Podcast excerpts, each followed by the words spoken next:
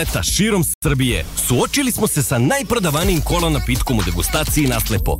Više od 20.000 učesnika pridružilo se Pepsi izazovu. Pitali smo koji kola ukus vam se više dopada. 57% učesnika izabralo je Pepsi ukus. Hvala na učešću. Prati svoj ukus.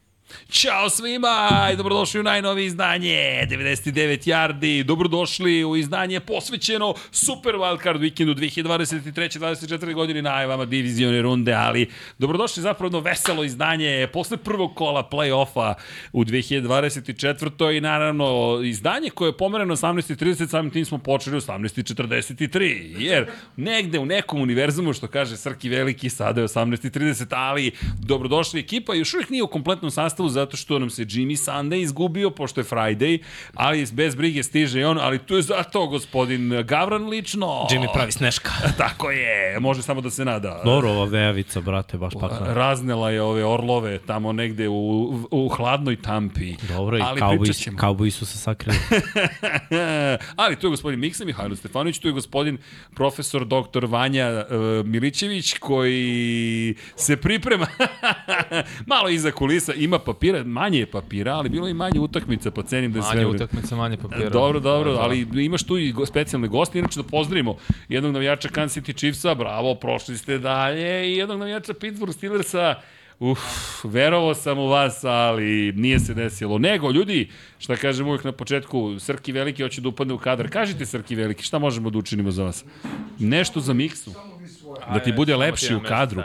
U svakom slučaju, dok Srki veliki namešta kadru, ja da vam kažem da se nam da ste dobro i da se mazite i pazite i vozite račune drugima i vodite račune generalno jednim drugima i budete dobri, jer lepo je kad smo dobri jedni prema drugima, makar je to neki ideal.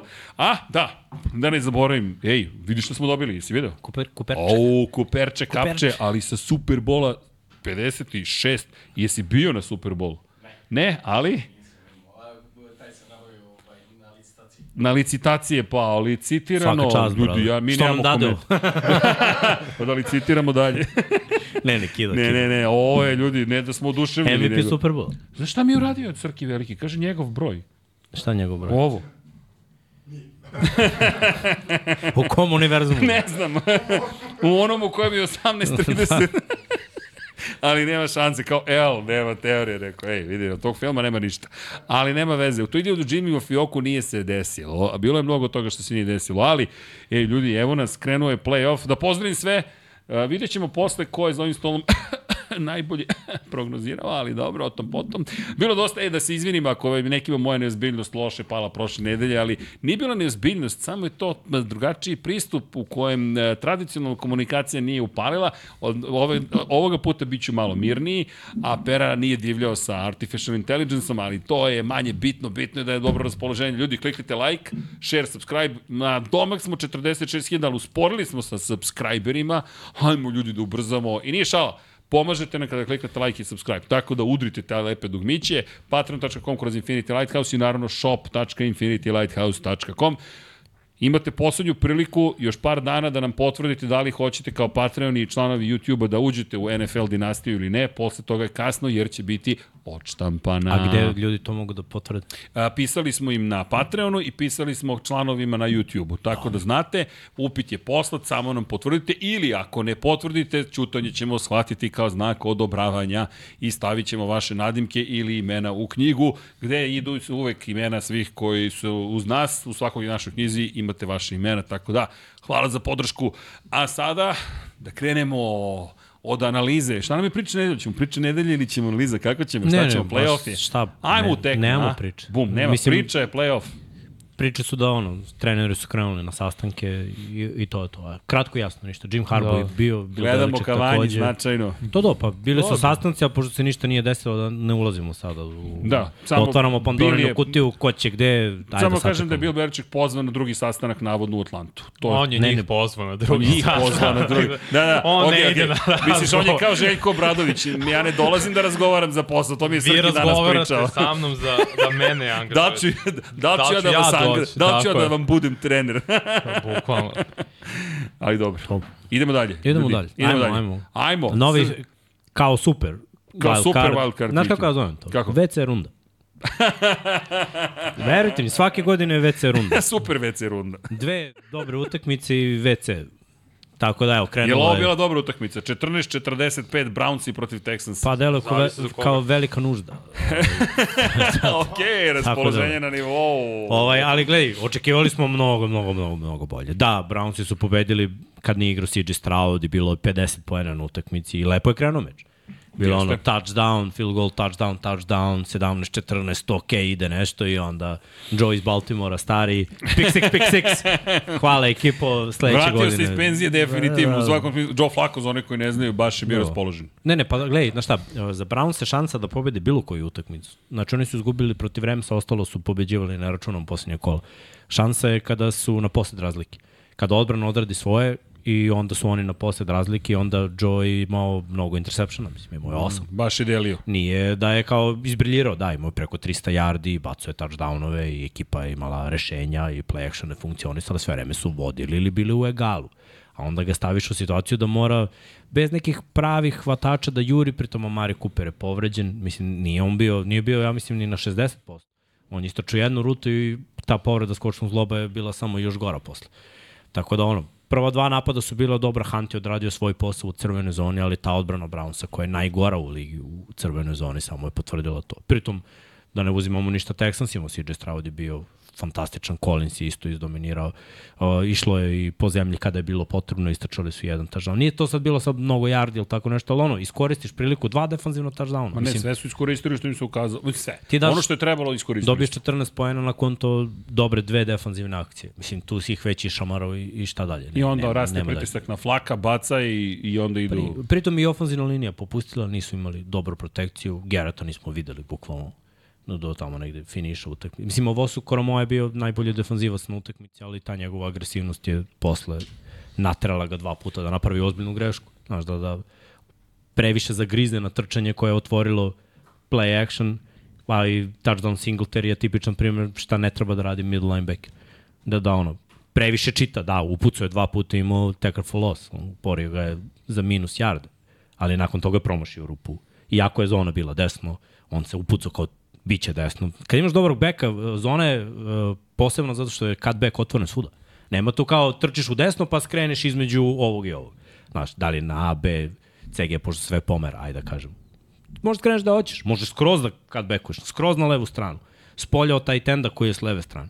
I to si desilo. Ve, previše prostora i, vrhunska egzekucija Texansa. I drago mi je, drago mi je, uh, ruki sezona za Strauda, ruki sezona za Demico Ryansa, Pozitivna atmosfera. Collins je prve godine, kod kuće. prve Baš godine odradio dobar posao, bila je vrhunska atmosfera, Singletary se poboljšao mnogo ove godine, odbrana je odradila isto jako dobre stvari, iako su kolcima dozvolili 200 yardi trčanjem, ovo sezonski prosek im je u principu manje, ali mislim da sve staje za njih sada. Mislim, je, gledaj, pobeda u ruki sezoni i trenera i igrača, jedna pobeda u play-offu je vrh. Sve preko toga je senzacija, čudo, Hollywood, filmovi, pš, pš, pš, pš, ali neće se desiti. Dobro, i ovo je filmski. CJ Stroud, najmlađi quarterback ikada koji zabeleže pobedu u play-offu. Pre svega, ho, želimo uvek da istaknemo ofenzivnog koordinatora Bobija Slovika, koji je svojim sistemom šematski otvarao hvatače, dosta motiona pre samog izvođenja snapa, što je najbolja stvar protiv man coverage-a, koji uglavnom igraju Cleveland Brownsi, bili su pobeđeni. Ovoga puta odlična egzekucija, ofenzivna linija radila fenomenalan posao protiv jednog od najboljih defanzivnih frontova u NFL-u, s druge strane, previše povreda za Brownce. Kada su ti povređeni i startni levi tackle i njegova rezerva, startni desni tackle i njegova rezerva ne igraju, oslanjaš se na trećeg, četvrtog tekla na depth chartu, što nikad nije dobro. I naravno da će agresivan defanzivni front i sjajna šema Demika Ryansa, koji je bio, opet da podsjetimo ljude, defanzivni koordinator 49ersa, to iskoristiti. Imaju dosta talenta u defanzivnoj liniji Houston Texans i Jonathan Greenard i Will Anderson Ovajlija, uh, Christian Harris, isto linebacker sa Univerziteta Alabama. Dosta tih igrača ili sa Alabame ili LSU, uglavnom te veće univerziteti gde se zna kako se igra futbal te uglavnom ti igrači idu u na sledeći nivo, igraju u NFL-u i voljni su da nauče, to je bilo idealna scenarij bio kako je Maltene Demiko Rajanac ispričao Kristijanu Harrisu šta će se desiti, ovo u sledećoj akciji ima pick six U pet akcija se završila ova utakmica, jer je u, u roku od pet akcija Joe Flacco bacio dva pick sixa i tako završi utakmicu u trećoj četvrtini. Nažalost, po Cleveland Brownsu sada je veliki znak pitanja šta će oni dalje za budućnost. Da li je ovo bila njihova najbolja šansa, ne verujem, opet zbog velikog broja povreda, ali kako će izgledati Nick Chubb kad se vrati. Da li može Deshaun Watson da igra na približnom nivou kao što je igrao Joe Flacco poslednjih meseca i po dana, minus, bez izgubljenih lopti zapravo. Ako ne može, Cleveland Brownsi se nalaze u poziciji u kojima su u poslednjih 20 i nešto godina kad su se vratili u NFL-u. Bez jasne ideje na poziciji quarterbacka u ligi kada je sada neophodno da imaš vrhunskog quarterbacka, jer svi, igraju, svi koji sada igraju u, u divizijskoj rundi su pikovi prve runde plus naravno, uh, kako se zove, stavi mozak sada, Brock Pardy iz 49ersa koji je poslednji pik na draftu. Znači ti moraš da imaš veoma dobro, u najmanju ruku veoma dobro quarterbacka, što Brownsi trenutno nemaju i videli smo kako su prošli sada. Sve pohvale za Texans je stvarno pobediti prvi put u, u poslednjih četiri godine, imati ove godine 11 pobjeda u regularnom delu sezone, ako i u regularnom i u play-offu, ako računamo, to je i ovo 11. pobjeda bila, toliko nisu imali, to jest imali su toliko poslednje tri godine kombinovano. Što znači da je Miko Ranac uspeo za jednu godinu uz Strauda, uz taj čitav sistem mlade igrače, željne uspeha, gladne, da preokreni promeni kulturu jedne franšize. To nismo vidjeli sad, to nisu uspeli ni Bengalsi u prvoj godini, rukom srce povredio se Baro, možda bi oni nešto slično tome napravili, ali ovo, ovaj posao koji je odradio Dimiko Ranjac za svu pohvalu i čovjek je apsolutno zaslužio da bude u kandidaturi za trenera godine u naravno čovjeka koga je upravo pobedio, to je Stefanskog. Da, inače, kada gledaš ovo što se meni dopada u celoj priči jeste, apropo mladosti, evo imaš puno pozdrava i pohvali za komentarisanje i za eksplozivnost i tako dalje, ali, pa da, lepo, i lepo je to čuti i treba da znaš, ali ono što je meni bilo impresivno jeste, ličili su mi na neke nove Texanse, iskreno, sad dokle mogu da odu, šta će da se deša, to čak ne znam, da li je to toliko bitno, ja i dalje verujem da vidi magija play-offa, ko zna gde može da odvede ljude, ali činjenice da je meni Houston ovog puta drugačije izgledao, nikad nisam verovao u Houston, ni u vremenu JJ Watta, ni kada su im bili po, na papiru mnogo jači od ovoga, nekako mi uvijek delovalo kao tim koji je limitiran to. Jedna eventualno pobeda u play-offu, ali nekako čak i ta jedna mi se uvijek postavila kao pitanje. Čak i kad su bili domaćini, neko dođe i, i gotovo da je izvesno da će negde posrnuti, da li protiv Kansas City, da li protiv New England, ok, to su nezahvalne franšize, s obzirom su tako velike. Ovog puta nekako mi je delovalo, ej, kao elektricitet se osjeća, mi idemo da pobedimo, verujemo u sebe, možda nismo ni svesni šta radimo, ali možda je to prednost upravo cele ekipe. Mnogo mi se dopalo kako su igrali i baš sam prokomentarisao da mi je najveća greška u prognozama zapravo bilo pocenjivanje Texansa, jer sve delovalo tako dobro za Browns, ne radim, ne, ovde, ovde sam pogrešio i mislim da CJ Stroud ima oko sebe, ima tu magiju uh, vođe. Znaš, još je rano reći da je vođa, pošto je klinac, ali možeš da osetiš te ljude koji nešto bude u svojim saigračima, u ekipi, u publici, tako je meni makar delovalo. Kao da sa njim mogu da veruju u sebe više. Kad veruješ u sebe više, nekako de, de, de, desi se stvari koje su bolje. Ovo je najmlađa franšiza, tako Mix? Jeste, Texans, ne, ne. O, Texans, šta bi onda? Ne ekipa, Franšiza. Da, franšiza. Ne, ne kao, kao starosna i... Da, oni su poslednji ušli... Od 2002. Da, sa njima da, da. je došla 32. ekipa i od onda imamo 8 divizije sa po 4 ekipe. Tad je došlo konačno preslojavanje divizije kakve sad imamo. Srki, oni imaju isti broj pobjeda kao Dallas Cowboys od kad su nastali u play-offu. To je da. nerealno. Dobro, imali su dobre dve generacije. Da, imali su, ali to je, mislim, sramotno za Cowboys o kojem ćemo pričati, ali Dobro. pohvala za Texans, stvarno za mladu franšizu, to je izuzetno teško. Vidimo Jacksonville, isto, mislim, nije to sada toliko bajno, muče se, ne mogu nekada da uđu čak i u playoff. Texans mi deluju da su stabilniji u tom aspektu nego, na primjer, druga mlada franšiza kao što su Jaguarsi. Inače, evo, pozdrav od Pekara iz Tampe. Pozdrav Milutine. U svakom slučaju, ljudi, što se tiče ove utakmice, čak mislim da imamo najmanje toga što možemo da kažemo, osim da ispričamo hvalospeve na konto onoga što se desilo, ali u momentu, kao što si rekao, u trećoj četvrtini, kada su počeli prosto poeni da se ređaju za Texanse i Flako generalno da liči na, nažalost, onu lošiju verziju Joe Flaka, bilo je jasno, baš je bilo izvesno, međutim, za ostale utakmice, zaista, pričat ćemo o njima, bilo je mnogo većih šokova, pogotovo za Dallas Cowboys i ne znam koji su nam oni na redu i kad dolaze, da li si ih ostavio za kraj Nije treći. Treći. Ja, samo poslednje pitanje, Mik, suniš, da. poslednja utakmica za Flako u NFL. Ne. Ne. Ne da će još igrati. Ja pa, mislim da ima. Scenariju postoji, ne mora da znači da će igrati, ali zamisli sledeće godine povredi se 20 quarterbackova i ko će. Ne, jasno. Ja Mislim, ako moram da biram da li će da igra Joe Flacco ili će da igra neki klinac koji ne može da kompletira hitch, Joe Flacco, all day Znam da može da baci 300 yardi, jeste, bacit će interception. Znaš, uh, rešit će neke druge stvari, staviš ga u dobru situaciju. Ali to su quarterbackovi, to, to je sad situacija, nećeš igrati, nećeš biti na trening kampu, nema potrebe. Moraš da držiš, to je za njih teško, moraš da držiš sebe u formi cele godine. Što znači, on kako se spremao, dodavao je Ćaletu i bratu. Oni stanu na određeno mesto, jer ljudi u godinama ne mogu trče rute. Če, gde se završava korner? Tamo, ajmo, five step drop, pap, gde bi bio shotgun, pap, gađe to mesto, gađe to mesto, gde bi bio dig, ajmo taj prozor, ajmo taj prozor, ajmo fade, ajmo post, ajmo, znaš, i onda samo pap, pap, pap, pap, održavaš ruku, paziš kako jedeš, radiš kardio, trebaš da imaš bar tri treninga kardio da bi mogo da izvučeš celu utakmicu.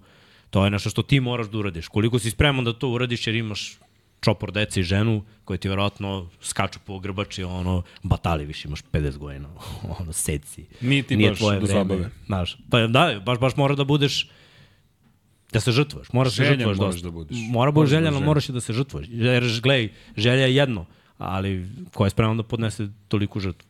Zarad želje. Vidi, vidit ćemo, pazi, Browns i ova ekipa, ja mislim da, da ima osnove dobre.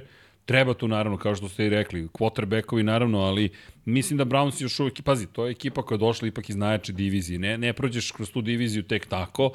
I da, naleteli su na žilovog protivnika, možda su čak i pocenili protivnika, kao što smo mi negde u našim procenama možda pocenili. Ma nisu pocenili uopšte. Greške, veruj mi. Dobro. Ko, koliko je bilo razlike? Jedan posjed je bio razlike kad je bacio prvi da je pick bilo six. 24-14, ne? Pa je onda je usledilo dva. U trećoj. Mislim da je bio posjed. Da je bilo siguran. 17-14. 17-14 je bilo sigurno, ne znam da li je tad bacio pik. Ja Ili je- mislim da je bacio pik na bio- 24-14. Moguće. Ali opet, Čini mi se. 24-14, Ali 10 razlike. ubijate. Gde su bili? Gde su Da. bili? U 30 yardi, to je field goal. To je 24-17, to je touchdown. I dalje si Ideš tu. do kraja, mislim, on je imao touchdown ovde da baci. Samo je bio pod pritiskom, ofenzivna linija potpustila, on je imao fade. Imao je fade Da. i flat corner. Ali to je to, zbog povrede su popustili. Ne To je to. Da je prošlo to gore, druga priča. Vraćaš se na jedan post. I čim je bio taj prvi? To je kraj. Ne, ne, tu se vidi, tu je bilo Drugi je, gotovo. drugi je napamet dodavanje. To, to Ne, su ne, klasične greške koje, nizbrdo, koje mnogi quarterbackovi prave. Ko- Jer ta sit ruta je najopasnija ruta koja, gledaj, line- linebackere coachuju bukvalno u današnjem NFL-u da se ne obaziru u, u bol koji dolazi od running back. Jer Jasno. on dolazi sa sekundom zakašnjenja i, mislim, to riziko. A ovo namamiš, ostaviš gap, gledaš quarterbacka, mislim, gledao ga je sve vreme. Flako oko nije sklonio, brate, sa Brandom. Sve vreme ga je gledao. Mislim, a ne treba da gleda njega. Treba da gleda linebackera. Quarterback od 39 godina treba da zna Sa šta... tim iskustvom. Drugačije. Razume, ti nikad Naravno. ne gledaš napad. Uvek gledaš šta odbrana radi. I ne može čovek koji je, znači, suviše blizu. Taj gap je mali, to, to ljudi ne razumeju. Da, najveći razlog za neuspeh mladih quarterbackova jeste što ne, mo- ne mogu da skapiraju da čak i linebacker u NFL-u da pokrije 5 yardi treba sekund. Sekund lopta putuje. Jasno. Ne, ne, nema šanse to da, da, da prođe. Ba, baš naivna greška. Ajde ovaj prvi pritisak, balon, mislim, baloni se nikad ne bacuju u NFL-u. Ali ovo drugo je baš užas. Tako da ono, čovjek je zaslužio da bude malo tragičan. A mi možemo da idemo dalje. Da, Texans u svakom slučaju takođe. Da, sad idu. Baltimore i bi, pričat ćemo o tome. Biće Da, zanimljivo. to će biti zabavno. Već su igrali protiv Baltimora i nisu se lepo proveli. Ajmo da vidimo. Šta ste nam pripremili za utakmicu broj 2? Kansas City Chiefs i dočekali Miami Dolphinse, bilo je zima, kažu navodno 15 ljudi tražilo pomoć od Nakon hipotermije tekme, da, da. posle utakmice. Delfini stigli i smrzli se bukvalno. Pa jeste. Jesi gledao nekada? Vanja je bio kad, kad sam ja vodio klince. I? Kad je bilo fazom 5 stepeni. Ledar. Ja mogu da ti kažem kao coach koji sve vreme Jasno, jasno, trčkam jasno. levo desno, pa mi je bilo hladno. Srki A on na ledara, tribini. Još Lepo. vetar duo, brate, ledara. Hladno Vidi, je, smrzneš se. nisam To je pet- igrao to je pe- nikada na 5 stepeni. to je Rukomet pet, sam trenirao, to je nisam 5 igrao. stepeni. Igrao sam možda na 10 po kiši. Drugo, ja ne mogu da kažem, nisam mnogo utakmica gledao na minusu. Igrao sam, ali drugo je kad igraš. Mislim da, kad izađeš je pakao. Kad uđe odbrana, ti si u fazonu, sve vreme trčiš, znaš ono, zima. Ali nismo ni igrali nikad na ovom minusu, trenirali smo na ovom minusu. Ovo je bio Ali čak i na ozbiljan treninzima imali, smo 2012. je bila ona paklena zima kad je sneg bio do, do kolena. I u, tad je bio metar snega u Tako je. Beogradu. Tad smo trenirali, dva, jedan vikend je bio, tre, trenizi su bili na minus 21. I to je prehladno. Pa smo ušli, pa smo ušli sledeći vikend smo ušli u balon prvi put ikada da smo trenirali u balonu, samo zato što je bilo, znaš, kvotrbe kad ti baci loptu, baci ti kamenje. Ako je loša spirala, lomi ti prste, mislim, baš je nezgodno. Pritom mi u tom periodu ne nosimo shoulder pad. Nema džidanja, hvatanja na, na grudi. Tako da svaka čast prvo igračima što su iznali ovo, ali opet kažem, njima je lakše, a za publiku, to je pakao, da stojiš na minus, gleda, on, lik jedan gost. Da, Da, da. Čovjek Pa čekaj, ste vidjeli kako su Buffalo Billsi zvali da čiste teren za, za Jesu, Pittsburgh? ali tamo nije bio toliki Ne, ne, minus. ali frajer koji se sneg. skinuo goj guran iz gura sneg, ludilo, znači 20 dolara po satu da se dođe da se čisti. Ma da. Ja sam moram ti kažem, izvini, 2012. Znaš zašto se sećam da je sneg bio 1 metar? 12. 12. Bio sam u Čileu. Voli tebe ubiti. e, pazi, ja sam tada, ja sam tada išao jedan dan da, da nahranim psa na vikendicu i, I? uh, prvo ulica moja nije glavna Dobro? i nisu Nečiste, čistili sporedne. nečiste, da, I da, sad, da. kako je sve sneg gurnut sa glavne ulice levo i desno, visina je bila preko metara. Znači, bukvalno sam do ovde bio u snegu i onda sam se probio do dole, do dole imam dobrih 200 metara. S- Svim Dobar tehnika. trening, dobar trening. Brate, ja ne mogu da ti opišem koji ti Da li- bio. I dolazim tamo, a pas mi je naravno šarpalina, zimski pas. No, Njoj nikad jače. Ne, On napravila igru. najzad, znaš, pa Samo najzad. vidim ovako njuška viri. Ono, I ispod snega. najzad da iskoristi krzno. Ja rekao carski, E, voli tebe ali da te pitam odmah, obojicu da vas pitam, je li vam okej što se igralo? Bilo je dosta zahteva da se utakmica odloži iz bezbednostnih Ma razloga. kakve Okej, laganje, bio Srki, nismo... Ne, ne, okej mi je, ja nemam Da ne problem, lajem. samo pitam, nemoj da laješ. Ovo je novo, ovo, no, ovo novo, korektno doban. Bolje da ne kažeš šta, šta mislim. Dobro, budimo nekorektni, ali vidi, nije bilo gotovo ni jednog momenta pitanje ko će ovde da pobedi. Meni makar tako delovalo. Ne znam vama, Pa ja sam birao Miami iz čiste nade da će a nešto uspeti. ne mislim pre utakmice, nego kad je utakmica počela. Ma ne, i bilo jasno kao dan radi samo u utakmici, ti vidiš jedna ekipa koja je prosto prilagođena da igra po sličnim vremenskim uslovima, ne naravno ovakvim, pošto je ovo čini mi se četvrta najhladnija utakmica u istoriji NFL-a, ali približno, pošto su navikli da igraju uh, po vetru ovom, da igraju konstantno u januaru u poslednjih 5-6 godina zbog Patrika Mahomesa i naravno Endija Reader su konstantno u play-offu i stalno su domaćini. Dok s druge strane ti vidiš Miami koji ima jedan sistematski problem. Oni su ekipa koja je loše napravljena za današnji NFL, za play-off da igra u gostima. Miami ako ne osvoji diviziju, oni ne mogu da pobede u play-offu u gostima. Zašto? Prvo, Tua Tagovailoa nikada nije igrao po ovoj hladnoći, ni približno u ovakvom hladnom vremenu. Sa Havaja, igra u Majamiju, igra je na Alabami, znači uglavnom igrao na toplim predelima Sjednih američkih država. Što samim tim znači da je ovo za njega bio kompletni šok. I to je rekao posle utakmice. Čovjek je imao 51,3% komplet trening dodavanja, spirala je bila katastrofa, Mikse o tome baš sutradan meni pričao. Vidi se da se muči, da mu je toliko i razumljivo, neprijatno da se kreće, još je on bio bez ikakvog ovog uh, duksa, mislim duksa, zapravo majica Rukava. sa dugim rukavima. On je bio bez toga.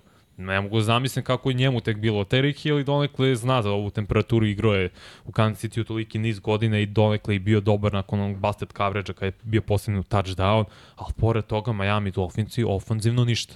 Zaledili su se na Arrowheadu i vidjet ćemo, morat će dosta menja Mike McDaniel i generalno kakav će im biti pristup što se tiče samog Tagovailoa, jer Tua u gostima je jedan ispod prosječan quarterback ove godine. Da što se vidi podela lepo, kogod ko hoće možda pronađe na ESPN-u ili gde god traži statistiku podela kada igra u gostima ili kod kuće ili od novembra do ovog momenta i pre toga.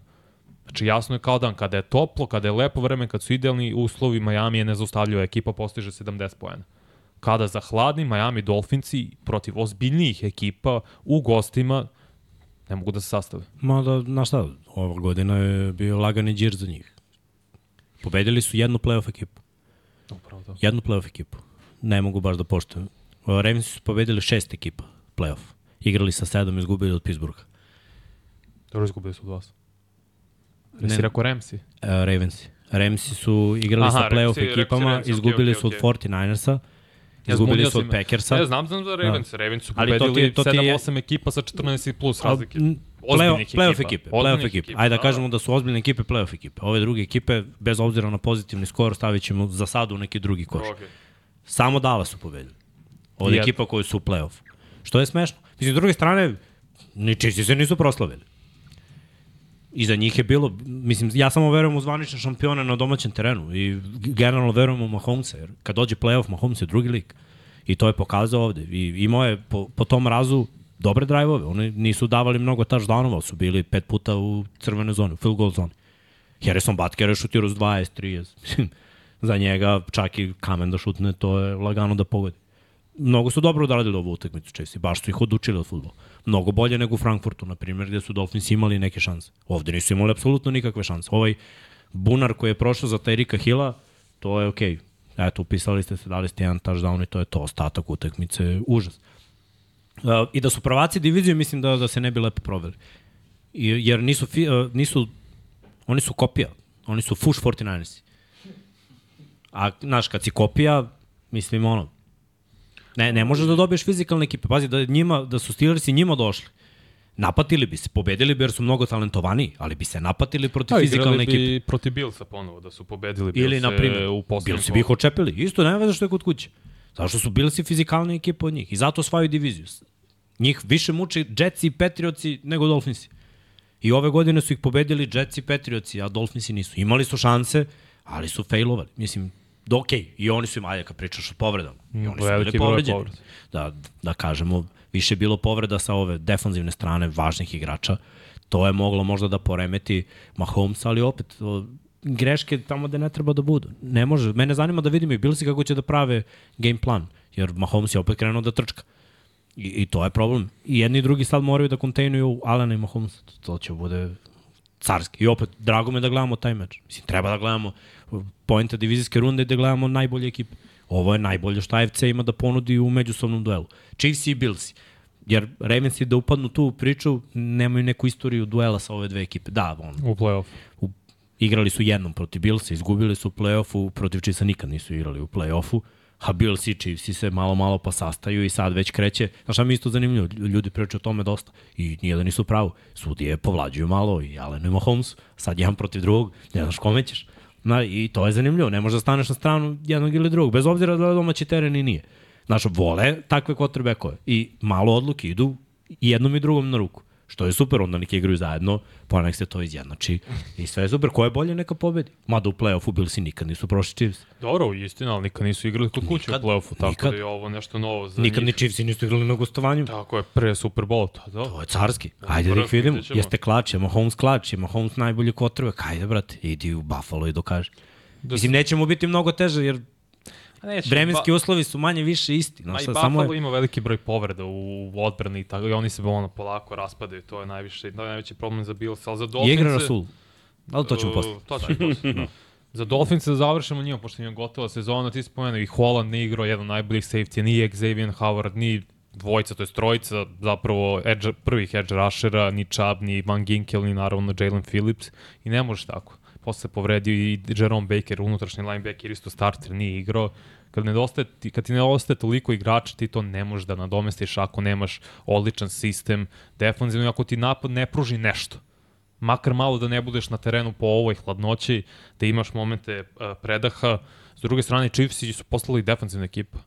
Njihova odbrana grmi. Jeste, Bolton dobro grmi, Willie Gay juri na sve strane, Lajerius Need svakog uh, wide receivera zaključa. Stvarno igraju defensivna linija, Chris Jones, Karlaftis je toliko napredao, zaista me oduševio kako igraju na ovom meču generalno čitave I godine. loš game plan. To je ono što, sam ti, što smo ti pričali Jimmy i ja. Bez obzira što je... Mislim, mi, mi volimo McDaniel. Jako talentovan i pametan trener. I bit će uspešan u NFL. Ovo je uspešna sezona. Ušli su u playoff, ok, izgubili su iz playoffa. Ne pobeđuje svako stalno. Mm. Ali uvek zaboravi na trčanje. Nikad nije dosledan u pozivanju. Bio je dosledan prva dva drajva. I onda je batalio. A, a mislim, trčanje je njegov identitet. To, je, to su greške koje svi treneri, mladi, novi treneri, neiskusni treneri. Znaš koliko je Andy Uridu trebalo vremena da nauči da, da ostane pri trčanju? 15 godina. Toliko mu je trebalo. Svi, svi failovi u Filadelfiji su bili quarterbackovi bacaju. I zaboravi da trči. I onda je došao Chiefs i u početku je isto bila priča, onda je pronašao Mahomesa, pa je on mogao da nadomesti za te njegove greške. Prvi osvojeni Super Bowl protiv, protiv 49ersa. Znaš zašto su osvojili? Osim onog post cornera. Zato što su pronašli Demijana. Harris. Ne, ne, ne. Uh, ne. Williams, nije Da. da. Demian. Demijan. Jel se ki Demian zove? Demijan. Williams. Demijan Williams. On je pokidao taj Super Bowl. Jer je krenuo da trči u drugom polovremenu. U stvari u četvrtoj četvrtini nije bilo ni drugo polovreme. Jer Andy Reid izvalio. I prošle godine šta je bilo Pačeko. I ove godine šta je Pačeko. Znači, trebalo mu je vremena da skapira. Tako je, 40, čini mi se 34 nošenja, 147 yardi trčanjem, tako kontroliš igru. Da. Inače, evo kaže ovde Luka da sam rekao da će Jalen Ramsey da zaključa Rashija Rajsa, nije ga čuo Jalen Ramsey kad je dao touchdown. Bio je man coverage i bio je uh, miscommunication. Koku, nisu, nisu pokupili. Ili Eli Apple. Mislim da je A? bio. Nisu komunicirali, cornerback je krenuo za njim, zvao je da preuzimanje, svi su ga iskulirali, to se zove pre snapa, ne možeš ono, buka haos i ti uzmi iz ovi sadak, e, uzmi ga, tvoj. Ne ide to tako. Ali nisam vidio da je pokidao nešto u delu Remzija. Nije ga Remzi ni čuvao, mislim. Ja sam očekivao da će Remzi da bude na njemu. Da putuje. Da. Tako je. Ako je ovo u slotu, Remzi slot. Ako je levo, Remzi levo. Ako je ovo desno, ali Miami se odlučio za drugu priču. Mislim, nisu ni oni neka defanzivna institucija, da se ne laže. Mislim, Bili su dok se nije desilo ovoliki broj povreda. Od kad se vratio Ramsey, tad su igli kao top 5 odbrana, kad su i zdravi. Jesu, protiv određenih ekipa. Ne znam. Mislim da, da ovaj, nismo imali pravu pravi ispit za njih, prave ispite u nizu, ono, naš, 3-4 nedelje. Ja, Da smo imali prave, Eaglesi i da, da im nalete, ono, Billsi, Ravensi, pa, pa, pa, pa, sve u, naš, na kraju smo to dobili, šta smo videli? Ništa. Ajmo dalje. E, inače, kad je ova, kad je ova, kad je ova, kad je ova, kad je ova tranzicija, ne pričamo, ili Srki, da totalno ubiješ ton tranzicija, da digneš naš ton dok je tranzicija, jer Zašto? zato što se spusti. Da. Šta se desi? Tranzicija ima svoj zvuk koji ubija zvuk, uh, Zvuk mikrofona. studija. Malo. I onda ne mogu oba zvuka da budu jednako jako isto vreme. Ili da se skroz ubije ton tranzicija, da se pojača u tranziciji zvuk studija, ili da ne pričamo To dok će je lopta. Srki mikser. Srki mikseta. Uh, smem ja da spomenem ovo? Srki, Srki, vrete. Čekaj, ko je ono birao Green Bay? Ne čujem te, Srki, javi se. A, halo, šta ima u Green Bayu, u zalivu? 48, odjavili smo vas Gledaj, od ako ti play-offa, prođe, ako ti 32. prođe da Packersi dobiju i Cowboysi i Cisco, ja te vodim na klopu, te bro. Lagano, bro. Sada ekstra dozom sira za tebe. bro. Topljenog. Lično će da ga narendam. Sa glave. Lično će da ga narendam. Kotor ćeš da dobiješ. E, izvini, ali kad sam gledao, gledam, gledam i kao... Mislim, samo da me razumete, meni je napisio drago što se ovo desilo. Ja kao bi se jasno. ne gotivim. Znači, gledao sam kući, bilo mi nikad jače. Kao da sam navijač Packersa sam se radao. Jer Dallas stvarno ne gotivim. I Dallas, Cowboysi su mi, prvo ne volim ih zbog medija.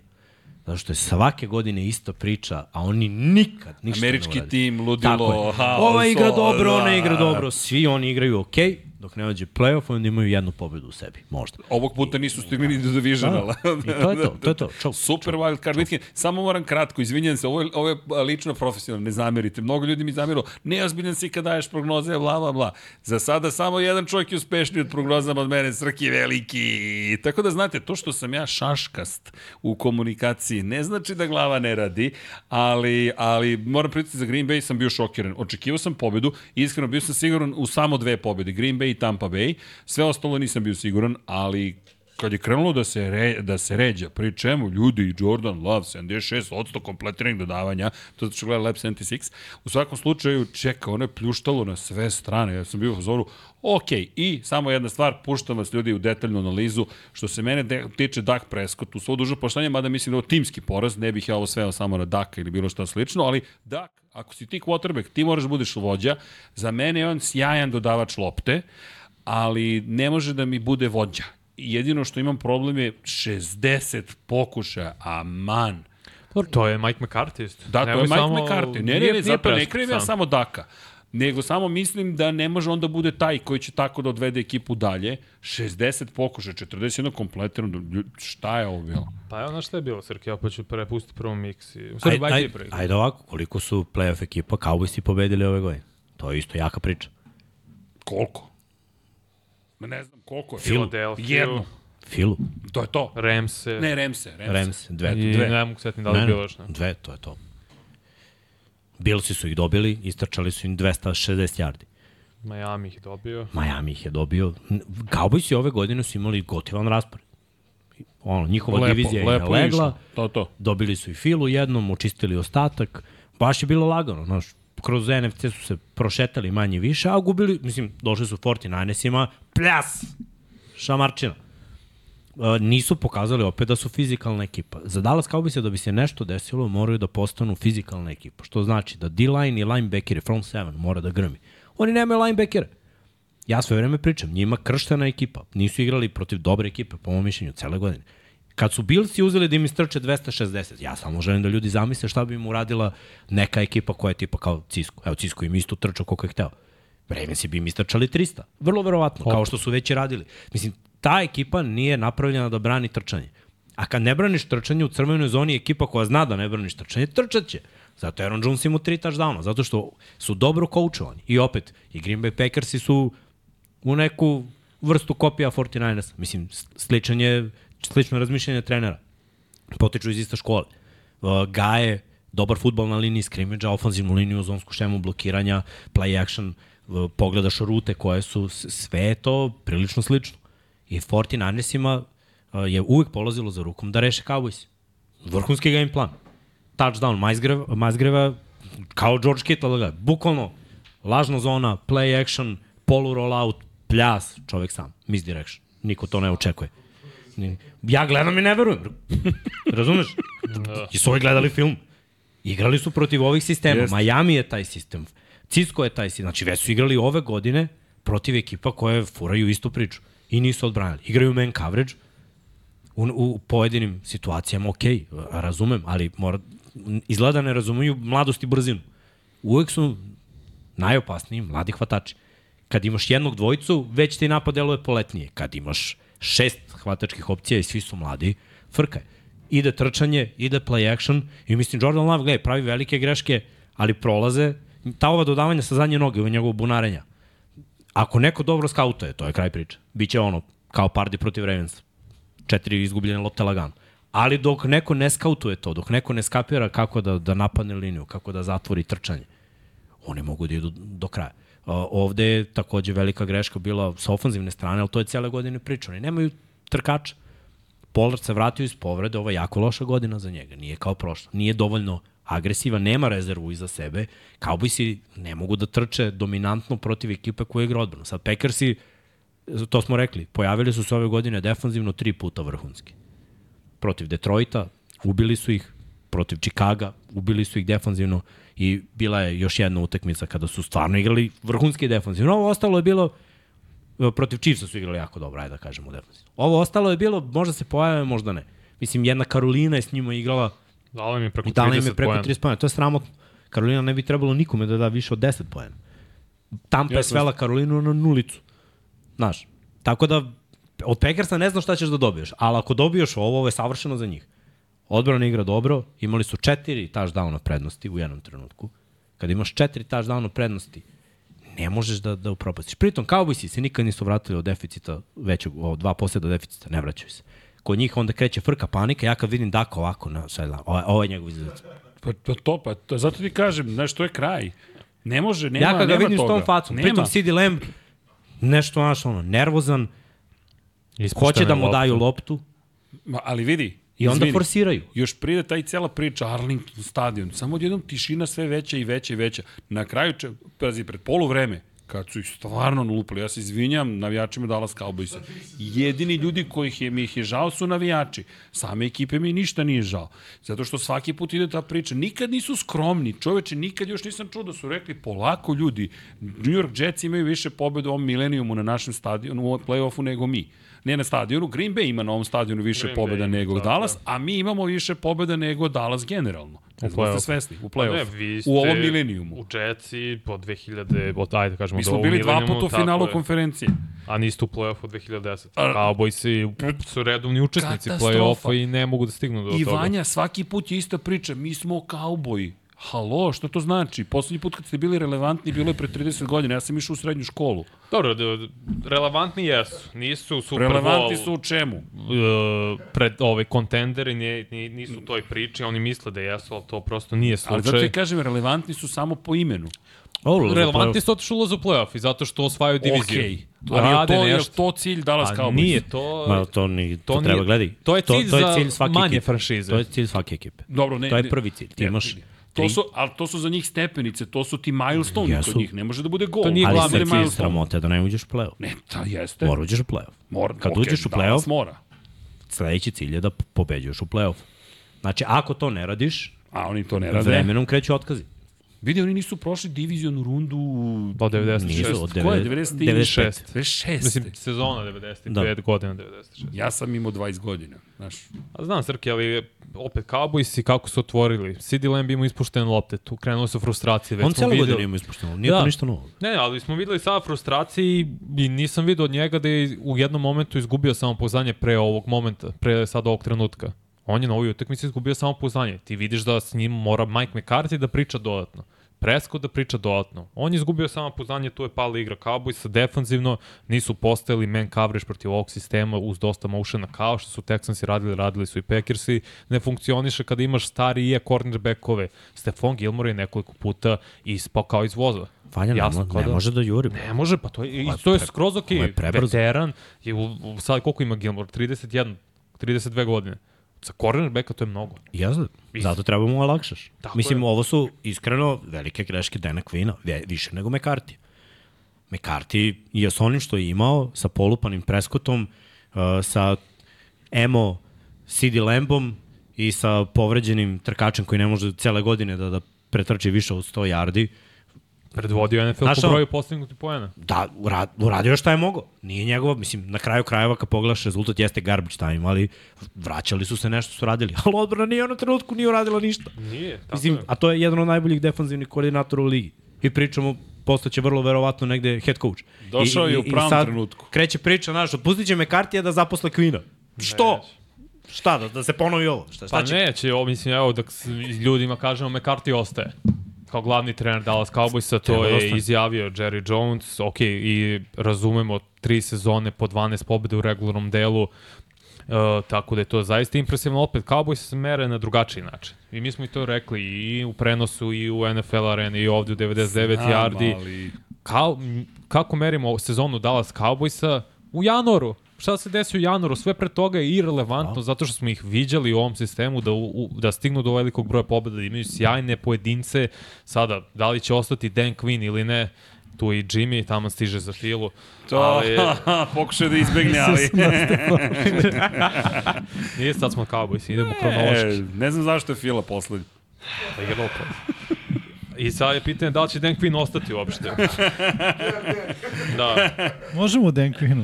Pa ne, evo sad ćemo, tamo su krenuli, evo.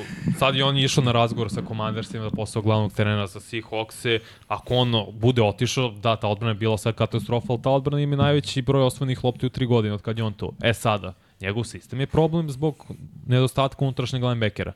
Da li ko će preuzeti ulogu njegu, da li će Al Harris preuzeti, koji je trener defanzivnih bekova, koji ima sjajanu hemiju i o, odnos sa svim defanzivnim igračima. Nemam pojma, to je odluka na kraju Jerrya Jonesa.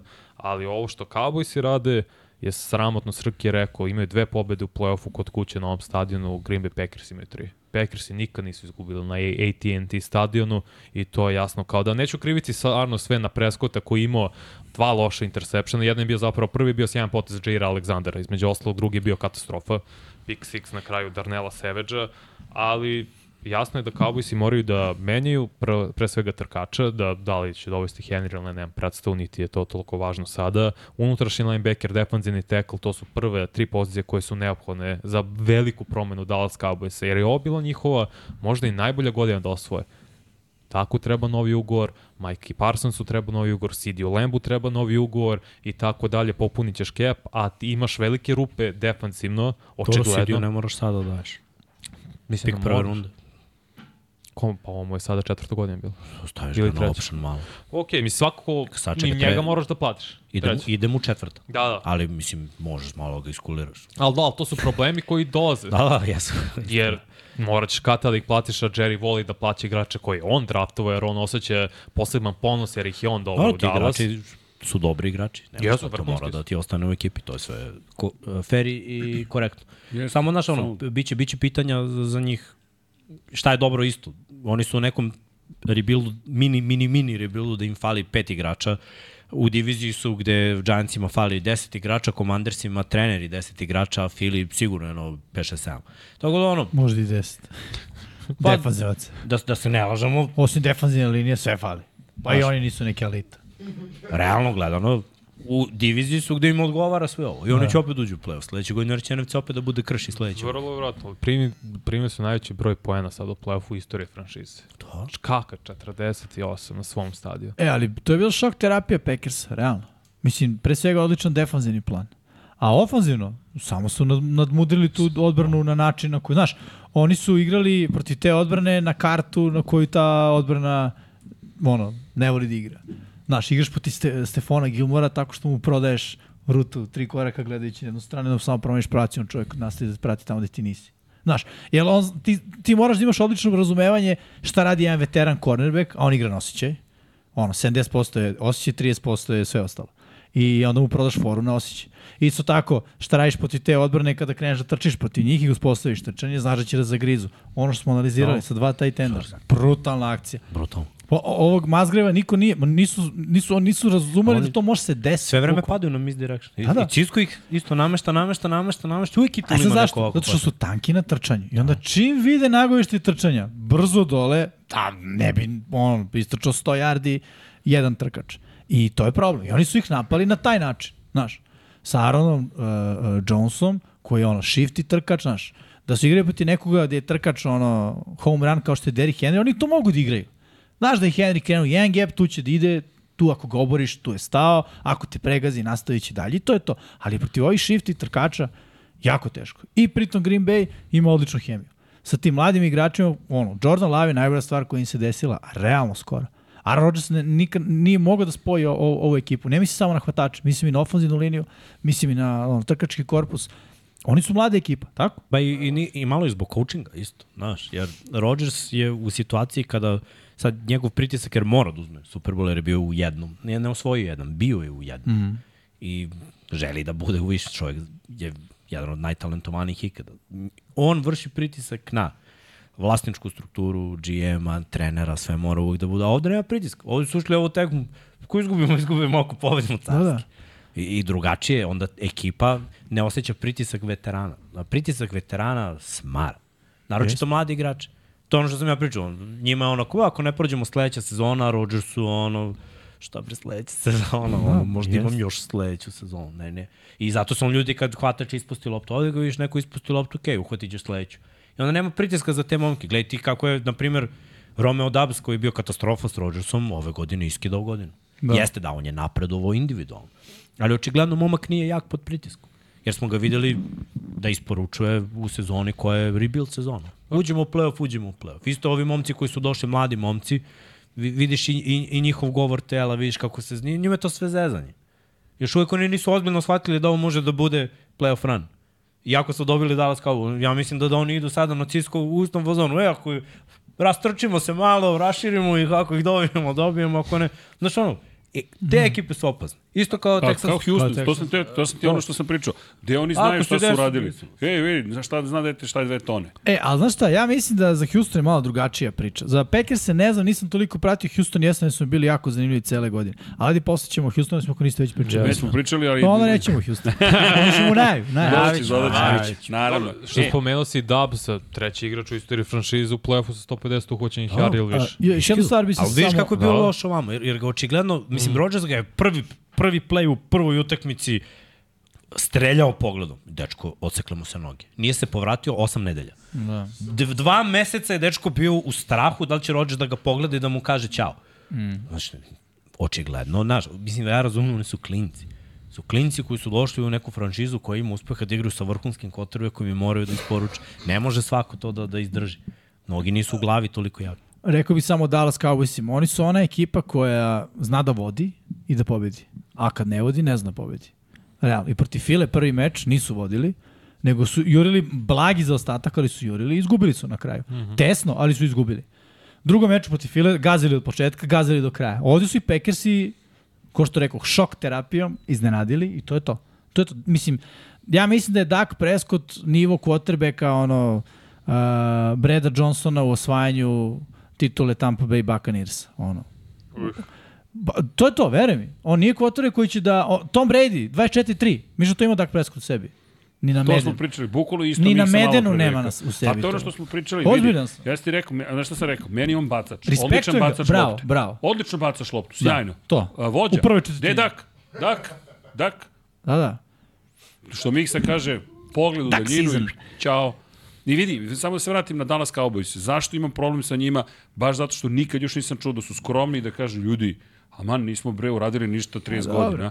E, vidi, ali samo poređenje takva radi. franšiza, na primjer, kao ali hoće Real Madrid u fudbalu. Znam, hoće Patriote sad postati takva franšiza. Pa čekamo do 2050. da prođu do konferencije. A, Petres nema takvog vlasnika, Srke. Okej, okej, Ajde, ali- I to je tačno.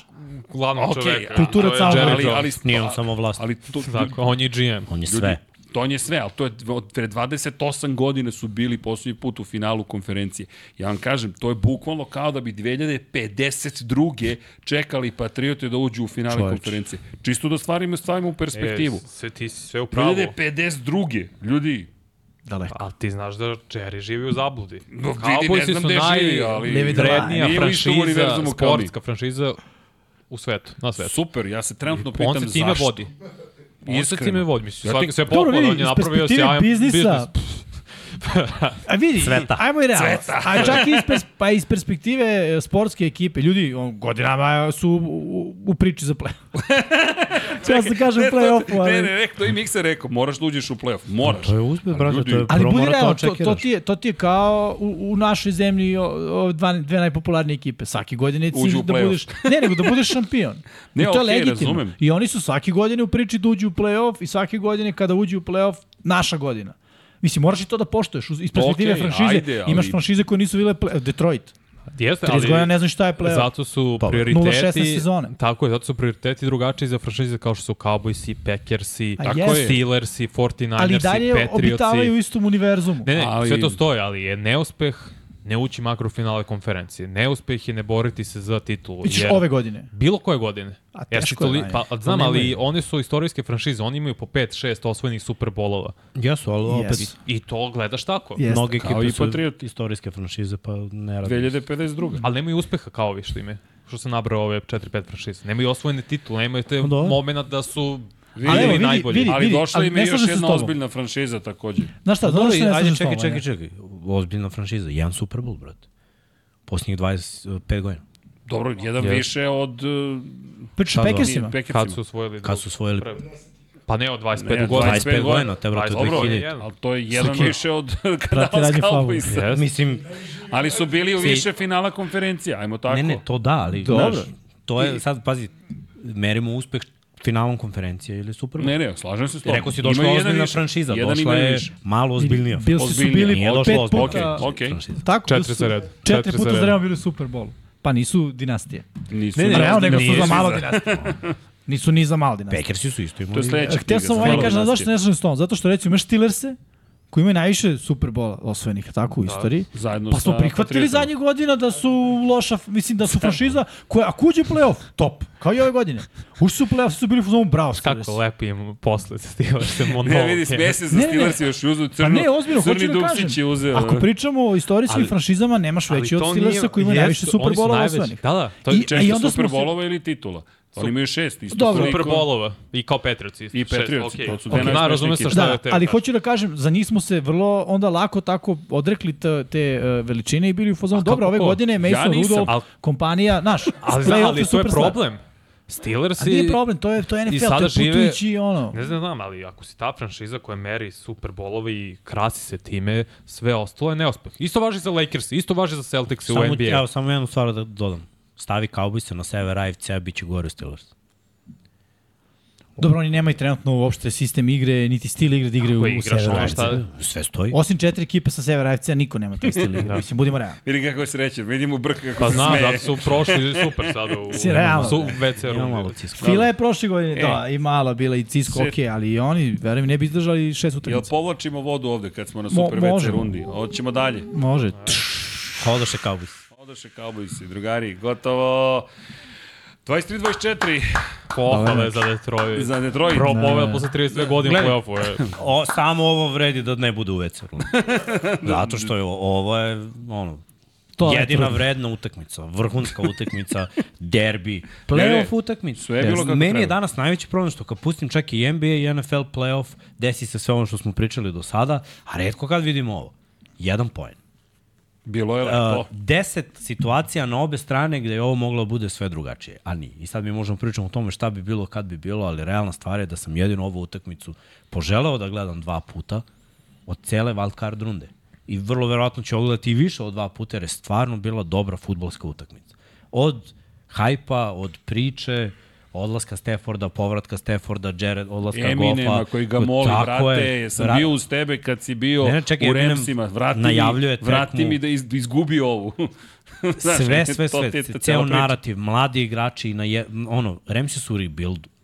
Došli u Detroit sa 10 pobjeda ove sezone. Carski.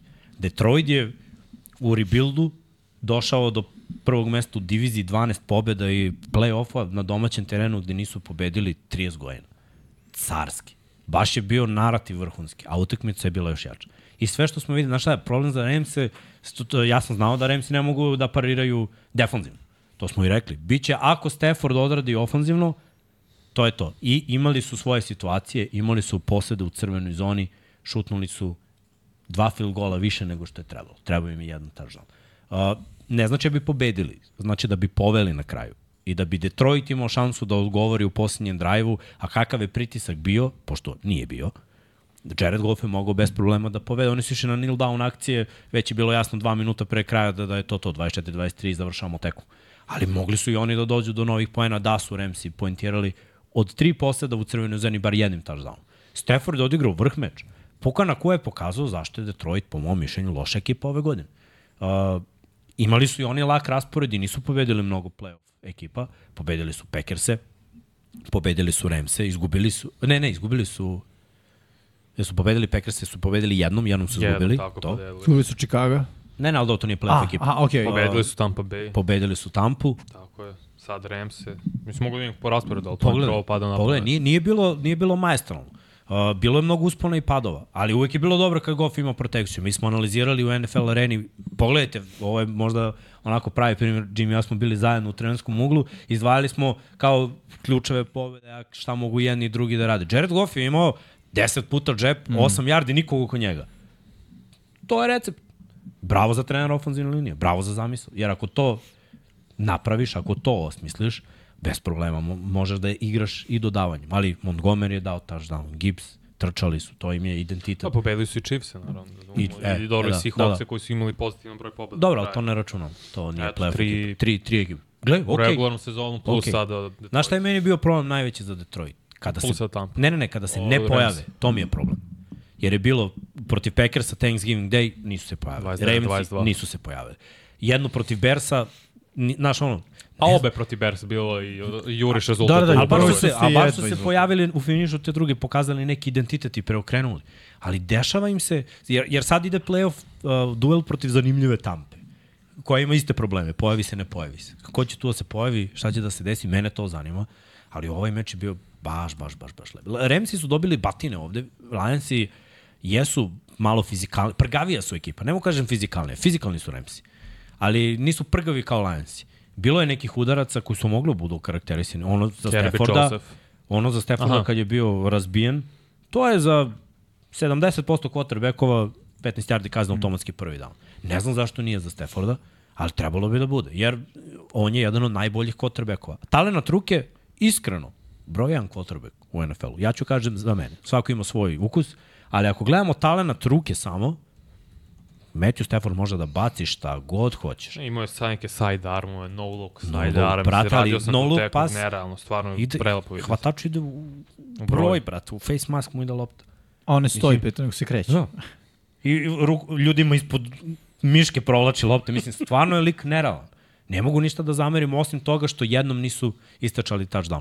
Uh, šta je bio problem i Kyrie Williams, koga cele godine onako forsiramo da, da je jedno od otkrovenja, bio dva, tri puta van igre u tim posledima u crvenoj zoni, jer je dobio baš jake udarce. Što znači da za njega lično mora da postoji zamena, fizikalni bek mm. koji će da preuzme određeni broj udaraca da bi ovaj mogao da radi šta radi u crvenoj zoni. Ali dobro, Ramsi su tek 10 igrača daleko od bilo kakvog uspeha, tako da za njih sledeća godina bombona. Za Detroit Lions je druga priča totalno. Njima iskreno fali tri igrača. Tri igrača im fale da, da oni naprave ozbiljan, ozbiljan uspeh. A otvara im se toliko playoff slika. Ne pobede Tampa u finalu su konferencije, pa gde ćeš veće senzacije? Da, da. Da sam nekom rekao pre pet godina da me pita, a ne prati NFL ko je u Superbowlu i kažem Detroit, mislim da bi bilo ko da sad kažem Čekaj. u NBA-u da će Detroit da bude Znaš ko je veliki reč Detroita generalno? Paja. Naš Paja. I on stalno pitao su moji Pistonsi prošli. I stalno mu pričamo Lionsi. Nema veze, ja ih znam kao, jer navija za Detroit, Detroit timove generalno. I on kaže, ej, pobedili ste. Čuo sam prvi put posle 30 godina, tako da vidi Detroit sada, priča se o Detroitu sve više, ali što kažeš da ti neko kaže Detroit Lionsi, rekao bi, dajte ljudi, nema šanse. Pa od kako se prati NFL kod nas, Detroit Lionsi su možda i najlošija ekipa. Jacksonville Jaguarsi verovatno, A, ali su mlađa franšiza, ali kako se prati NFL na ovim prostorima? Jacksi su imali ono finala, kom- znaš, I- Detroit nije jeste. pobedio playoff. Cleveland isto, to ti Cleveland isto Cleveland je pobedio playoff. Mislim, užasni su jedni i drugi, ali Detroit je bio dva puta u playoffu. Ali kad uzmeš ceo ono kao Uzorak. raspon, uzorak, Detroit je verovatno najgori, pravo ste. Sada je, Jacksonville je bio u finalu konferencije, Cleveland je pobedio jednom u play-offu. bili ovi su Bengalsi dosta dugo, ne zaboravite. Dobro, dobro. Ali su osvajali A diviziju. jesu, osvajali su Osvojili diviziju. ali nisu Da. pobedili u Da, play-offu da. od 91. bili. Da, dobro, jeste. Znaš, Da. do Barova. Ali je Dan- Dan bar bilo play-offa. Oni su bili dva puta u okej, play-offu. Okej. Dva Da. puta u play-offu nisu pobedili bili Dobro, ima, ima bili timova, ima timova koji su zadnjih 25 godina loši. Dobro, ali vidi, Detroit tu spada, to je point. Detroit je, Lionsi su izmeni prvi tim koji imao, koji nije imao pobedu u celoj sezoni. Prvi Da, put da. koji su imali 0-16, 0-16, prvi u istoriji. Su posle Brownsi beše. Jesu, Da, imali su Browns. dve godine Brownci, jednom 0-16, jednom 1-15. Sveći se te sezone 1.15 kad je njihov uh, levi tackle Joe Thomas rekao na Pro Bowlu kao kakav je oči John, kao super prilika da udvostručim broj pobeda u sezoni. Surovo. Znači, Surovo. Dan Campbell je stvarno odradio sjajan posao, eto, promena kultura u roku od par sezona u Da. da. Detroitu. Tu, Brad Holmes takođe generalni menadžer, toliko je dobro birao poslednje tri godine na NFL draftu, što je sve dobio kao kompenzaciju za jednog Matthew Stafforda, na primjer te pikove, Jared Goff koji je odigrao po meni možda njegovu najbolju utakmicu u play-offu, siguran, bez greške, samo pet nekompletnih dodavanja. Odbrana mikse u pravu, falim dvojica, trojica igrača, falim jedan ozbiljna cornerback da bi bili tu uz 49ers i još jedan edge rusher, jer Aiden Hutchinson igra bruka.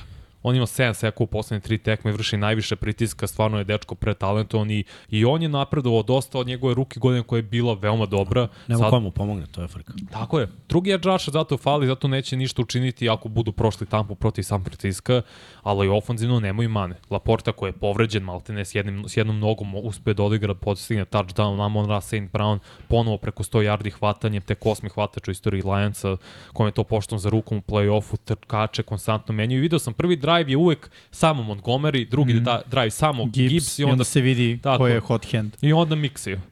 Ali Ramsey, dosta promena ih očekuje, ofenzivna linija mora da se unapredi, to je najveći problem, ne sme Stafford dobije ovakve batine u, u ovim godinama, znači moraju i levog i desnog tekla novog da pronađu A Stafford je taj lik. Ne, jeste. Celu karijeru onaj, batine, onaj udarac dobro. što je dobio, što je Miksa rekao, ja sam mislio da neće nastaviti Pa, utakmicu. svi su mislili, on je deo, deo bio. da je čovjek u Disneylandu. Bukvalno. On, bukvalno. Bukvalno on je tako delo. Oči, Ono, video je... prsti su mu se zaključali. baš, je, baš je bilo stvarno strašno Jest. i strašan udarac je dobio Higby pokidao ligamenta, on je bio brljav Ali potes. što je najgore, to je danas legalno. Znaš, Da, kao, bolje nije- to nego gore u glavu. Neko, ne znam ko je to objašnjavao, setit ću se, rekao je, nije ovo bio udarac, nije bio ovo baranje, ovo je bio udarac. Što je apsolutno Ali delimično je njegova krivica, znaš. A nije, kako Ne, Ne, za, zašto nije uhvatio loptu? Ne, pa nije uhvatio loptu. Da je uhvatio loptu, video. On je hvatao loptu, Da, lopta dobro, mu je ispala. da, surovo je reći da je njegova Ne, ne, ne, ali mislim, delimično. Jer gledaj, prvo mora da znaš da svi idu dole. Jer taj udarac gore je 50.000 dolara. Ja mu zadiš pogrešno, a da sam defanzivac, baš bi me bolo luvo, da li sam te udario, znaš kako tebi Jeste, odgovara. to je tačno. Što bi ja davao pari iz svog džepa? Ako je ovo gore 50.000, ja idem dole. NFL je Ti to on je mogao da uhvati loptu, on je nagazio desnom nogom, krenuo da hvata loptu, lopta mu je ispala i onda je znaš, promenio. Da, Da, onda je koraka uhvatio loptu odmah, okre... šta ti radiš kad trčiš, mislim, imao sam situacije da mi neko uleti u noge. I ako uhvatim loptu odmah, iskupim se, vidim da dolazi i onda ma... imaš taj milisekund da podigneš nogu milisekund i da te on prevrne, a da ti ne po... pocepa kolena. Da, da. On nije, bila mu noga dole jer je jurio loptu da je uhvati zato što je žonglirao. Njegova je greška što nije uhvatio loptu. A ne mogu da kažem da je greška čoveka koji ga je obarao, jer, mislim, kako su ljudi obarali nekada. Mislim, i koliko je bilo polomljenih nogu nekada. Bilo je. Mislim, sredina mora se respektuje. Ne možeš uđeš u sredinu da hvataš i da očekuješ da niko neće te udari. Malo je bez veze. Jer koliko ove godine je bilo i legalnih udaraca, a da su bili kažnjeni. Seti se bre Karima Jackson udario čoveku u grudi, dobio kaznu i suspendovan na nekoliko Nije utakmica. dobio prekršaj, dobio je novčanu kaznu. Da, I to- suspenziju. I suspenziju. Već što bi onda ja išao da udaram gore? Mislim, Fitzpatrick ima sličan udarac, samo na drugačiji način protiv Čaba. Isto ovim je bila jedna noga u, va, u, na zemlji leva. Tako u, je. I A dobri pritom to je krupan kol- čovek. Čabe, brate, 105 kila. Pa i ovo ima Znaš šta znači 120 udariti, šta znači udariti, 110, šta, šta znači udariti toliko, pa dobro, da, Da, da, ne preterujem. Šta znači udariti tolikog čoveka gore? Udariš ga u kog, bre, pol, polomiš rame. Nije uopšte lako udariti toliko ljudi. se, slažem se. Udariš ga u noge, ti ga prevrćeš, ti ideš na to, ne ideš da mu polomiš noge. Da, da. Ideš da, da će... Pritom, ajde da onda kažemo- vidi da poskoči, ti ga obrneš, Da. da. on uhvati loptu, svi srećni i zadovoljni i to je to. A... Niko ne voli udarce u noge. Znaš da je Larry Fitzgerald plaćao defanzivcima da ga udaraju gore. Bukvalno je bio, ako imaš izbor, da Gore. me ono, posečeš po nogama ili da udariš gore, dobit ćeš ček da me udariš gore. U krajnjim sezonama kad je jurio da ima malo više. A, to. šta, šta hoću još da kažem, iz perspektive defanzivca, tebi kad čovjek uhvati loptu u sredinu, ti si već failovao. I ti se sada vadiš, mislim, s tim obaranjem. I tu malo ima i, i hoću da kažem, i gneva i u krajnjoj liniji radiš ono što je najefikasnije u tom trenutku.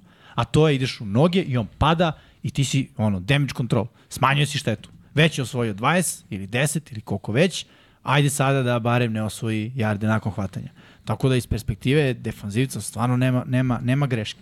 Jeste ružno, ali na kraju dana apsolutno pravilama igre, tako da ono, ne, nema tu neke pretarane zamerke. Pa i NFL je kriv, izvini, pa posle nastavi. Oni su toliko pravila napravili da defanzivac nema gde više da udari. Ne možeš u kacigu pare, plaćaš, ne možeš ovde, ne možeš ovde. Šta se radi? Kolen? Pa gledaj, da se ne lažemo, oporavak od ACL-a traje šest meseci, a concussion košta NFL jer plaća penziju u nedogled. I lečenje itd. itd. itd. Tako da cepajte noge. I Mislim. tužbe. Da? Ti posle tužiš NFL, znaš, Jeste, i, jeste. mislim, oni ti isplaćuju, zato oni hoće da isključe sve udarce gore, a da uključe sve udarce dole. Ja nemam problem s tim, iskreno. Svaki igrač koji izađe na teren svestan je ono, rizika kome se izlaže. Smo rizikovali za džabe, brate. Pa, mislim, šta je njima, on ne dobio milione. I Šta, on nije dobio par, sad neće kao da sedi da se oporavlja i sve to. Nije, nije sad kao da, da ću pustim suzu za, za igrača. Nije jedini. Pa koliko povreda ove godine? To je rizik koji, koji- baviš se kontakt sportom, mislim, to je to. Da. Mora da dođe do neke povrede. Ali NFL voli da budu povrede do njih ekstremiteta. To yes. se forsira i to je to.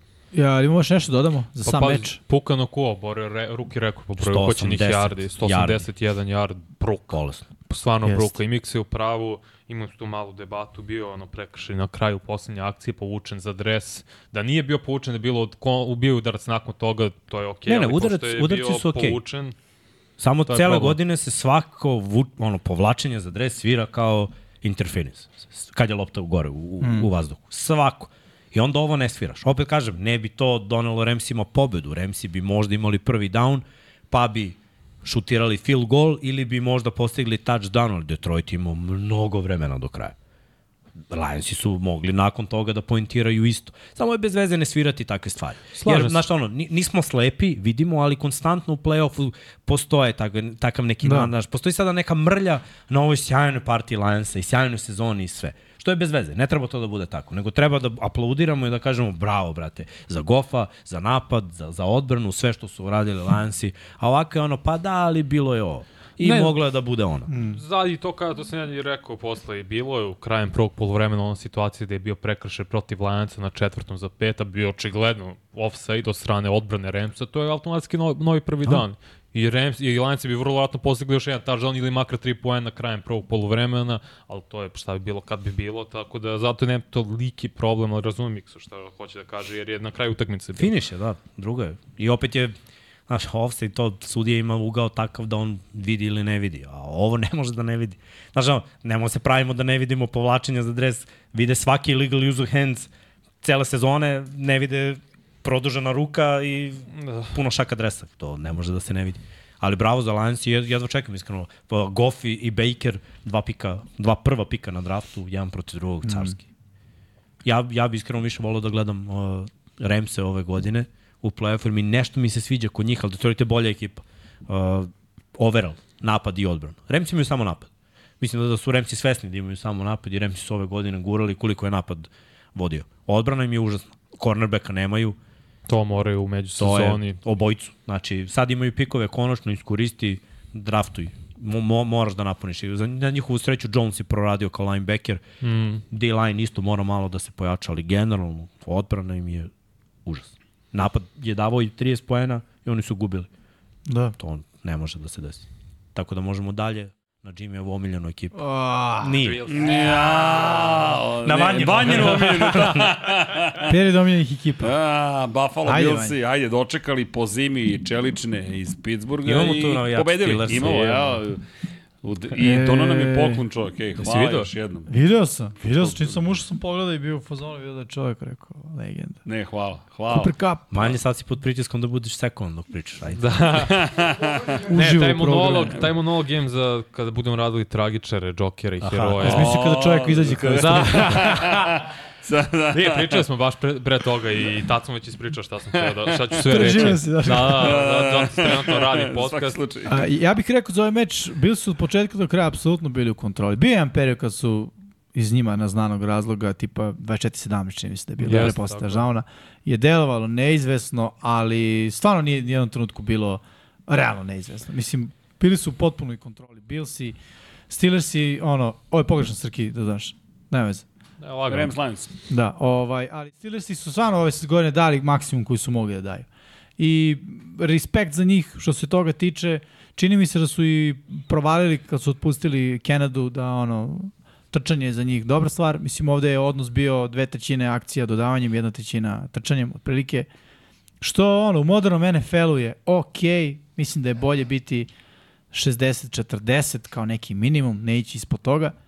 Ovaj, ali koriste odlično Vorena i Harrisa u kombinaciji, to je, to je dobra vez za njih za sledeću sezonu. Ono što je stvarno loša vez, to je pozicija quarterbacka, što je, koja je toliko zjapi otvorenom, ja mislim da oni imaju najveći ono, znak pitanja što tiče quarterbacka za, za narednu sezonu. Kako mi se rekao, ko imaš trojicu, nemaš nijednog. Apsolutno, Pa jest. apsolutno. Ali znaš šta, ni, njih su, šta je problem s njima? Godinama ne, ne, ni ne razvijaju. E, to je problem. Mm. Jer i da imaš jednog dobrog, ako ga ne razvijaš na pravilan način, neće postati dobar. I, I to su problemi isto, jer mi ne znamo da, evo, Mason Rudolph ima jedan dobar niz. Ovih utakmica u regularnom Jest. delu, ovde je počeo, da ne mogu ni da prva izgubljena lopta nije on, nego je Pickens. Ali je šamar ekipi koja ne zna, prvo bez vota su pobedili jednu, izgubili 11. I ti toj odbrani koja je već u problemu, stavljaš takav pritisak, daješ im loptu Billsima koji na domaćem terenu znaju to da iskoriste, daješ im loptu u field goal zoni, bukvalno ono ispred crvene, evo ti, reši. I onda kreće pritisak za napad, jer si ti u problemu i ne znaš kako da pa već gubiš. To nije identitet. Uh, Steelersi ove godine pobeđuju kada protivnik da ispod 17 poena. Prva dva napada ti gubiš 14-0. Imao si deficit 21-0 u jednom momentu. Pritom ono je bio čist fumble. Frajmuta, da, čist da, fumble. ono je bio da, da. poklon. No, ja ne znam šta što sudija gledalo. Ni ja ne znam. Lopta je ispala uhvaćena u terenu. Da, čovjek hvata Challenge ubačen kao nije. Ne znam kako nije. Stvarno bi volio da čujemo obraz, obrazloženje zašto nije. Jer Mislim, nećemo čuti Nećemo zato što je nevažna je. utakmica na kraju Da, krajeva bila u bez suštini, veze. ali... Znaš, mislim, nije to uticalo, ok, nastavili su Steelersi, stigli su u napadu do gol pokušaja, bukvalno. Back shoulder fade, jako loše bačen, bačen unutra, Deonta Johnson, mislim, ako bacam nekome back shoulder fade, pa Vaziću Pickensu veći je, jači, zna da se gura, koristi ruke, Deonta Johnson je za slant. Ili ono, neki in and out, neke brze rute, crossinge, znaš, da, da, da pretrči protivnika, ne da ga nadjača. Još jedna greška u pozivanju i opet, kogod je igrao od trojice quarterbackova, niko ne bi bio bolji. U, u celoj ovoj diviziji, e, severnoj diviziji AFC-a, izvršen je neki rebuild i do, menjani su treneri kako bi quarterbackovi bili razvijeni na bolji način. Mislim, Brownsi još uvijek nisu našli pa su doveli Watsona, ali kad je bio Baker, tri trenera su promenili u nadi mm. da će ga razviti. Znači, krenuo je jedan trener, Hugh Jackson. pa je bio Kitchens, da. Pa je on probao, pa su doveli Stefan. Znaš, bilo je ono, Da. prvi trener, drugi trener, treći trener, mora da je do Bakera. Idemo dalje. Steelersi i dalje ista priča. Isti koordinator, isti trener, isti pristup, a menjaš quarterbackove. Pa, brate, statistički gledano da ti legne, znaš, mala je šansa. Pritom, ne radiš one stvari koje si nekada dobro radio. Coaching ofenzivne linije mora da bude bolji. Uh, Ram... Oni su imali talenta tu. Tu su bili trojica pro bolera. I Villanueva, i ovaj, kako se Pounce, i levi tackle, i mišljenje- levi guard. Znaš, oni su imali baš talenta. moje mišljenje je da nije toliko važno. Imali su i generaciju pre toga da, da nisu bili toliko važni, toliko poznati igrači, ali je bio coaching drugačiji. Znaš, i ti danas imaš, evo ti Cleveland, kad su se povredili najbolji igrači, i dalje ofenzivna linija radila dobro sa rezervnim. Zato što je coaching dobar. Baltimore je ove godine promenio koliko samo uh, ofanzivnih linijaša kad se povredi ovo i one, pa tumbaju, pa mešaju, pa uđe moma koji nikada nije igrao, pa opet to delo je dobro, zašto je coaching dobar. To fali Steelersima malo. I zato je Tomlin otešao, čim se završila utakmica, kada su ga pitali, imate još godinu dana na ugovoru, samo je gurno mikrofon i otišao. Završio je. Nije, ono, ovako, pogledao mrko i zapalio. Zato što ne želi da priča o tome, ali Znaš, nije hendlovo slačionicu, nije doveo, ja ne mogu njega kritikujem, on ima pozitivne sezone i vodi ekipu donekle na dobar način, ali nije dovodio dobar stručni štab od kad se onaj stari stručni štab penzionisao. Nije mogao da nađe prave ljude za ovu generaciju. A nije unapredio napad ni jednom momentu. To je Najbolji problem potez Steelers. koji je napravio je otpuštanje ofenzivnog koordinatora. Kad je šutno Kenadu, to mu je bio jedini potez koji je napravio poslednje tri Zbog godine. toga su ušli u playoff. Da što je ovaj otpušten. Jeste, ali Realno. sad mora da se radi dalje. Mislim, ja nisam za to da treneri koji imaju uspeh odlaze, čovjek ima svaku pozitivnu godinu, gde će da ga otpustiti? Ne ide to tako, ali moraju da se dese drastične promene. I sledeća godina mora da bude ili ili. Znači, stavljamo Piketa na poziciju Kotrbeka, dolazi novi kube coach, novi online coach, novi ofanzivni koordinator. Sve je posvećeno tome da on bude dobar quarterback. Nije dobar quarterback, čao. Sledeći. Ćao. Uh, Trubiski, ćao. Odmah Mason. Rudolph, već sad ćao. O dobro, ne baš. Nek Ćao. bude rezerva. A vi bude. ga On je isto mu ugovor. Šta rezerv? Jeste. Koliko će ga platiš? 10 miliona. 10 miliona. Toliko Ćao. plaćaš rezerve quarterbacku. A to, to, a to ti je i cena ispod tržišta. Neverovatno. Vero Dile. To jeste, pa to, to je činjenica. Mislim, startni quarterback dobija 40 miliona. Evo, Ćao, koliko ko dobija ruki quarterback po godinu? Iz treće runde. Dva, Znam, ali. To je to, to mi je backup, to mi je Ali novi backup. pa milion. da, no, i se opet biraš iz... Zato što- zato što fali Steelersi su- Steelersi su ekipa i koja- 35 milki. Da, Steelersi su isto ekipa koja, koja fali pa nije 10, ali dobrih 7-8 igrača. Fali im linebacker, fali im cornerback, fali im O-line, fali im respektabilni hvatač koji hoće da blokira i da radi. Naš, uh, dodao bi još tu malo po sekundariju dubine. D-line, mislim, još bi napunio, jer Cam Hayward neće da bude mlađi. Dobro, draftovali su ovu online Jesu. i Benton imao dobru sezonu kao Novajler Nije, nije loše, samo mora da vidiš u kojoj diviziji igraju. Nećeš Pa, ovu ono, pa- diviziju dobiti na finesu. Dobit ćeš je na liniju skrimiš. Znači, to je nešto što treba bude tvoj identitet i tako da radiš. I, i dominirat ćeš u diviziji. Dajte malo Billsi. Ajde, bili su izdominirali. Pazi, Billsi kod kuće u play-offu u eri Josh Allena, pet pobjeda, jedan poraz. Što znači da na njihovom stadionu u Buffalo, kada dođe play-off vreme, Josh Allen pre svega igra drugačije, nema izgubljene lopte, postiže veliki broj touchdownova, to je najvažnije, jedno ono trčanje za 52 jarda što ima postignut touchdown je bilo prelepo videti u njegovom stilu, apsolutno. Samo je Kaepernick imao duži istračani touchdown za quarterbacka u istoriji NFL play-offa, ali on, ovo su Billsi, Kincaid, izuzetno efikasan Cook takođe, znači sad se osloni na njih dvojicu više nego na Stefana Diggsa, što je dobro, jer menjaš filozofiju ofenzivno, što je ste, što je Jimmy pre svega bio pravo kad je to rekao prvi kad je se promenio ofenzivni koordinator. Znači, ok, nije više fokus na Diggsa, možda bi trebao da bude u određenim situacijama malo više, malo više meta ka njemu, ali Kincaid funkcioniše odličan, Novajlija posle taj tenda Cook proigrao, Gabe, Gabe Davis nije igrao nove utakmice, neće igrati ni protiv Chiefsa, to je Šta, potencijalni njima problem. se, njima se ne da da imaju, da kažem, uh, sveto trojstvo američkog futbola u napad. Imaš dobrog hvatača, dobro tight end i dobro trkača. Ove godine nemaju dobro hvatača. A realno, Stefan Diggs je dobar hvatač, ali nema, nema doprinos konstantan. Ne, to je u ono što drugom polovremenu, u drugom, drugom delu sezone baš pao. Tako, je, i, znaš, nije konstantan, to je isto problem. Dešavaju se utakmice da ga ono nema na našoj statistici, bukvalno. Kincaid isporučuje iz nedelju u nedelju, Cook mm. isporučuje iz nedelju u nedelju. E sad, kada imaš takvu ko, uh, igrača na poziciji kao što je Josh Allen, ono, gunslinger, njemu treba realno hvatač.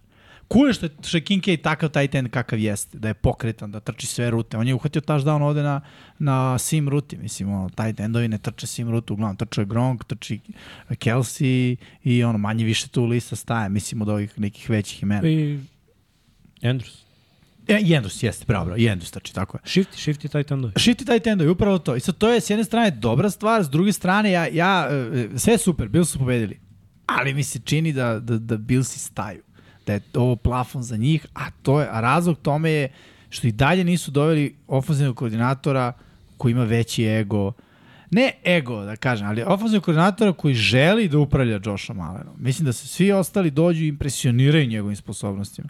Visok, jak, odličan izbačaj, a, samuveren, presamuveren, dobro trči sve i onda je u fuzonu cool, sad ću malo da igram Madden sa ovim likom, ja mislim, ono, baš mi je cool da ga ja upravljam mislima. Dobro, imali su 30 pokušaja dodavanjem, što Ne, ne, je jeste, ono, kontrolisan ambijent. jeste, Ali ali su vodili 21-0. igrali su protiv problem? koji su slabi, mislim. Vodili su 21-0 i stali su. E, to, to je to. U ovom meču, u play-offu, ti si ekipa koja je ono, brate, brod koji se ljulja već duže vreme i ti umesto tu da stisneš gas, oni su bili u fazonu, e, možemo sad kraj, da mi idemo kući, pošto već imamo 20 0 neće nas dobiti. I onda se Steelersi kao vrate. I onda bude 24-17. Istina. Istina. Dobro, ja imam veći problem Ode što imaju sve, već, što, sve više povrede u odbrani. Pet startera koje su igrali protiv Dolfinca pre par nedelja ne igra sada. To treba ispitati. A to ozbiljno. nisu starteri generalno, nego Da, da, da. sada su ulozi, to i sada ni njih nema, tako da veliki problem će biti protiv Chiefsa kad ti ne igra pola odbrane i ne igraju ti najbolji igrači, D-line i dalje tu dobar su tu draftovali, ulagali u defensivnu liniju, Da. imaju talente iz prvih, drugih rundi, ali ovo ostalo unutrašnji linebackeri, Vidi ovo. secondary takođe. Daj upitan. ovom meču samo jednu drugu stvar koja se dešava svaku utakmicu ove godine. Izgubljenu loptu. Bilsi nisu imali izgubljenu loptu ove, ovoj utakmici. Daj im jednu izgubljenu loptu. Skini 7. Pa dobro. Dodaj 7. 24-24. Znam, ali Sa Josh Allen u- Steelersima. u play-offu nema izgubljene lopte. To je za A, njega polako, zapravo ne, najveća polako. pohvala. Ova sezona ćemo. je anomalija. Ali ima ove godine dve utakmice bez izgubljene lopte. Što je malo. Nije malo, nego Premalo. smešno, ali opet hoću da kažem da postoji način. Jeste Miksa, ali on je već statistički gledano ispucao. To je to. On ne može da veže dve. Ne, da izgubi ne, loptu. znam, mislim Što da, znači da sledeći sad sad ide- sad sad ide- staje, staje. Sad ide mnogo ozbiljnija odbrana. Mislim, opet ja Upravo. hoću da kažem, Steelersi bez vota, jedna pobjeda, 11 poraz. Samo ti kažem, dodaj u ovu perspektivu Vota i jednu izgubljenu O. loptu što Josh Allen radi svake u nedelje. Znaš zašto- Veruj mi, ovaj, ova tekma se rešava u poslednjem drive ko zna ko pobeđuje. Ok, ali isto Može ako dodajem vota, mora dodam i Milana, a dodam Milana, bili si A imaju dobro, odbranu. Milano ne igra pola godine, mislim. Sve stoji. Znaš, Ali- Vot je po, se povredio prošle nedelje. Veća je šansa bila da Vota vidimo na ovom meču nego Milana. Iz perspektive nekog paralelnog univerzuma, ali hoću da kažem, Kapiram.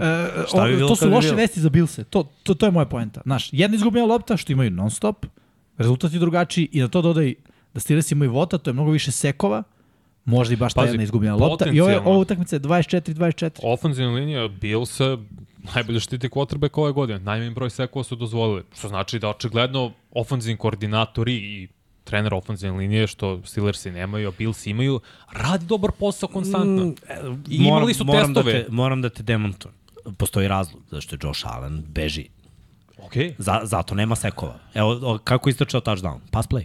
tako je. Pass play, Znam. video je rupu, vid, locirao je linebackera u sredini koji je se pomerio. Doviđenja, sem, koliko? 60, 50, 50 50 nešto yarda. 52 yarda. Još jednu Razumeš? A to je da drugi quarterback je sekovan tu, u toj situaciji.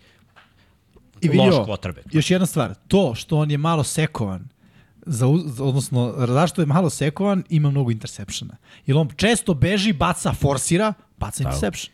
I to e, ne kompenzuje jedno drugo, I često, to... pošto ima jaku ruku, mm. ručardu, Pre, ono, Steve Farmo je nekog da ga ne seku i šikne 30 yardi u, na šestire tribine. Ok, Znaš, i njegov, to je njegova sposobnost. tako je.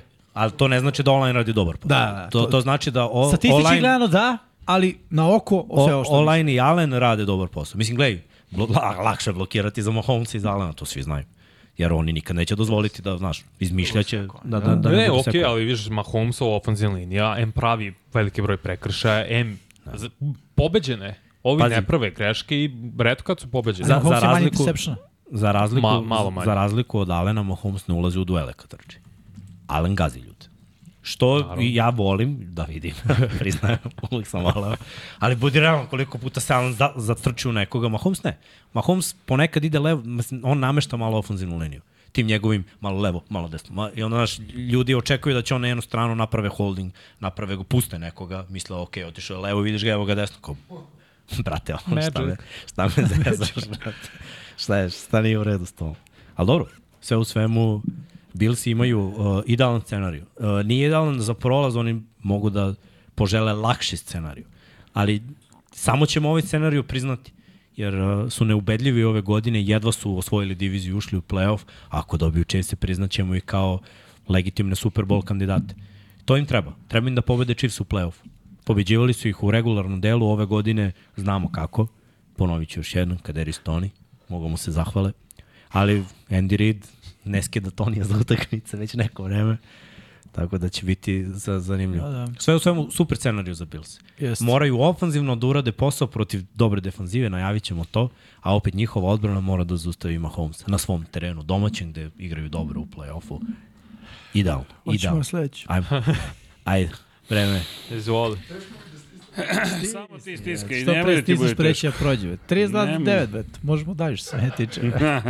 A nema šta da kažem, mislim, grozan defanzivni plan, grozan ofanzivni plan, šupe na sve strane.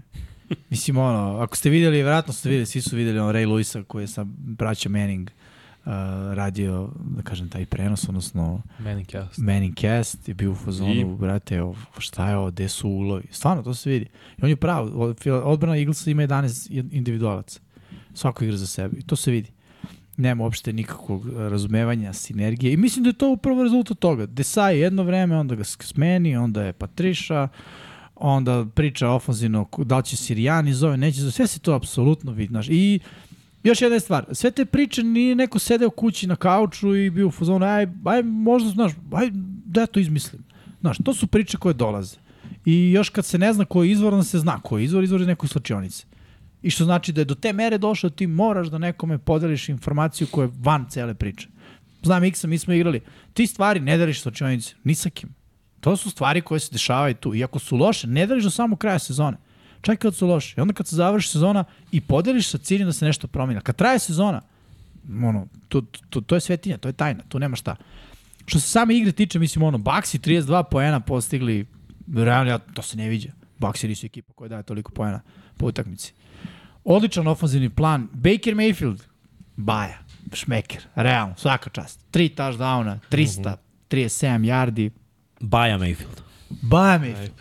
Sa sve onim prskanjem svog trenera, vrate, mislim, lik je uživao na utakmici. Svaka mu čast.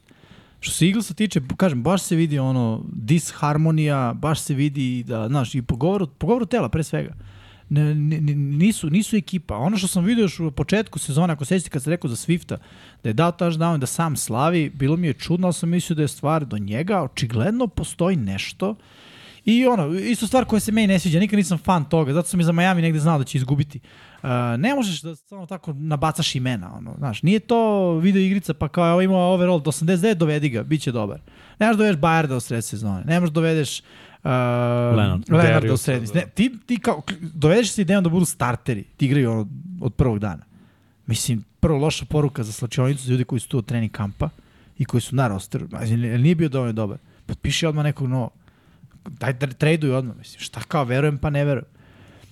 Pa onda kažem dalje, ta priča Desai je play caller, pa više nije play caller, sad je Patri... Mislim, ono, i Patriša je došao u sred sezone, tako? Nije, Patriša je bio sve vreme kao savjetnik. Aha, Zapravo, to je inače najgora pozicija. Oni su kao savjetnika unajmili Eaglesi ovoga uh, trenera Majamija defanzivnog. Vika Fanć, prošle Vika godine. Fanđa prošle godine su ga platili samo kao da ovaj da bi ga on kao njima rekao kako je postavio odbranu protiv Chiefs. I prsli smo. To se ne radi, ne doveš čovjeka na dve nedelje, brate. Mislim, No. Da i generalno te savjetnik, to nema smisla, ili si trener ili nisi trener. Aj, ajde pričamo malo o egzekuciji, Ajde. jer nikad nisam je dogovarao baranju u životu. O, od playoff ekipe. Ovo je smešno. Naročito od Bradbury je bio čovjek pro bowler. Ne može obori hvatača i, i, i trkača tri puta sa, sa užasnom tehnikom. Mislim, stvarno je bilo mnogo promašenih obana. To, to, to je malo problem. Mislim, nije, nije do NFL-a koliko je do Fila, mislim. Jer prošle godine Fila je imala dobro obaranje. Mislim, bi- bilo je utakmica gde su baš pokazivali fizikalnost. A ove godine u posljednjih šest nedelja izgubili su apsolutno svaki vid fizikalnosti. Na ovoj utakmici vrhunac nemoći je bio, ne možeš tuš puš da izvedeš. Je, okej, bio, je- ono je prekršao, ono je bez veze ne su, suditi. Jer uhvaćen za Face mask. face mask, pa ovde da se otvara kaciga, mm. to je 15 yardi. To, to mora se ponoviti, taj pokušaj još jednom. To, to je jako glupo ne svirati. Prvo, jako je opasno. Kogod je stavio kacigu i za- zakopčao ne onim novim načinom kopčenja, nego ovako, da, da je fiksiraš i da ti neko povuče kacigu, kogod je bio u situaciji ikada da je povučen za face mask, zna da je ovo bil o- okrenuti vrat skroz, pritom noge su mu bile u gomili. Da, da. Ti ne znaš da li mu neko drži noge dok mu vrtiš glavu u stranu, čovjeku slomiš vrat, bre. Ni, ni uopšte najmno. I sudija to vide, vidi se, znači šest puta su nam dali kadar reprize i niko kao ne vidi, niko ne baci. Ne bi to mnogo promenilo, bilo bi konverzija za dva poena, mislim, to je nebitno. Eaglesi bi promašili i dalje sve ono što su promašili, ali moraju ne, neke stvari da, da se kažu. Eto, ja ću da kažem, sudije su na svakoj utakmici imali po jednu grešku. Bil si ovo što smo rekli za fumble, ovde je ova bila greška, ali respekt za Tampu, Tampa je odradila svoj posao i ono što je pohvalno za Tampu, zašto mislim da sad imaju veće šanse nego ikada, jer nisu pobedili Evans i Baker, što je bio slučaj cele godine, zato nisu davali pa. Jer je bilo Baker i Evans, kad ne ide Baker i Evans i malo Rashad White, sad su se pojavili neki drugi klinci. Moore, Pa i Oton se pojavio. Palmer, Oton, dobro, Oton nije imao svoje Ispušteno deče bolesti na ovoj utakmici, ispustio touchdown, Da, da, da. ispustio sim kroz sredinu, ali posle je krenuo da hvata i bio jedan od najboljih igrača na utakmici. Ali to, to je bitno za Tampu, da postoji ofanzivni ritam, jer oni imaju front seven da igraju sa Lioncima. Oni imaju D-line, imaju dvojicu jako pokretnih linebackera, često znaju da ubaci trećeg u rotaciju. Sekundar im je toliko loš da ako pritisak ne dođe protiv Goffa, a mislim da, da mora da bude blitz svaki play, bukvalno. Ako ne bude došao pritisak protiv Goffa, gledat ćemo Amon Ra, St. Brown, Reynolds, vrhunski dan, i Laporta. Tako je biće zdravi Laporta. Što se tiče Tampe, ti si spomenuo to raznovrstost ofanzivno, pet igrača uhvatilo 45 makar od strane Bakera Mayfielda, ima na kraju Godwin onaj touchdown da je Baker bio u fazoni, posle smo čuli u audiju, tamo je negde Godwin, ja ću baciti i on će pobediti svog glavnog čuvara Medox je totalno, čim se bio Medox izgubio u toj situaciji. I da nije Medox, kogod daje, neće pogrešiti. Ne mogu se, mislim da je bio Medox, ali nije ni važno to. Svi su loši. Jer Baker Mayfield je odigrao vrhunski. Prvi igrač štampe u njihovoj istoriji sa 300 yardi ili više dodavanjem i tri touchdowna, eto jedan Tom Brady to nije uspeo u playoff utakmici, Baker jeste. Igrao sa samopouzdanjem, odbrana je grmela, vidjet ćemo kako će se snaći protiv se u prvom meču u regularnom delu se one nisu snašli. Ali Fila je izgledala staro, nedisciplinovano i prosto poraženo. To je neko i Troy Aikman najbolje u prenosu, posle sam gledao još jednom utakmicu kad je to spomenuo. Prosto Fila delovao poraženo. Videli što i u licima i Miksa ja se tu nismo složili, ali mislim da je više on u pravu jer ja gledam to iz drugog ugla. Kad je Dallas Goddard imao par reči da kaže Hrcu, ja mislim zato što je Hrc prosto takav lik da je on stoičan, da on ne govori puno, uvek ne menja izraz lica ni kada vodi ni kada pobeđuje, a Gadartu to iz nekog razloga užasno zasmetalo, jer vidim, ne ide im, da li hteo da ga pokrene na neki način, ili ne znam šta je rekao, to je sad moje spekulacije, da li bilo nešto u negativnom kontekstu ili ne, ali sve u svemu čudno je vidjeti jednog tight enda koji, Miksa jeste upravo kao on, nije vrhunski na svojoj poziciji, možda tu u, oko top 10, da malte ne se dere na lice franšize, što je Jalen Hurts koji kad je otišao Shane Steichen, ove godine igra katastrofa.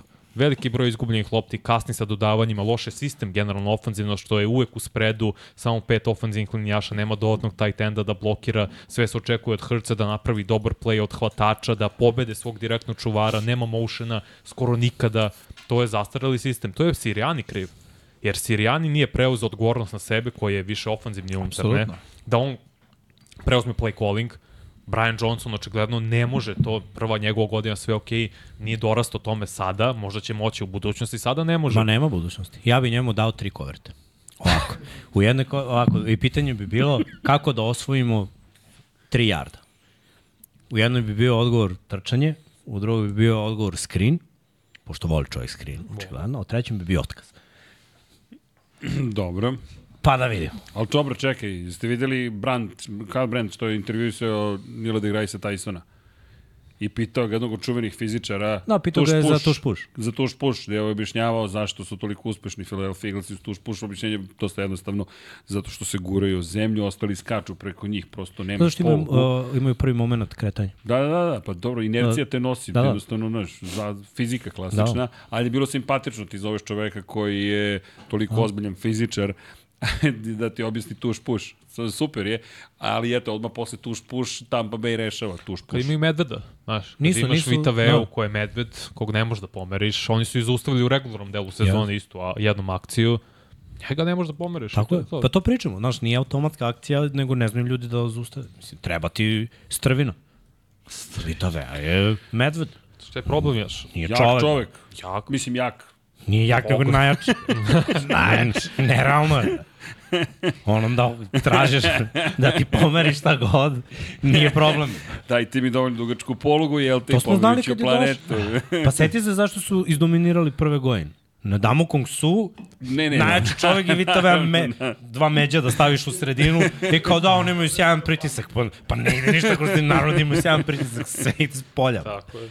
Mislim, Nevjerojatno baš je da bilo lako. Eaglesi nisu nijednom bili uspešni na trećem i četvrtom downu. 0 od 11 i to opet. Ne možeš tako da igraš. Ne možeš da je taj na- način da pobediš, da odustaneš od trčanja, od Swifta, da Hurts se toliko očigledno mučno kreće, toliko je spor, nema eksplozivnosti nikakve tokom čitavog dela, tokom čitave sezone zapravo i primiš 32 poena i tek 9 postigneš. Reto kad se dešava da je, da je Philadelphia jednocifren u play-offu.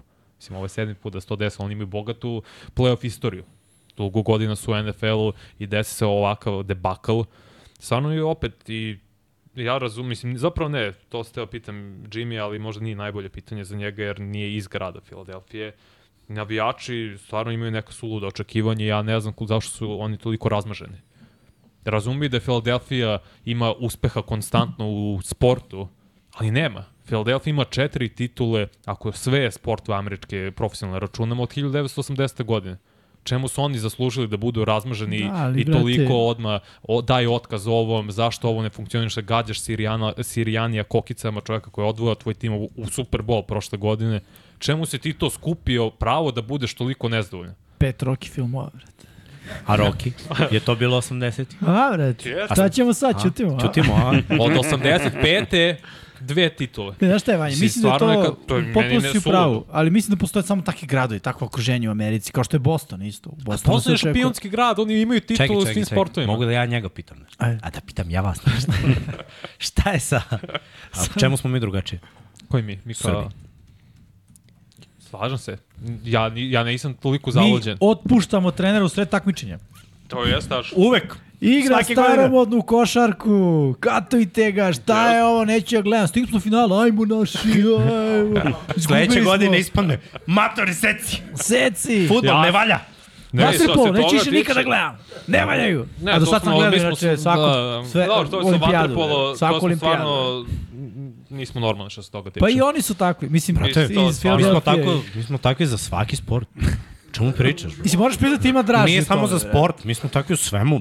To je tačno. Vidi, to je deo folklora. Evo ti. to je, prosto. Yes. To je deo Srki se, priče. Srki se šali u podcastu. Šta ovaj srđan? Šta, zašto? Izbacite Šta on radi ga. do 99? I ako bude još jedna ovakva epizoda, više neću da vas gledam. Biće ih još 100. Biće ih još 99. Ja, ne, znaš, dobio sam, nisam puno kritika, Boško me branio, Boško, hvala, nema potrebe, to je sve dobro, dobro zezanje. Ako Za nećete prošlu da? Da, za prošlu nedelju. Da li je iri, samo vama iritantno što se Erceg ovoliko smeje, pa onda sam tebe zarazio smehom, pa onda A se dobro, bilo brate, neozbiljno. nije istina za razine, nego stvarno su slike bile Bi- kriminalne. Bilo je, pa kako, tri Brate, ruke, čekaj, Borazer peru sam, čekaj. peru sam ovde nemoj ja, Ali ja. Borazer čekaj, sa čekaj. sedam prstiju. Ali preozbiljni Vanja koji ga moli, nemoj meni jaj, nemoj meni jaj. A znaš šta je najče? Piše mi čovjek, nije naravno da je lako Semu Laporti duvati loptu kad ima tri ruke. Znaš? Jeli, osigura sa obe ruke, a trećom. A, pa Zamisli ga tog igrača. Sine, Stefan. Kao š, brate, to jedna ruka mu fali da bude šiva. Bukvalno, ne, ali, ali jako je to je. bilo, ne, ali, ali, ali ja razumem ljude, ok, zvučalo je neozbiljno, na kraju nisu ozbiljno shvatili ni moje prognoze, ja, ja sam stvarno Pa bio ozbiljno. ubo. Ja sam tri. Ajmo dalje. Ti si, u, ti si u pravu, Jimmy, meni to nikad nije bilo jasno za nas i košarku. Iskreno, mi... Ali Vanja, ti to Mislim, drugačije Ne, ne, gledaš. mi, mi samo kritikujemo sve isto. Znači, mi uvek imamo očekivanje.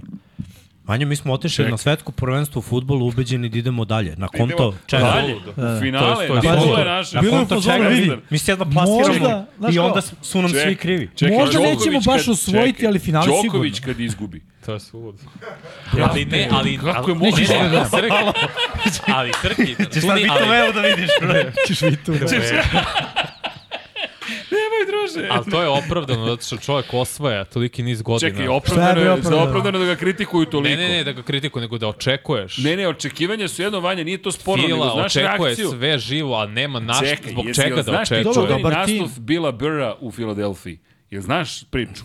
Kad je nastupio baš na stadionu Eaglesa. I bila je neka čuvena turneja Komičar. komičara, jeste. I svi koji su izašli na, pred publiku su dobili uvrede, psovke, poniženje, haos. Znači, ljudi izlaze, vraćaju se. Izlazi Bill Burr i kreće.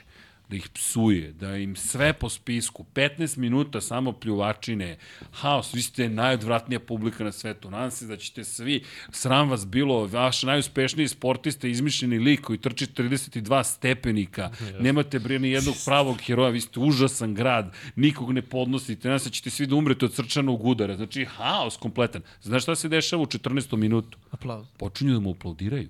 On postaje heroj Filadelfije. Ah, Jer je on, je u on ih je da. razumeo najzad, razumeš? Ono, ovaj čovjek nas razume, Tako je, znaš, on je moj čovjek, kakav car, ovaj to, on zna. I to je čuvena priča i Bill Burr koji se danas stidi samog sebe što je tako reagovao, ali cela Filadelfija je bila, u- ispratila ga gromoglasnim aplauzom. E, Dobro, kod nas to ne bi prošlo. Ne, kod nas bi bio Sediš srušen ono filma kad stadion. kaže nije slova kriv, nisam znao. Ko je bre? Tako da ono, Ne, vidi, vidi, ali on je čovjek... kod nas bi bilo Bill Burr. Bil, bil, ko, šta? Ne, Ne, bilo je, bilo je svega. Čim je njega sramota, gledao sam nastupe Bila Bora i šta je sve priča, generalno, mislim, presmešno je da se Ne, razumemo, ali, ali, njega stvarno su na kraju ispratili aplauzom. Shvataš? To je City of Brotherly Love. Ja ti Težak kažem, ja sam se, e, izvini, ja 2014. 15. sam nešto preko Philadelphia leteo. I meni nešto, ne znam šta bi, majstor stoji u Eagles dukserici na aerodromu, ja kažem i sad idem i kažem, nadam se da ćete osvojiti Super Bowl ove godine, znaš. Znaš, koji pogled? Kao da sam ga opsovao. Zono ovaj provocira. Znaš, hoćemo da izađemo napolje. Ja, stvarno ti želim Sad najbolje, jedan- druže, šta ti je? Ne, ne, ne, Vanja, ne, druga kultura, ali to ti je tako, to je taj grad. Ali zato kad osvojiš titulu, dobiš spomenik, odma. Aha, A, da, i to kao e, rezervni e, quarterback. Ako se to desi Vidi, jednom u... ne moraš i da osvojiš titulu. Ako je 20 film dobar, dobiješ spomenik. Jeste, to je tačno. Kikindi. Sponzorisani ljudi iz Philadelphia. E, vidi. Spomenik Rokija, da. A znam da ima negdje spomenik Bruce Lee kod nas. Ima i. Bruce Lee. E, zna, pa da ima. A mi skupljamo A filmske čekaj, likove. znaš da je u, Fire, da je u Firenci svojevremeno stajao od papirića napravljen spomenik Gabrielu Batistuti. On je nestao, istopio se, ali bukvalno su od papirića Dobro, napravljeni. to su Bati gol. sportski bogovi. Da. ne, bati gol. Ne, ali vidi. Skroman malo. Znaš šta vozi Batistut? E, ne znam trenutno. ne, to neki ne, ne, da, opet sam upao. Opet sam upao. Ajmo dalje, sam ajmo dalje, ajmo dalje. Neiskusno. Svaki put me navuče, znaš kao u onom filmu, uvek nasrednim. Čekaj, šta je vozio onda ako ne znaš trenutno, a znaš pre šta je bio? Ne, ne, ne, to su miksine neke fore, 100%. Pa ja znam da je fora, mislim, ja ne znam šta je fora, samo znam da me navuko, da sam opet Rekao navučen. si ne znam trenutno, pa zato sam mislio da si znao.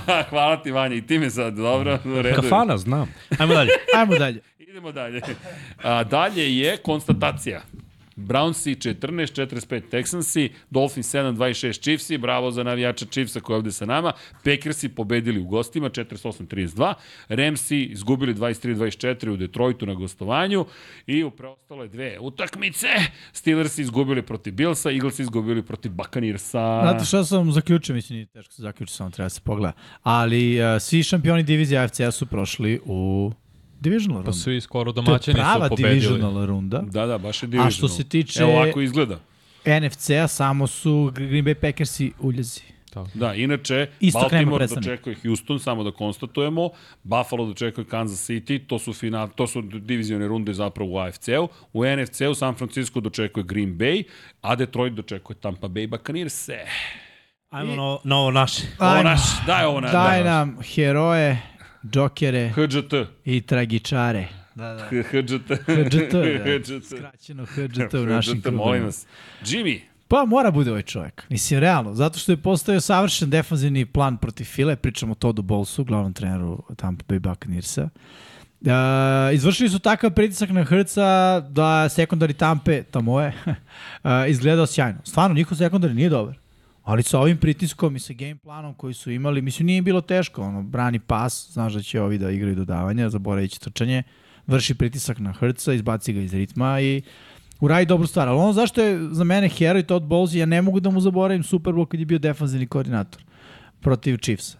Znaš, on je, on je kreator tog, de, tog plana s kojim je sve krenulo kako da pobediš uh, Patrika Mahomesa i radilo je naredne godine, pa su Chiefsi napravili svoje promene, ali ono kao dva duboka safety-a, uh, ostavi ih da, da ono, čuvajte vertikalne rute, igraš poti Tarika Hila, ovaj, dobro sad Chiefsi drugačije izgledaju, i onda sad napraviš ovakav game plan. Nije Fila ne znam kakav tim, ali meni je više impresivno što odbrana Tampe nije ne znam kakva odbrana. No. Ako ćemo realno. Iskoristili su svoju Front seven snagu. grm, e, front to seven ste kažem, iskoristili su svoju snagu. Front 7. Imamo mnogo ekipa koji ima odličan front 7, ali ne ume to da uposli.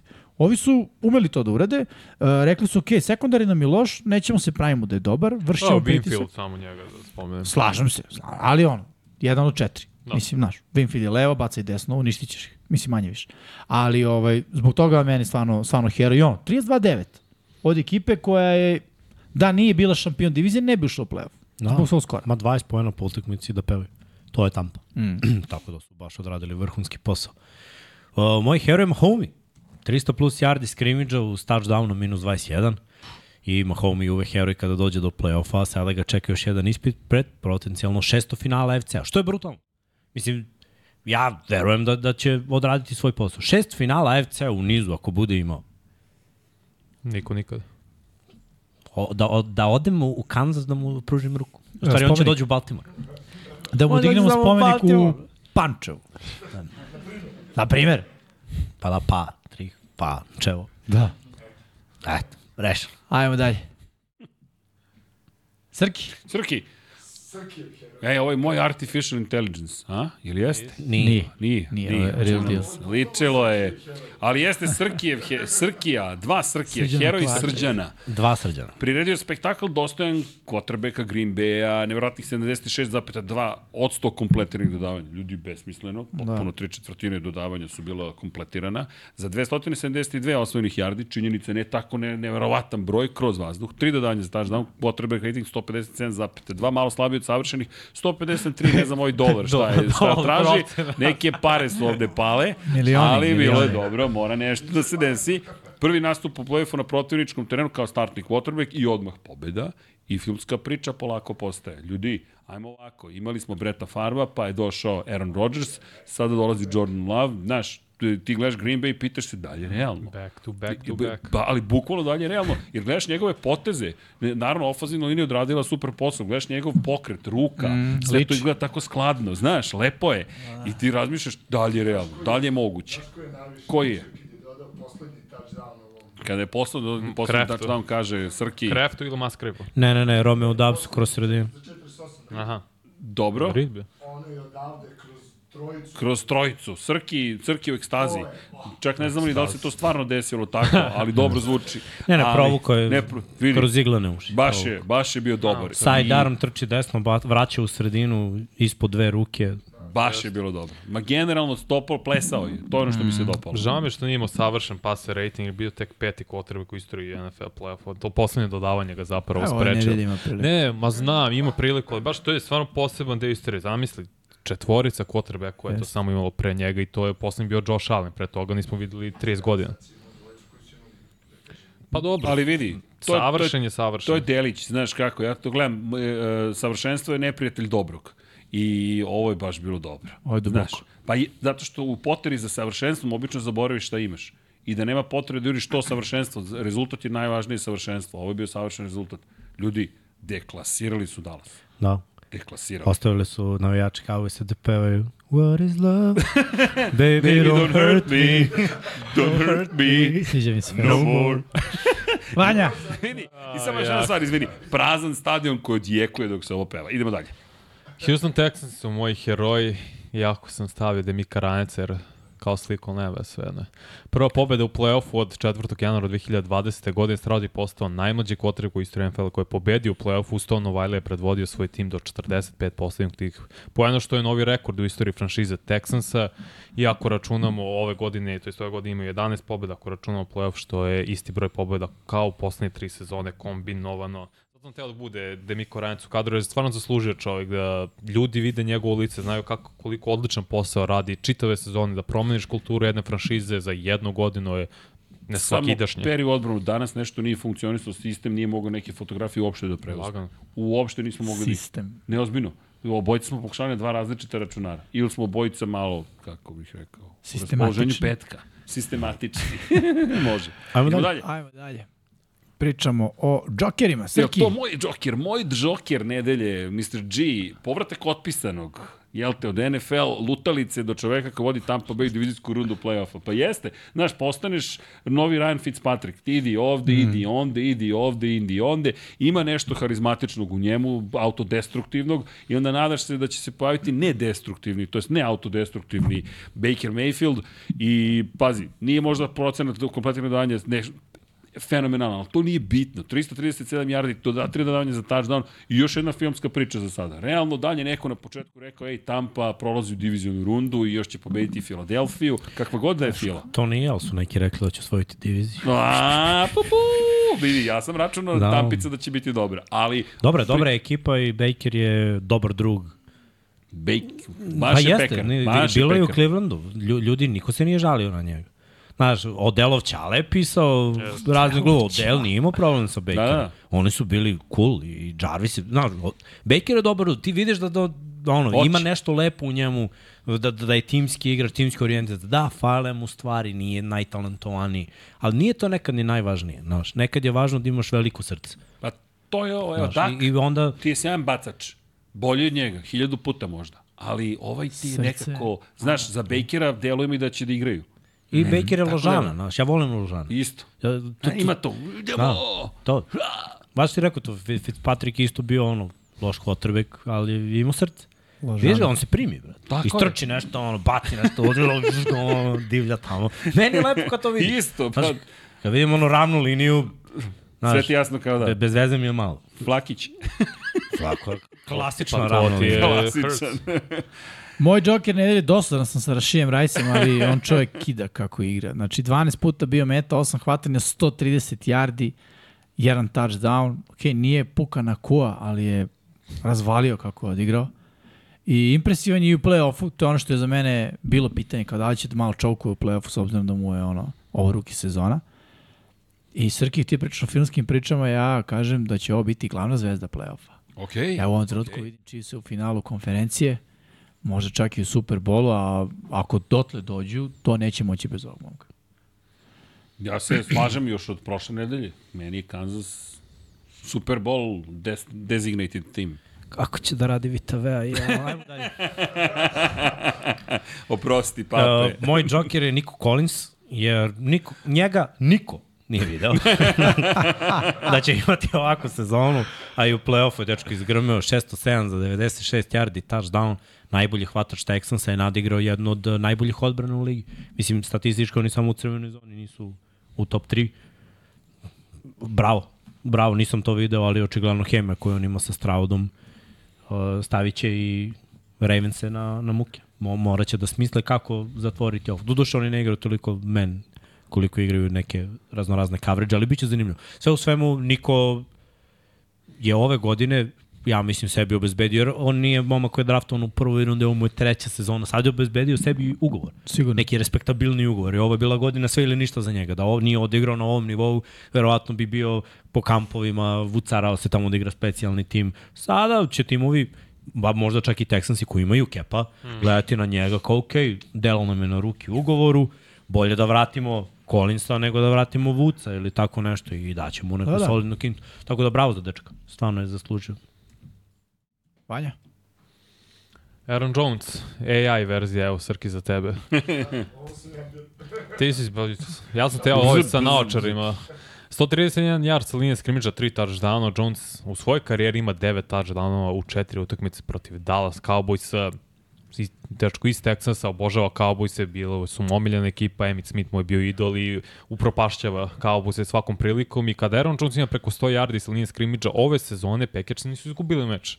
Desilo se svega, čini mi se, pet puta računajući sada playoff, ali vezalo, vezalo je četiri utakmice za redom, oni su pobedili tri, to jest pobedili su sve 4-0, tri u regularnom delu sezone i zapravo je on glavni motor napada. Kada on funkcioniše, kada ima trčanje, mnogo je olakšan posao Jordanu Lavu, jer ne mora sve da bude na njegovim ramenima. Već malo Aaron Jones, malo play action, malo onda i shotgun formacije, dosta motiona, ali pre svega loptu ručujemo Aaronu Jonesu i nema AJ Dillon već neko vreme. Nema veze. Igra Pa, Jones sjajno. Ko si? Uspore, usporenje, no, njima sad treba malo poletnije. Ne, po mislim da je Taylor, svakako. mislim da je Taylor bolji. Uh, Komplementarniji. Komplementarni, da. Jer njih dvojica zajedno fluidnije trče. Mm. Edge Dillon ti je ono, za kratku jardažu. Mislim, ući će on protiv određenih ekipa u neki ritam. Aj ne mora. Mislim, Aaron Jones uradi isto dobar posao u crvenoj zoni. Dobro, ne u crvenoj zoni, nego mislim za kratke situacije. Mm -hmm. ono. Na, znaš šta, Jones ne može ga trošiš toliko. Sad je to Istina, već istina. Više od pet godina u NFL-u, mnogo batina je ove godine propustio dosta utakmica. Sve to dođe na naplatu. I mora Jonesa da čuvaš. Uh, zašto kada prolaze godine, redko koji running back može da izgura da bude jedan. Kao što je Frank Gore, kao što je Adrian Peterson. Takvi su jednom u deceniju. Mm. Pogledaj sad ovu čitavu novu eru. Svako mora da, os- osim Henrya, svako mora da ima drugog. Da, ni Christian McCaffrey, mislim, Dobro, ajde CMC, ali opet CMC Čab. propustio dve godine. Čabi sad propustio prvu godinu. Ali, Znaš, svi drugi dođe ti na naplatu. ali dugo godina su već u ligi, nije ono da im je treće, četvrto, Stoji. već je duži period. Ali opet McCaffrey koliko u ligi 2016. propustio dve godine. Mislim, Ja mislim. Da. propustio je Osjeti veliki se. period. Znaš, tako da on je još igrački gledano ima još šta da ponudi. Ali već je krenuo i Shanahan da razmišlja, ok, ajmo malo Mitchell, ajmo malo ovo, ajmo malo ono. Malo da, da ga ne troši toliko jer je svestan da mu najviše treba sada. Dobro, ajmo dalje na tamnu stranu, što se kaže. Srki, tvoj tragičan nedelje. Po Dallas Cowboys. Potpuno su deklarisirani u Super WC rundi, jel te, na svom terenu kao izraziti fa favoriti, koji sada imaju manje pobjeda na ovom stadionu u play-offu nego tim Green Bay Packersa, što je apsolutna katastrofa. Ekipa koja u 21. veku ima manje pobjeda u play-offu od New York Jetsa, oni imaju dve, mi imamo tri, opet katastrofa. Jel da, a? Da, da, da, da. Mislim da. da imaju više. da. Mi, mi, misliš da mi imamo više? Ne, ne, oni mislim Oni- da imaju makar Ko, četiri. ko, možda Cowboys. ja grešim, možda na ovom stadionu, možda grešim, ne znam, ali ja mislim Na da su stadionu dve. imaju dve pobede. Dve, onda znamo. dve na ovom stadionu, mi imamo ih više u Playoff. generalno ovom veku, to je u ovom milenijumu, i ekipa koja deluje kao da je moćna, ali, za, ali zapravo nema budućnost. Za mene ona nema tu budućnost. Znači ući u playoff, gotovo sigurno, i to će biti to. Ali ja zaista imam problem sa time da Dallas Cowboys i budu ekipa, ušli smo u playoff uz svu pompu, uz sve što se priča o njima, da, ko ovo MVP kandidat, ludilo, haos, sve je fantastično i onda dođemo do toga da se Jimmy ovde zagrcne. Ne može da veruje da su mi Cowboysi tragičari. Jimmy Choke. Pa u Dallasu pričamo. To je to. Čokiri. to je, bukvalno, lako je bilo. Mi, niko od vas ih nije bio izabrao, pa rekao, ajde ja ću. Evo i moje tako isto. Tragičari nedelje su Philadelphia Eaglesi. One and done.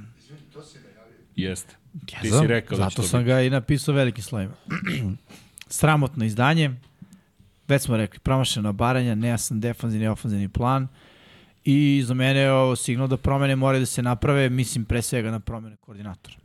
Već, ono, nisi zamenio dvojicu odličnih, očigledno, koji su postali glavni treneri, jedan vrlo uspešan, drugi pokazuje potencijal da može takođe biti, znači nije sad baš ni realno da ih zameniš jednoj godini, to je tačno, ali nemoj da živiš u ovaj, svetu iluzija u kome si rešio taj problem, mislim da nisi. Ajmo Baš dalje. je tako. O, moj tragičar je Joe Flacco. Kako da sliku naša, a? Aj, vrati, slikaj po ja, de me nađe. Pa, našli su ga i to sa dva intersepšena, oba Na- na pick kauču. six. Zakopao je ekipu i ovo je klasičan Joe iz Baltimora sa izuzetkom dve sezone kada je 2011. i 12. vodio ekipu do, do uspeha, do finala AFC-a i do Superbola koji je uspeo i da osvoji. Mislim, realno šlepo se sa najboljom odbranom po mom mišljenju svih vremena i nije isporučio. Često smo gledali ovo, malo, malo pa Polo Malu, malo, malo pa ovaj pa onaj. Joe kad uđe u crnu zonu, onda je u crnoj zoni. I šteta. Uh, bilo je bilo je dobro. Opet dobro priča za njega. Mm. Dodvorio se mnogim ekipama. Sledeće godine ako bude bila slična situacija i Frkica znaju da mogu da računaju na njega u drugoj polovini sezone. Što znači još neka kinta više.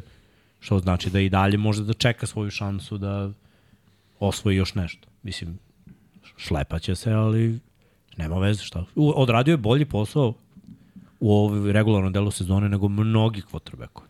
Ali ovo u play-offu je bilo debakl. A, dobro. Tragedija. Ajmo da Vanjinog tragičara. Pittsburgh Steelers i žao mi što nije stavio Majka Tomlina na slici već ovog mučenog radnika koji je spustio svoju Čeličane. glavu iz Čeličana, tako je. Bez pobjede u play-offu od 15. januara 2017. godine, znači punih sad sedam već sezona, još jedna godina polovičnog učinka bez jasne ideje za budućnost i Steelers se trenutno nalaze u čistilištu, a Mike Tomlin nije najbolji vodič kroz to. Kao što je Vergilije predvodio Dantea u božanstvenoj komediji, tako Mike Tomlin bi trebao da radi za Steelers, ali ne radi već jedan duži period. I zašto su oni tragičari na duže staze? Jer prvo Steelersi živi u nekoj zabludi. Zašto se ja ne slažem s ovo? Ja mislim da Steelers ima jedini kao velika franšiza treba da bude cilj Super Bowl. Makar da dođu. Jer uglavnom kada dolaze osvajaju, došli su igrali 7, 8 puta Super Bowl, 6 puta su osvajali. E sada, ruku na srce pod Majkom Tomlinom, igrali su dva Super Bola, jedan je bio 2008. jedan 2010. poslednji su izgubili, 2008. smo osvojili, ali zašto su uopšte došli u tu situaciju? Zato što je Tom Brady propustio celu godinu te godine celu sezonu. Zbog povrede noge u prvoj utakmici Petroci nisu igrali u play-off, ako su imali 11 pobjeda, s njim bi verovatno imali 13 ili 14, zato je sad nagađanje i vraćanje u prošlost, retrospektiva, neka možda nije korektna prema Majku Tomlinu što su osvojili tad Super Bowl, ali od 2011 imaju tri pobjede u play-offu. Tomlin ne razvija ofanzivno, navikli su se na, Biga, na Bena Roethlisbergera koji radi odličan posao, navikli su se na ofanzivno oružje koje su draftili, to više ne čine, pre svega jer nemaju quarterbacka. I da, Tomlin jeste odličan trener, ali ovo je problem za Steelers jer će svake godine biti ista priča. Uvek će se nalaziti u čistilištu. Dovoljno dobro da uđu u playoff, zapravo zavisi od drugih ekipa da čokuju da ne odrade svoj posao da bi oni ušli u playoff. Nisu oni ušli u playoff zbog svoje zasluge, već jer su Jackson i Jaguars izgubili od Tennessee Titans u poslednjem kolu. Između ostalih stvari koje se dešavali prethodnih godina takođe se trebalo des desiti da loše franšize kao što su Jaguarsi, Chargersi, Coltsi isto izgube u poslednjem kolu od ekipa od koje nisu trebali da izgube i na taj način da uđu Steelersi. Jer Mike Tomlin je i veoma dobar trener, radit će sjajan posao defanzivno i Steelersi će nakupiti određeni broj po pobeda, ali suštinski je problem sledeći. Nigde ne idu. Čistilište je, tako, čistilište je takođe mesto između raja i pakla. Ti moraš da ili da odeš u pakao ili u raj po katolicizmu. Jer to se samo kod njih pojavljuje. A trenutno Mike Tomlin previše dobar da ih odvede, to jest da, ih ne, da im dozvoli da odu pakao, da imaju to pet pika na draftu, da draftuju kotrbe kada krenu iznova a nisu dovoljno dobri da dođu do raja, to je do Superbola, pogotovo ne u ovom AFC-u, u ovom NFL-u kada ti je neophodan sjajan quarterback. Jer svi quarterbackovi koji igraju u divizijskoj rundi su pikovi prve runde i izuzetno su uspešni, uglavnom svi. Ili su im timovi dobro konstruisani ofanzivno, a i defanzivno. A Steelersi ofanzivno nisu dobro konstruisani, ofanzivna linija nije, bil, nije dovoljno dobro, nisu uložili tu, tek su poslednje vreme krenuli da draftuju i ovako će se nastaviti sve dok je Mike Tomlin tu. 8, 9 pobjeda, 10 nekada dođu u play-offa i ispadnu. One and done su poslednjih 7 godina. Mala napomena, to je metafora za raj pakove čistilište. Da. Ljudi ne pomislili stvarno idu po Steelersi. Dobro, jeste i to i po katolicizmu i po Danteu, po božanstvenoj komediji. kući svakako. It's metaphor. It's a metaphor. Ali uvek to se ponavlja Your godinama metaphor just unazad. saved the world. Ne, ne, razumiješ šta govoriš, vidi, zanimljiv mi je tvoj pogled na, na, na Steelers-e, pa, pa apropo Majka Tomlina, i stvarno deluje da su stalno tu, stalno tu, stalno tu nešto, ali vidi, to je tim koji je bio formiran i taj trener je došao u eri Bena Rotlisbergera i oni su tim koji je... On je dobio sklopljen tim, Srke. Jeste, dobio ga je. Nasledio je Ništa sklopljen sporno. tim. Oni Vidi. ne bi osvojili, ja mislim, vi naravno slobodno ispravite i dajte vaše mišljenje, ja mislim da oni ne bi osvojili 2008. Super Bowl da je Brady bio zdrav. Da su Patriotsi koji su godinom do, dan pre toga bili skoro savršeni. Izgubili samo u Super Bowlu. Vidi, ali Šta bi bilo znaš bi kako, bilo? otvorilo se, kako Otvorilo se. i drugo ne zaboravi, ono vraćanje za koliko, 99 yardi, znaš, Arizona je bila Harrison, blizu, Okej, okay, je bila drama, sve okej, okay, to je na Super pamet, Bowl. brate. Šta, Jeste, nije to nezasluženo, nije ne, to ne, ne, slučajno. nisam rekao da je nezasluženo, ja samo hoću da kažem da... Znaš da je to bila improvizacija. Uh, da, pričao je... James Harrison. Da, da, da, pričao je, pričao je, pričao, kad pričao Njegov svojoj zadatak mami. je bio raš. Tako, ne, ne, sve okej, okay, ali... Ali, da, kad na snimku se više plaši mame nego bilo koga drugog, ali Keva se posljednji put nasmijala kad su Jetsi osvojili Super Bowl.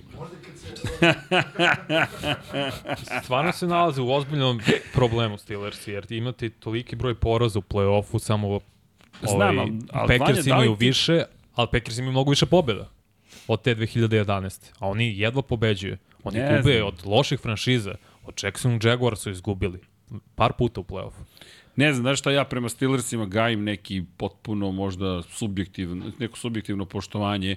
Meni je treba, to- Srki, ne kažem da ne treba, samo je sada već zabluda Jasno. za sve navijače Steelers da oni misle da su ozbiljne franšize. Jer Nisu. Ne, vidi. A ne, ali moraš da budeš loš da doživiš taj period. Patrioti sad to proživljavaju i bit će loši. Mike Tomlin to njima ne dozvoljava. I ja ne znam da li je okej da budeš konstantno prosek i tik iznad proseka, ali realno nemaš nikakve šanse da osvojiš glavnu stvar, a to je Super Bowl. Ali to ti je 80% ekipa. Pa, znam, ali to nisu bili Steelers- Steelersi u svojoj prošlosti. Nisu bili pre 20 godina. Tako je. Pa sad je došla era kad jesu. Nema tu. Ne, ne možeš baš dobar 100 godina. Vidi, ne znam, meni Steelersi deluju kao da je to Kao, ne, ne znam, ja i dalje gledam kao quarterbacku pre svega. Meni deluje da njima treba lider, ako to nije Tomlin, onda da im treba lider na terenu i da ti treba jedan taj quarterback. Pri čemu, znaš, to je dalje taj čelični grad koji živi za taj futbol, lože se na to, to, toga Ne, se sve, živi. sve je to cool. Znaš šta, Tomlin samo jednu stvar ne radi dobro. Zara, krenemo od divizije. Sve kreće od divizije. Pogled glavne trenere u diviziji. Svako je oko sebe menjao i dovodio dobre ljude na različitim pozicijama. Uh, Stefanski kad je došao, nije Gene Schwartz bio defanzivni koordinator. Mislim, znaš šta, moraš da unaprediš deo. Šta, gde mi je jako, šta mi fali, ajde ovo, ajde ovo, da ojačam to, to, to i to, da dovedem, da promenim. Mislim, Zach Taylor je napravio odličan stručni štab. Bengalsi su opasna ekipa. Mi svak, mislim, ove godine je igrao Buru. Bengalsi u play-offu, brate. Nema. Jasno. Ne prihvatam drugi scenariju. Nije se desilo, ali uh, to nije samo zašto je Buru vrhunski igrač, nego i coaching. Coaching je vrhunski. Razumeš? Nisu oni igrali protiv krš ekipa. Igrali su najjačoj diviziji, a dobijali su uh, sa mnogo mana dobre ekipe. Ra- Radili su dobar posao. Pritom kad pogledamo sadašnji playoff, oni imaju rešenje protiv Chiefsa, dobijali su Billse, znaju da reše Ravense. Znaš, to, sve je to uradio Taylor. Harbaugh isto. Harbaugh dovodi ljude, menja i ekipa radi nešto. Nije njegova zasluga, nije on sam nešto učinio, nego menja konstantno. Ti viš stalno, treneri odlaze iz Baltimora, budu unapređeni, idu ovamo, idu onamo, on nalazi nove. Tomlin ima isti recept. Znaš, jelo nije vrhunsko, ali isti recept i ajmo, jednog dana ćemo... Sastojci se me nisu baš, Tako ali recept Ostavit ćemo sledeći put 20 minuta duže, a sledeći put će da bude malo žilavije. deluje I... da tu ozbiljan quarterback nedostaje. To je moje Da, mišljenje. dovedeš ozbiljnog kvotrbeka, staviš ga iz ove ofenzivne linije sa ovim hvatačima koji ne žele da blokiraju, staviš ga u ovu, ovaj sistem i na šta će bude? Pa neće se mnogo Ništa. promeniti, ali Neće. mislim da on može do- ti početi privlači, znaš, da, da, da, Ali ne da, bi, dra, Big da bi bio imao dobro quarterbacka, i moraš da draftuješ visoko. ne, ne, sve okej, ljudi, Ali oni to- kažem, a ne mogu, je ti Big Ben bio vrhunski quarterback od tamo ere 2010. do Pa, 2015. već, je, već nije, znaš, već posustaje. Grešiš, grešiš, nije posustao, igrao Kido. Bio je vrh. Kido je. On je posustao Kido. Zašto je Antonio 18. Brown imao 1000 i po yardi svake godine? Zašto je, um, menjali su druge hvatače kao čarape. Svake godine se pojavi neki burazer iz treće runde i ima 1000 yardi. Zašto? Zato što oni biraju hvatače. Ne, brate, nego što mu Big Ben metne u džep loptu. Kidao je kako je igrao. Odbrana im je bila krš, ništa nije bilo dobro. Posle toga odbrana je krenula da bude dobra, on je usporio, ali sve je coaching. Uh, Vrhunski kvotrbek u lošoj ekipi koja ne zna šta radi, ne može da ode do tih velikih uspeha. Ući će oni u play-off, ulazili su i tada, razumeš, ali, ali će ispasti iz play-offa. Sad je problem, jer je, dobre su neke druge stvari, a quarterback nije i, opet je jednačina na kraju ista. Dođeš do play-offa i tu sve staje. Mo, mora da se spoji sve i jednostavno da bude više. Ali opet pogledaj diviziju. Samo Bengalsi su ušli u Super Bowl od u posljednjoj deceniji. Jel tako? Harbo je bio na ivici otkaza. Ali da li će se to promeniti? Pa, ne znam. Da li će se to ove godine ako se, Ako se ne promeniti? promeni, ako se ne promeni, onda je i slična priča. Znaš, ne, bih ja rekao quarterback je jedini tu razlog ovo ili ono. No, mnogo je više razloga. Ajmo Edgare, ajmo Mnogo Edgare. mnogo više razloga. Jel pošteno za sve? Ajmo Edgare. Nažalost, konstatacija da je Steelersovog navijača prisutnog u studiju, Pazi, oni su se toliko Da nečkali to- sa rebuildom. Oni su poslednji odradili rebuild u diviziji. Poslednji. Znači, svi su već krenuli ranije. Digli ruke, ok, ne ide ovako, ajmo rebuild, novi quarterbackovi, pap, pap, pap. Tri ekipe, uh, Browns i Ravens u istoj sezoni, a godinu dan, dve, dve godine kasnije Buru. Ali Steelers uh, može Big još Može Mason Rudolph, da, Da, se. to, to, to su naši... Tad je trebalo, kad su svi, tad i ti. Mislim, A i trošeš odbranu, izvinim što te prekidam. I TJ Watt nije sve mlađi. On je on, sad završio sedmu svoje godine. Ne kažem da će sad opasti, igraće dalje vrhunski, ali Hayward, Cameron Hayward će vjerojatno uskoro u penziju. Ali si, prokocko si jedno dve, tri godine. Ti sam ti bacio jedan bre Šta? da pređemo na sledeće na najave. Kada Ajde, pa nije najave. Ajmo, ajmo, nije ajmo. Nije najave, sledeće. Ao, sad je pregled. Hoće se obradovati sad. Neću. Šta je sad? Šta je sad? Šta je sad? To ti kažem, to ti kažem, to ti kažem. Imaš čast. E, dakle, Cleveland koji je posetio Houston, Jimmy Vanja Miksa i moja malenkost birali smo Cleveland, Srki nas je ovde zajedno s Don Pablom lagano očistio, svaka čast veliki Srki. Što se tiče Kansas City-a koji je dočekao Miami, Jimmy, to jest Vanja, Srki i Pablo su birali Miami, tu ste anulirali ovo prvo, mada je Vanja nastavio svoj loš niz. Jimmy, Mixa, ja smo birali Kansas City, momci, zadovoljni ste, nadam se, a onda dolazi Green Bay u Dallas, Srki, Srki, javi se, Srki. Ja, so, I'm showing you all of my love. Dakle, Dallas, Jimmy, Vanja, Mixa i Don Pablo po, po, pogodili Srki pretpostavljam da se to tako kaže. Zatim, Detroit koji je dočekao LA Ramse, tu smo bili 50-50. Jimmy Mixa i ja smo tipovali na Ramse, nije se desilo, i kod Jimmy otišlo u Fioku, desilo se Vanja, Srki, Don Pablo rekli Detroit i tako i bi. U preostale, ih, u preostale dve utakmice, ja sam jedini birao Pittsburgh i pao sam kao kruška, jel te? Buffalo su birali Jimmy Vanja, Miksa, Srki i Don Pablo, ali zato kruška je antigravitacijono se vratila na drvo u Filadelfiji, to jest u Tampi kada je Fila stigla i jedinu moja malenkost izabrala Tampa Bay. Bravo, Bakere, brate! Bravo. Bravo, bravo. I kako izgledamo sada? E, e, e, Srđan veliki vodi, 66,67% uspešnosti, Erceg, to sam ja, i Don Pablo na poziciji broj 2, 50% uspešnosti, 33,33 Jimmy, Vanja i Miksa.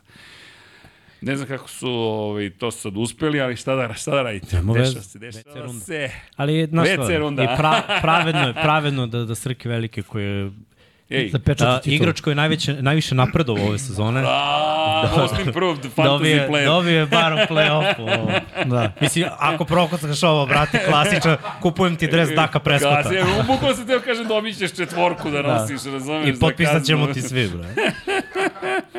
Pa ti vidi. Ja, Pamet u glavu. Zato mudro, mudro, mudro biraj, sine srđane, mudro. Ajde, ajmo, ajmo na... ajmo, ajmo, ajmo. Ajmo na najave. Još jednom da pogledamo šta. Da, ko igra s kime, dakle San Francisco dočekuje Green Bay, Detroit dočekuje Tampu, Baltimore dočekuje Houston i Buffalo dočekuje Kansas City, NFC, AFC, ajmo, koja nam je prva najava? Srki, udri. Čekaj, a Ne? Pool za ljude? A Ranjor Pool, e, nismo izvukli Ranjor Pool, a grešna nam duša. Grešna nam duša. Sledeće. I jao, čekaj, mogu da pročitam. Ajde, A, pa. mogu da pročitam, mogu ti screenshotujem, pa ću da ti pošaljem. Evo, Da, sad, e, sad sve što ćemo. nismo, sad ćemo. Ajde, to ćemo da rešimo. Od- Odmah ćemo da Ajde. rešimo.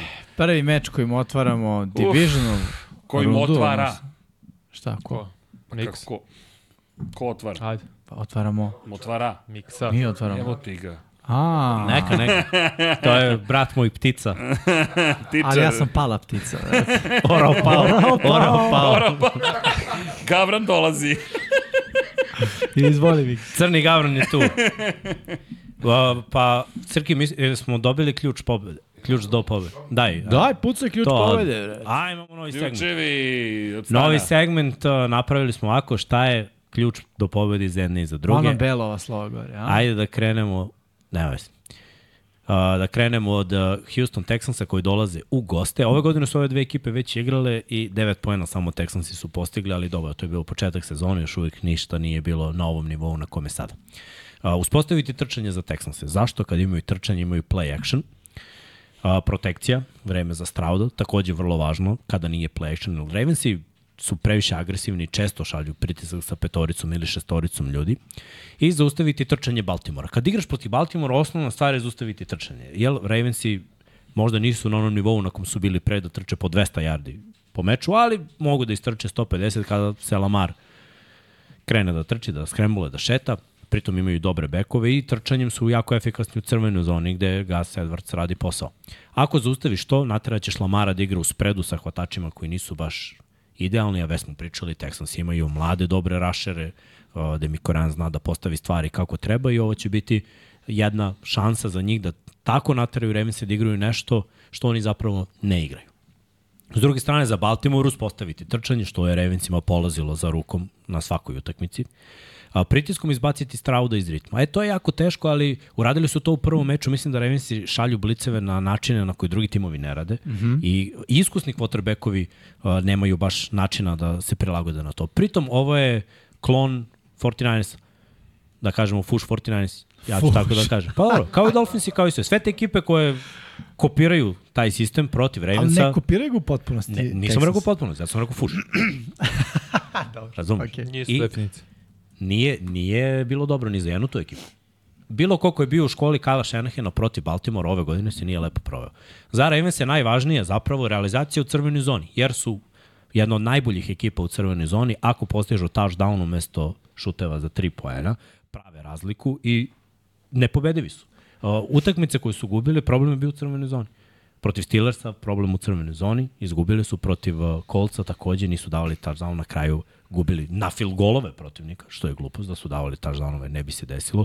I opet, ajde da naračunamo u poslednju utakmicu protiv Steelersa, jer ni, ni igrao Lamar, ni, nisu igrali starteri uglavnom. Uh, šanse postoje i za jedne i za druge. Ravensi igraju kod kuće, najbolji su tim ove godine i mislim da njihova odbrana je napravljena ove godine da igra protiv ovakvih ekipa. Mislim da je scouting odlično odrađen, mislim da treneri rade ozbiljan posao. Kada je Baltimore bio prvi 2019. i kada su došli Titansi, Titansi su atipična ekipa, nisu ležali Ravensima, nisu Ravensi imali način da zaustave Henrya koji je pre svega prvi iz dome, on je bacio touchdown, pa je uh, istrčao brda yardi, nisu mogli da ga obore. Texansi nemaju takvog running backa. Pritom Ravensi sad imaju Roquana Smitha, oni Patrick Quinn rade dobar posao, D-line ima dva run stopera u sredini, imaju dva brutalna defanzivna tekla. Mislim da su coachovani mnogo bolje. Mane su zapravo cornerbackovi, ali safety rade brutalan posao ove godine. Hamilton, Stone i, i Williams rade brutalan posao ove godine. E sad, da je tu Tank Dell, koliko bi samo imali veće šanse Texans. Mm. Sada meči koji je, po mom mišljenju, jako talentovan hvatač, mora da odigra jako dobar meč, Schultz mora da odigra jako dobar meč i Collins mora da bude na nivou 100 yardi. Ako se to bude desilo, Texansi mogu da se drže na ovoj utakmici. Ako Ravensi budu oduzeli to, a oduzeće vrlo verovatno pritiskom, jer uspevali su pritiskom da poremete Tagova i Lovu, da poremete Pardija, uh, da poremete sve quarterbackove pa koji su iz ovog sistema sa, sa play actionom, sa zonskom, da. zon, zonskom šemom blokiranja, sa takvim nekim misdirectionom. Uh, želim da vidim da li Texansi mogu to, to da odrade. Iskreno mislim da, da je baš Baltimore favorit u ovoj utakmici. Jeste i nije. E sad, zašto? Zašto ću reći, ti si u pravu. Ovo jeste nastalo iz uh, kuhinje ili škole Kajla Šenehena, ali za razliku od i Dolphinsa i 49ersa koji igraju low to high, Texans igraju high to low futbol.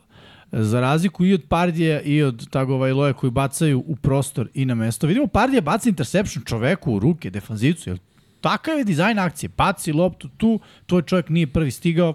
E, Wilson, tako je. Sledeći play. Linebacker. To ne radi Stroud. Stroud to ne radi, Stroud će pred da uzme sek. Ono što ti istako je fantastična stvar, protekcija. Stvarno, to će biti ključna stvar. Jer Baltimore blica sa svih strana, Stroud je mlad quarterback, ali hladnokrvnost koju ima taj momak i cela ekipa Houston Texansa mene plaši. Plaši u smislu, ono, wow, koji su njihovi dometi. Čak i ove sezone. Evo, Već ova utakmica i dolazak do divisionala je brutalan Glej. uspeh za njih. on je jako dobar, jako dobar. Šta Ravens je dobro isto rade, brane u crvenoj zoni. To je mm -hmm. njihova velika šansa. Mislim da ovo je najbolja odbrana u NFL-u, cele godine. Je bila Sigurno. uh, stavljena na ispit protiv mnogih ekipa i isporučila. U prvoj utakmici šta se desilo? To ono što sam rekao. Između ove dve ekipe, to U, da, misliš? uspostaviti trčanje. Ravensi su to oduzeli. Uh, Stroud imao veliki, 44 puta je bacio na prvoj utakmici. I on je bio uspešan individualno, imao 242 jarda. Uh, međutim, kada toliko želiš da bacaš, Ravensi će tempirati na trećem downu, kada Stroud je izjavio nekoliko puta da drži loptu uh, po cenu seka na trećem downu. Jer je njemu sek statistički nebitna kategorija, na trećem downu će kupiti sekund više da bi se neko otvorio da bi nastavio drive. Što ima jako smisla i jako pametno razmišlja momak i verujem da je coachovan tako da na trećem downu pre pretrpi sek nego da bunari baca glupave lopte za interception i tako dalje.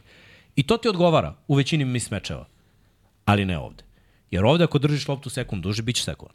Bio je sekovan u- u prvoj utakmici, bio je na mukama, ali opet trčanje nije išlo i on je morao da pravi akcije. Zato su bili samo tri puta na mestu da šutnu field goal. Nismo ni znali šta su u tom momentu, ni Sve pre stoji. svega Gledaj, Niko mislim da Nismo znali, znali. nismo znali šta je Collins, nismo znali šta je Dell, ali on je imao 250 yardi. Ne, ne, Nema veze što nismo znali ko je on. Znali smo šta je online i znali smo šta je trčanje i trčanje nije Tako išlo. I Ne, zato je ključ išlo. pobede za njih da imaju, evo sad ću izračunam ukupno. Aj. 58 i 15, 73. toliko su yardi imali. E, Izvini, Noah Brown je trčao minus 1. Trčanje. Znači 72 yarda su imali Ok. trčanje. Ne, Tako ne, nećeš dobiti Baltimore. Mislim da Texansima za utakmicu fali pre svega tog ofanzivnog oružja, fali Tank Dell, ne igra ni Noah Brown takođe, fali će dosta CJ Stroud Nije u falio tom. proti Clevelanda. Ok, o, drugačije vrstu odbrane igraju Browns i dosta čovjek na čoveka što motionom možda poremetiš, dok s druge strane Ravensi ne igraju toliko čovek jer nemaju te igrače, nemaju te cornerbackove, igraju zonsku šemu gde imaju odličnu tro, trojicu odličnih safety-a. Ja sam oduševljen kako Kyle, Hamilton igra. Onako kako sam mislio da će igrati iz koleđa, tako igra. E sada, da li će ofanzivna linija, ovo je veliki test za Leremija Tancila, koliko smo kritikovali ove sezone, ali igra kao top 10 na svojoj poziciji. Igra sjajno protiv Malasa Gereta. Šta rade Ravens i odbrana? Idu na blica cornerbackovima. To je taj nepredvidivi Ali to faktor. nema veze s Tanselu. Znam da nema, ne, ne, ne kažem da ima, nego to je taj nepredvi- nepredvidivi faktor koji većina odbrana nema. To Ali vidi, nemaju. Aha. Nepredvidiv je ako ga ne očekuješ. Uh, zašto to govorim? Uh, cornerback blitz ćeš da neutrališeš time što ćeš zadržati i taj tenda i running backa sekundu duže da blokiraju. Sedam ljudi daje protekciju svom čoveku, oni neće rašovati sa sedam, a realno, niko ne rašuje sa sedam, mada Ravensi to nekad rade. Rade. Ok, raš sa sedam, svako je pokupljen. Imaš dole duž terena a, još dve opcije, da probaš da ih, da ih uposliš. Ne imaš brutalne safety. Safety tu, Safety je zapravo tri safety. E, apsolutno, ali znaš, ja ne, ne otpisujem Texanse i za mene Ravensi jesu favoriti, ali nisu ogromni favoriti za ovaj meč. Ko, Da budem iskren. koliko su ti favoriti? A, 55-45. Okay. Miksa se uredio. Ne, ne, Nisam. Ne, ne, ima, ima se. Ajde da Šalim kažemo šta trebaju defanzivno Texansi da urade, koji Contain vrše Lamara Jacksona. Ok. La, Lamar, da, Lamar Jackson. Lamara Jacksona. To sam, na to sam i naginjao. Jer Will Anderson je vrlo inteligentan Novajlija, Jonathan Green radi sjajan posao. Imaju još veterane u defanzivnoj liniji koji su bili u play-offu, imaju to iskustvo, videli su već dosta NFL-a. Sada je na cornerbackovima, na Nelsonu i na Stingliju da zatvore hvatače da zatvore Zeja Flowersa, da nema veliki dan, da o, za, o, pošto ne igra Mark Andrews na ovoj utakmici, ako je bile neke spekulacije će možda igrati, mm -hmm. ne igra, kako će rešiti Likely-a zapravo glavna zvezda na ovoj utakmici, ja mislim da će biti Isaiah Likely, jer neće na kraju imati rešenje za njega i za Lamaru improvizaciju. Verujem da će biti mali broj poena, ne verujem nikakvu ofanzivnu eksplozivnost, zato što ima dve, pre svega ve- veoma disciplinovane odbrane, na drugačije načine. Ravensi su tabadži, biju, agresivni su, imaju odličnu, odličan secondary, dok S druge strane, Texans imaju mlade igrače koji veruju da je Miko Rajanac u potpunosti, koji napravi sjajan game plan. McDonald radi to, to ko- takođe isto na jednom vrlo visokom nivou. Samo mislim da je možda Rajanac trenutno malo bolji, malo iskusniji, jer imao i sa 49ersima playoff iskustvo da vodi ekipu de, defanzivnu stranu, makar du, duboko u playoffu. To će biti ključ. Isaiah Likely će rešiti na kraju linebackere, Kristijana Harrisa i ove ostale imati neću reći 100 yardi, ali vjerujem da će imati oko 80 yardi hvatanjem i da će možda biti na kraju rezultat 17-10 u korist Baltimora. Teška utakmica, da fizikalna. Da, da, mislim da stvarno zna kako hoće. je vreme? I To to, je- će isto uticati. mislim. Jer, pazi, ni Texansi u svojoj istoriji, a ni, Lamar Jackson nisu nikada pobedili u divizijskoj rundi. Kogod pobedi imat ćemo nešto novo, neku novu mm. -hmm. istoriju i za jedne ili za druge. Jer je ovo test veliki za Lamara Jacksona. Ne sme da se desi ono što se desilo 2019. upravo protiv Tennessee. Da si najbolja ekipa većinu u delu sezone, pobediš najbolje e, ekipe, pobedio San Francisco ove godine i tako dalje, još mnogo i broj, mnogi veliki broj playoff ekipa, onda čokuješ. Ovo je veliki ispit i za Harbo i za Lamara. Zato ne verujem da će biti ofanzivne eksplozije. Jer da igra Mark Andrews, bila bi druga priča i mnogo bi više naginjao ka Ravencima. Ako idem sad u njihovom smeru, jer verujem da su kao ekipom poprilično bolje od, i iskusnija nego mladi Texans. Znaš kako ja vidim moj meč? Ravensi dolaze nedelju dana pauze, ili tako? Dolaze kao najbolja ekipa u NFL-u, dolaze kao vrlo produktivan napad i vrlo nezgodna odbrana, da budem politički korektan, da ne kažem zajebano. Um, mislim da su oni željni ovog meča. Znaš, njima ovaj meč treba. I mislim da će vrlo jako krenu ovaj meč. Pogotovo što su preko puta njih Texansi, koji su ekipa koja realno nema nekog respekta ako gledamo franšizno, to je Pa istorijski. moramo malo pričamo istorijski o tim duelima. Mislim, koliko su puta Texansi dobili Ravens u play-offu? Ili generalno? Ne Ne znam da li su igrali u play-off. I uopšte. igrali su. Nulica, bre. Nikad nisu prošli divizijsku rundu, tako da su došli do nje izgubili su. Inače, čisto da znate što se tiče temperature, izvinjam se, ovog vikenda, minus 5, gornja, donja minus 9. Da, MNT Bank Baltimore. Stadium, Baltimore, Da. Maryland. Biće, znaš šta, Biće ground, zima. ground and pound. To, to je ono. Sad, Ravensi igraju tako. Uh, Houston igra poletan lep futbol. Moraju da trče. Ako im oduzmeš trčanje, teško je na tom minus igrati poletan lep futbol. A Ravensi ne igraju lep futbol. Mislim, ja, ja volim Ravense više nego višta, ali Ravensi Za malo da dobijaju i igraju fizikalno, što kaže Jimmy, mlate protivnika i, i, i takav ima identitet i ofanzivno i defanzivno. Ja mislim, izvini, da ćete vi samo na čvrstinu da dobijete ovo. Na tvrdo da ćete da dobijete, zato što mislim, iskreno, da, Houston mi se dopada i CJ Stroud ima to nešto, ali najviše me brine opet ta malo istorije i tako dalje. Mislim da je malo drugačiji ipak Lamar Jackson i mislim da je ovo je odmor jedino što se malo postavlja kao pitanje, ali zaista mislim da je ovo vaša utakmica. Jer ako ovo ne dobijete, što previše vidio, pitanja se postavlja. Demiko Rans je već promenio kulturu u jednoj sezoni. Zašto nije promenio istoriju? Ne, slažem se. A, mislim, nije ne, nemoguće. uopšte ja ne. Nije nemoguće Ja ne mislim da će ovo biti neka laka pobeda Samo jedna za ne, ne, da neće kada da pogledaš, kada pogledaš meč. pristup To. Baltimora 2019. kad su bili najbolji, a Super Bowl priče su krenule posle pobede protiv Ramsa. Da. Kada su šest drajeva dali šest tažanova i krenulo je Super Bowl, Super Bowl i nije stalo Super Bowl sve dok nisu dobili od Tennessee Tako je. po turu. Znaš, a i ba, baš je bilo ja Ali ove da godine niko ne priča o Super Bowl. Ove godine niko ne priča o nedelji ne posle sledeće nedelje. Bukvalno, niko ne priča o konferenciji. istina. O finalu konferencije se ne priča. Tota, nečem drugom. totalno je dru, drugačiji pristup, drugačije su koučovani, mislim da, da su pomoćnici ove godine mnogo bolje nego što su bili onda. E, to je sad velika razlika. A sad ove dve, mislim, dve franšize imaju, znaš, određeni put. Texansi su već napravili neko žudu, da, oni će ući rasterećeni u ovaj meč. Ali, uh, opet, imaju sad ambicije jer su stvarno dobro odigrali protiv Clevelanda. Mislim da nije njima ona kao idemo u Baltimore, pa kao, znaš, ako izgubimo baš nas briga, briga ih. A Demico Rans a, drugačije vodi ekipu od Leflera. Ve- Verujem da, da Green Bay više ima to, ono, idemo u Cisco pa šta bude, ali Demico je ložana. Ova ekipa Houstona je naložena. Evo- I ima načine, ima stvarno načine. Samo ako ne zustave trčanje Baltimora i ako oni ne trče, nema šanse pobede. Znaš, i Demikov razvojni put, izvini Vanja, je bio isto prirodan, da kažem, i dobar. On je kod On je Salaha, playoff u poslednji put protiv Baltimora 2011. kao Da. deo Texansa. Kao, kao linebacker Texans. Protiv Flaka. ali hoću kažem kao trenerski Da, put je jest. trenerski put je ovaj njegov e, odličan. Znači on je prvo bio u kod Salaha, kod Saleha, trener linebackera, pa je nakon toga on postao defanzivni koordinator, pa je tu pokazao odlično i sada je prešao da bude glavni trener. Tako da mislim da je ono njegov razvojni put odličan, pogotovo taj defanzivno orijentisan razvojni put, odnosno razvojni put jednog defanzivnog trenera. Evo još par stvari, stvarno Ravensi, što je Miksa par puta i rekao, samo da to potvrdim, 7 puta su ove godine pobedili sa 14 ili više pojene ekipe koji imaju pobednički skor. To samo Patriots su radili kad su osvojili Super Bowl 2014, to je NFL rekord. E, odbrana koja je predvodila po broju sekova, oduzetih lopti, dozvoljenih poena, nijedna to odbrana nije odradila od kad su se spojile dve, dve ligi 1970. godine. E sada što je protiv Ravensa, ni, ni, jedna, ni jedna ekipa nije prošla dalje od divizijske runde kada je quarterback predvodio tim po broju istračanih yardi. Da će to sada se promeni, odlična je šansa i mislim da će se promeniti jer Lamar Jackson mora da pokaže i u play-offu da igra sjajno kao što igra u regularnom delu sezone. Ti si često pominjaš 50 i ne znam koliko, 58 pobjeda u regularnom delu sezone. E, ali ovo je prva godina da je Lamar imao tekme iz džepa. Da je trčao manje od 30 yardi, mm. da je ekipa, znaš, da, da je neko što kaže Jimmy cilj da ga drži u džepu. Držali su ga u džepu, i, ali playbook je konačno napravljen da on može da igra i iz džepa. 10 To je pobjeda, prvi put od kada on igra u NFL-u. 10 pobjeda protiv pobedničkih uh, ekipa ove sezone, što je najbolje u NFL-u. Ima Lamar Jackson i O. Baltimore Ravens. Mislim, gledaj, ja razumem hejt. Marlon Humphrey je lepo rekao, Baltimore svi hejtuju jer Lamar ima svoje dušmane. I, I to je tako. Znači, krenut će priča, a igra loš u play-offu, čovko je u play-offu.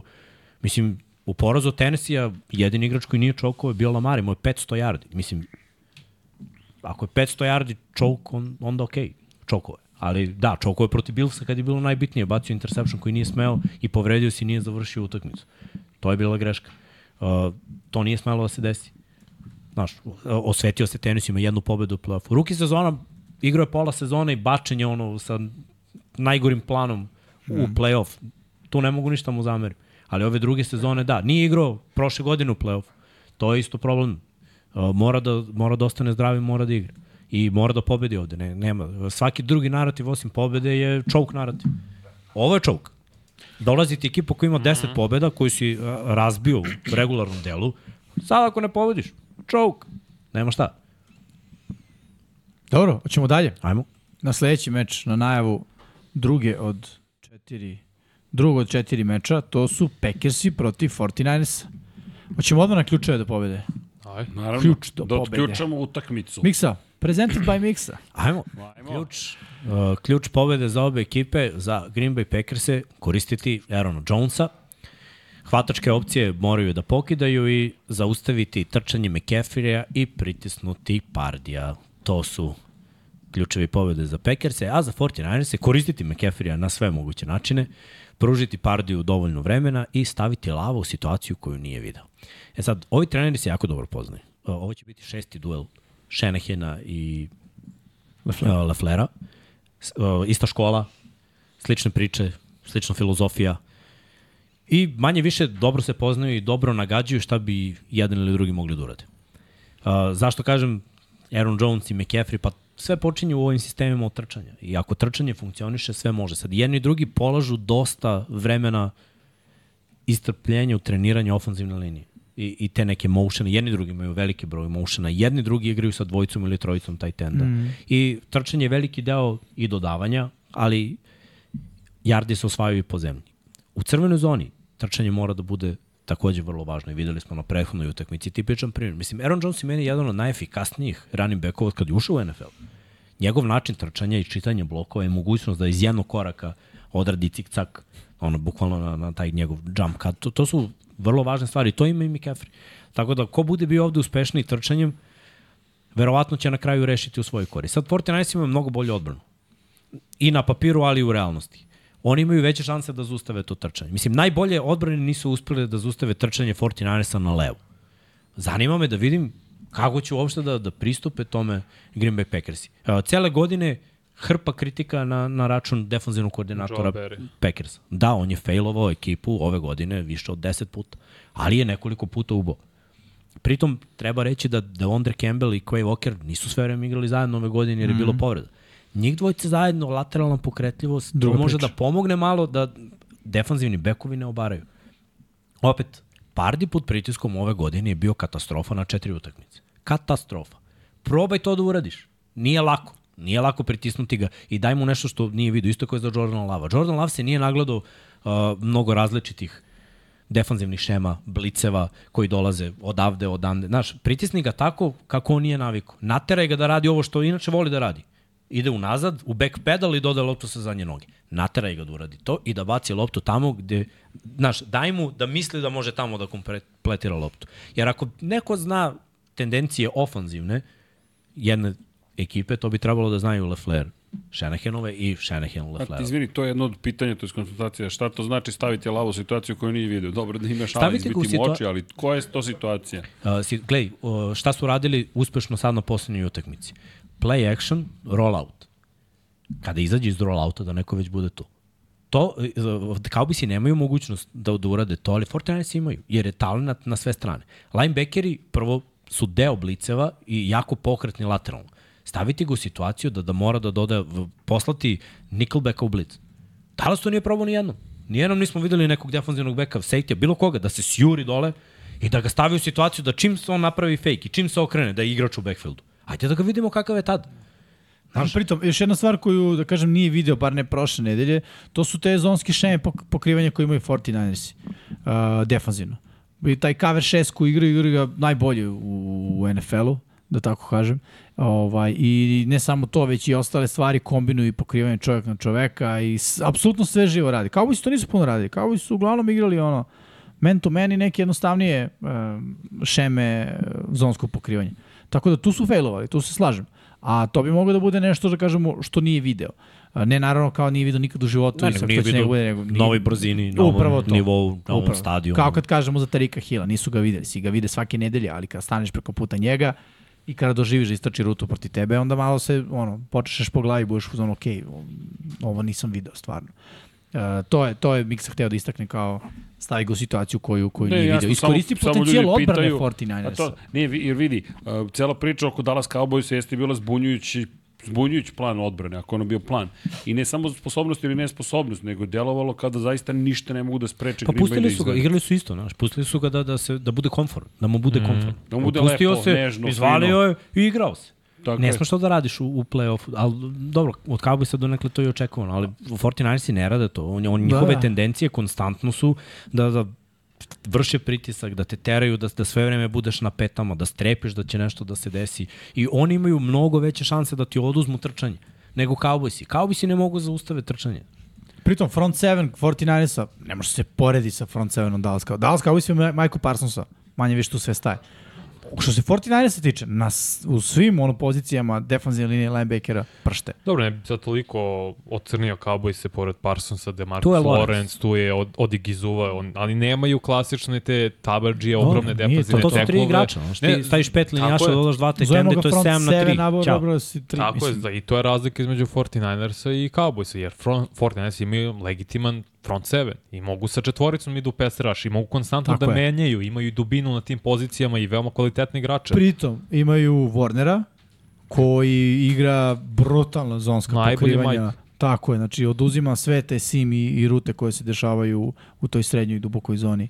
Tako, Tako. da to nemaju Cowboysi. Ni. Nemaju. Nema niko skoro u NFL. Meni ključ za pobedu Packersa jeste njihov front 7 koji jeste talentom, to su pikovi prve, druge rune, to je Preston Smith, Devonte Wyatt, to je Kenny Clark već dugi niz godina, Lucas Van Ness, Rashawn Gary. Gary. Mislim, to stvarno, ti kad pogledaš na papiru makar, ozbiljni elitni talenti. Nije se desilo ove godine, da li je zbog šeme, da li je zbog povrede, imali su svi oni neke male povrede, nisu igrali često zajedno.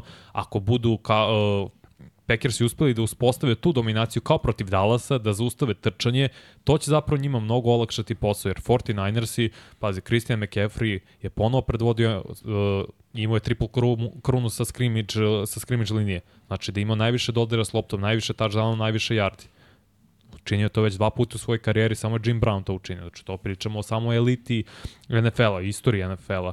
Opet 49ersi, kada dođu do divizijske runde, imaju šest uzastopnih pobjeda tu. Znači, idu u finale konferencije. Oni se ovde ne, zaustav, ne zaustavljaju već Da. duže niz godina. Ma star power, bre. Tako je. Treba sačuvati. Kada su prvi u konferenciji, uglavnom stižu makro do finala konferencije. Znači, sve je zapravo ta istorija ide njima u korist. Plus, odličan play calling i zdravi su i sada McCaffrey, i Kittle, i Ayuk, i Debo Samuel i vidjet ćemo pun ofanzivni arsenal njihov na ovoj utakmici, jer bit će izuzetno teško sve to zaustaviti. Isto, odmarali su posljednju nedelju, odmarali su prošle nedelje, spremili su se, ozdravili su i sad ono, idemo jako. Mislim, sa, samo je Pardi problem.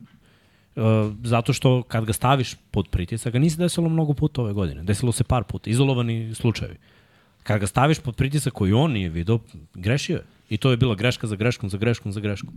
Ne, ja mislim da Packersi samo u idealnom scenariju to mogu da urade. A da pritom, pazi, oni moraju da imaju i ofanzivnu i defanzivnu idealni scenarij.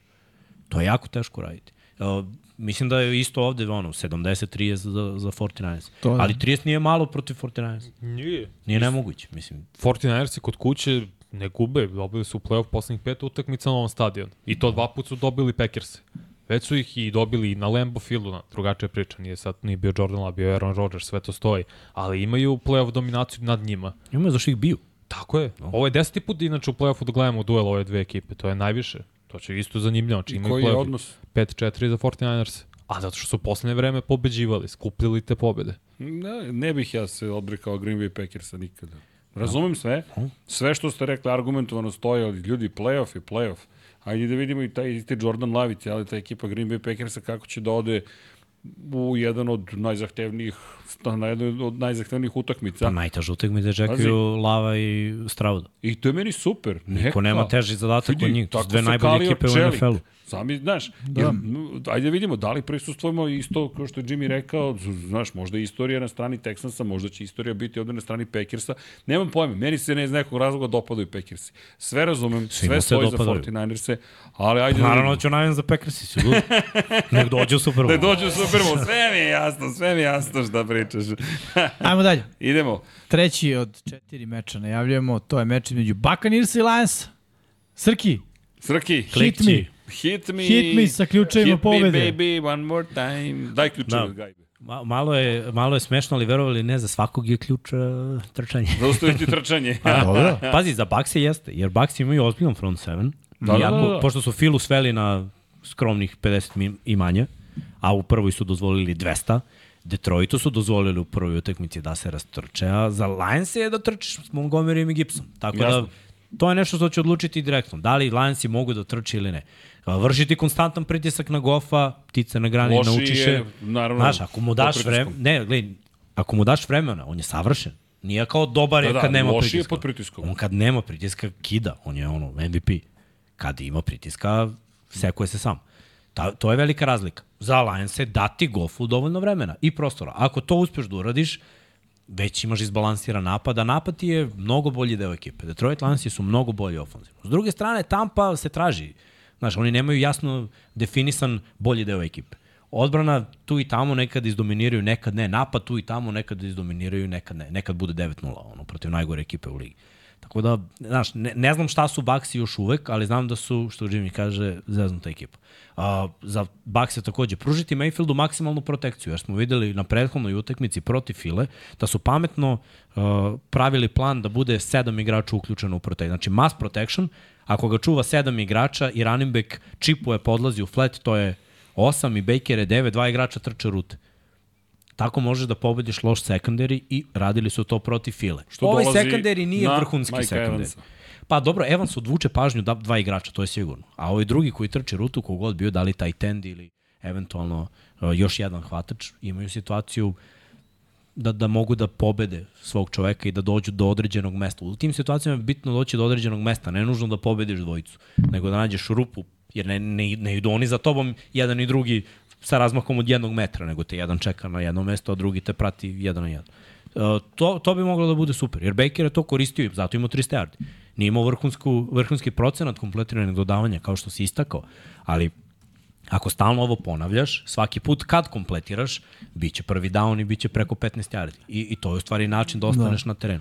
I ono što mu takođe ide u prilog i celoj toj priči što si rekao za Buccaneers, to je to što je na poziciji hvatača super zvezda, Mike Evans.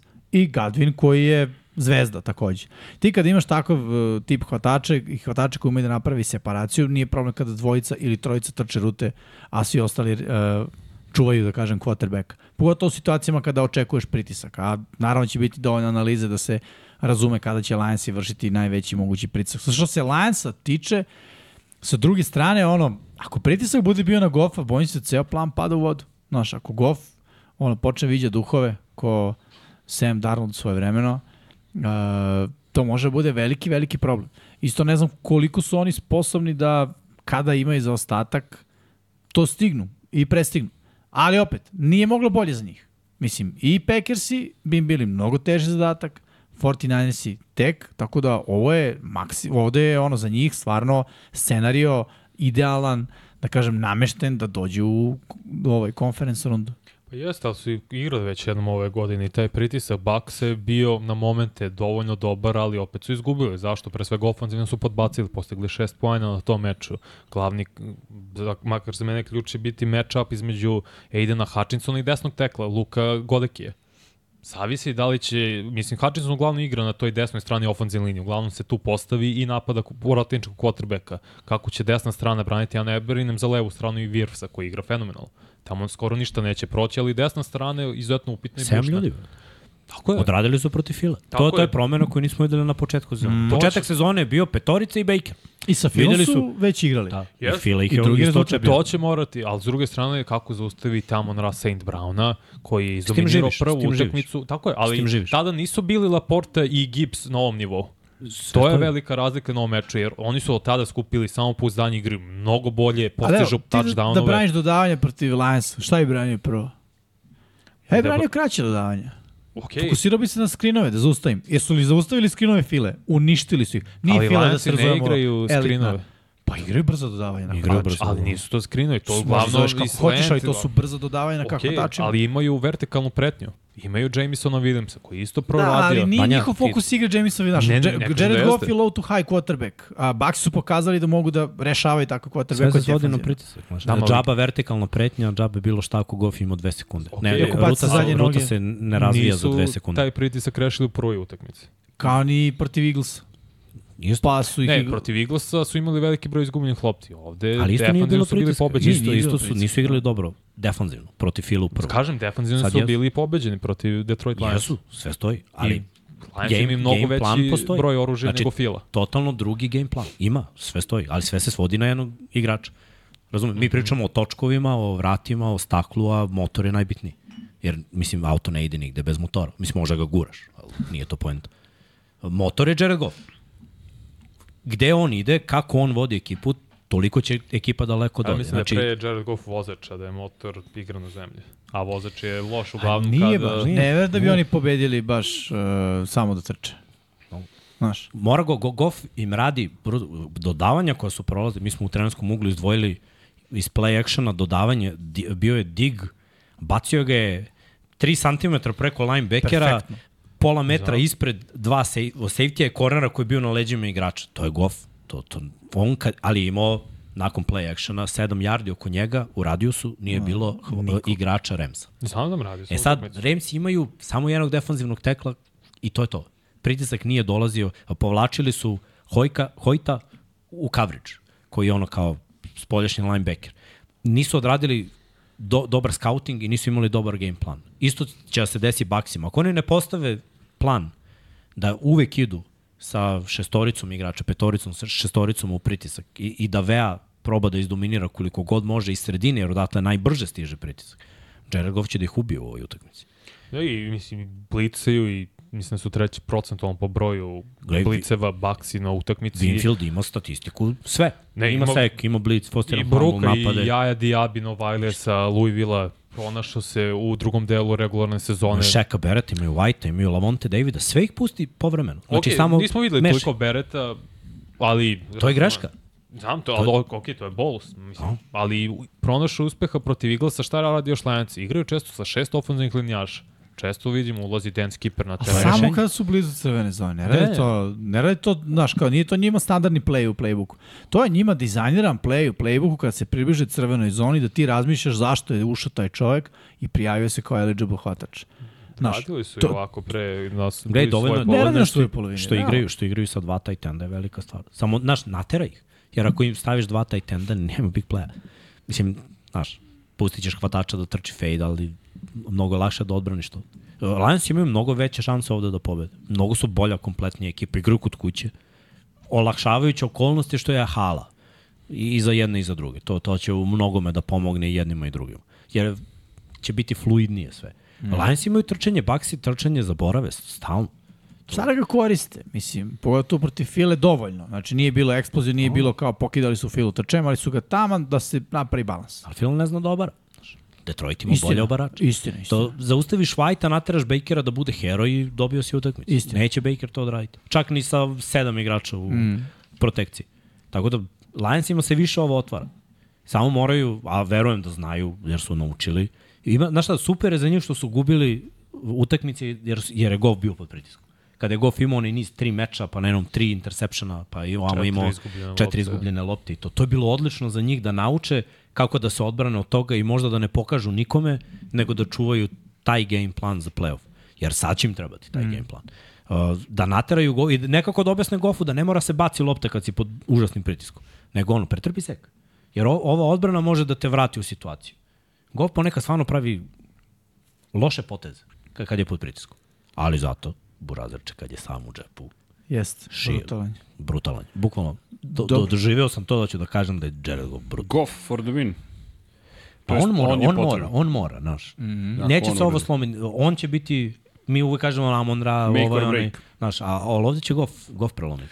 Dobro. Na njemu će biti sve. Na Goffu leži I ovde je bilo, pazi, ova Lionsa. utakmica, ova utakmica sada, da, Montgomery i Gibbs su istračali touchdown, ali brate, Goff je imao neke, kako je produžavao napade, kako ih je dovodio u situacije. E ljudi, igrao je čovjek i Super Bowl, kogod šta rekao, kako god, on je igrao u Super Bowl. Jest. I jedno hvatanje je bio od potencijalne titule. Ne Pa zaboravim. dobro, ja bih pre se zadržao da igra u Super Bowl. Da, nije Dobro. bio Ne bi baš sad Dobro, hvala, lepo hvala bacio onu superio. loptu. Nisam Nije. ništa ja Da. rekao od njemu hvalospevno. Samo Jednu jedna loptu jeste lopta dobro bacio. koja je išla i Ostalo je neko bilo- je jedan safety. Prvo, jedan ta lopta nije je bila sve. dobra, ta lopta je bila sa zakašnjenjem od dve sekunde. Zato je išla tamo da je išla. čekaj, ali To je mogu da rid, uhvati. To je loš rid. Nije mogo da uhvati. To je bio loš rid. loš, Pa loš lako. igra. Vratio safety u igru, brate. Dobro. Loše Ali dodavanje. safety opet odradio dobar posao. Bill je odradio sjajan posao, rešio je na, Na liniji na- skrimi. Što Jake ste je rešio. napali kod da sam Jared Goff i lično. A dobro, okej, ajde, to je- to je neka da drugi- kažem, drugi nije meč. bilo tako Gledaj, daleko. od svih quarterbackova za koje možeš da praviš game plan za, za ovu rundu, u principu najlakše je naći rešenje za Detroit i Goffa, ali najteže ga sprovesti u delo jer je ekipa dobro koučovana I ofenzivna linija, da. i ofenzivna linija grmi. Znaš, ti znaš šta treba da uradiš, ali na kraju krajeva i da postaviš savršen plan igračima, igrači Jasno. moraju da reše to i da odrade, da, da, da bi pobedili. Što se ispostavilo ove godine da ne može svako. Ali su uspevali i slabije ekipe, to hoću da kažem. Dobro, E, drugari, ajmo na poslednji meč. Ostaje nam jedan meč. Da. Da. Prilično velik meč. Pa najveći. Buffalo Billsi koji dočekaju Kansas City Chiefs. Da. Sad ćete se smeti. Ajde. Ajde. Ali neko je pomešao ključeve. Pomešao ključeve. Jer su isti. Zadržati Alena u džepu, zadržati Mahomesa u džepu. Dobro. Naterati ih da pod pritiskom dodaju iz džepa.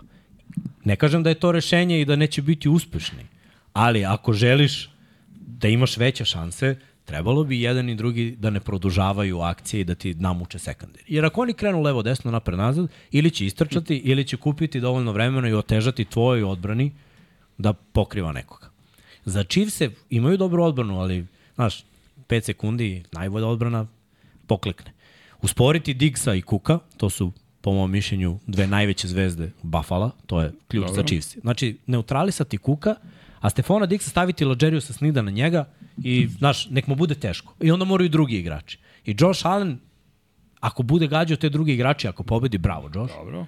Ali s druge strane, to je odličan game plan. Jer ćeš naterati Kincaida da on mora da odigra vrhunski meč, tražit ćeš uh, Shakira, tražit ćeš druge hvatačke opcije. Ne znam da li Gabe Davis igra Ne na ovoj igra, utakmici, ne igra. Onda je još mali problem, znači moraju taj tendovi, mora Shakir, uh, mora Harti, moraju ti neki momci na koje nisi baš navikao da igraju uh, u velikim utakmicama i, i da izvlače, moraju oni da ti izvuku prosek. S druge strane, za Bill se usporiti Kelsija i Pačeka. Oduzmi pa čeka koliko god možeš, probaj da neutrališeš to trčanje. Videli smo ove godine da je Kelsey nekoliko puta bio usporen. Kada se to desi, nastanu problemi. Mislim, nemoj da zaboravimo da je u toj u poslednjem napadu Chiefsa dodavanje bilo za Trevisa Kelsija i da su ga u potpunosti ispustili iz vidika i da je lik uhvatio loptu i vratio ju nazad čoveku za touchdown. Zato kažem, Kelsey mora da bude sve vreme tebi kao opcija broj 1 defanzivno da zuzi. Srki, nisam pročitao do kraja, brate. Nemoj da sklanjamo ako ne pročitamo do kraja. Da ne bi bilo Neka, problema. neka bude šta. Četiri sata traje podcast, neka gledaju malo ljudi. Ne, traje četiri. Pa uvek Ne, traje. traje, Sad traje. trenutno ne traje to. Ne, A, osvojiti više lopti od protivnika, to je za Chiefse, jer ove godine uspevaju da osvajaju lopte na utakmicama gde Mahomes ne gubi lopte. Za Bills je Josh Allen bez izgubljene lopte. To je, to je u stvari najvažnije za njih. Dva puta kad nije gubio loptu, oni su pobedili i ako on shvati da je bolje da pretrpi sek u play-offu nego da bunari protiv ovako dobre odbrane, to je vrlo važno. Tu će Billsi verovatno dobiti plus. Ako izgube loptu, bojim se da, znaš, da će ih Chiefs rešiti čak i na gostujućem terenu. Da, da, pa to je ono što sam ja rekao čak i kad smo analizirali meč među Billsa i Steelersa. Mislim, ubacio priču sa to, na taj meč, jedno izgubio loptu Billsa i taj meč je 24-24, garantujem. Gledaj, Josh Allen ako nešto želi, ovo želi. Da, da. Ja sam siguran, on je takmičar. Ne, ne može da želi bilo šta više od toga Jeste. da pobedi Mahomesa u A znaš play-offu. šta? Sve što si ti rekao si u pravu što tiče ključeva za pobedu, ali ja ipak mislim da će ovde odbrane biti, uh, zapravo to ti jesi rekao samo iz perspektive spominjanja ofanzivaca. Pa da. Ali ovo je apsolutno težište na obe odbrane.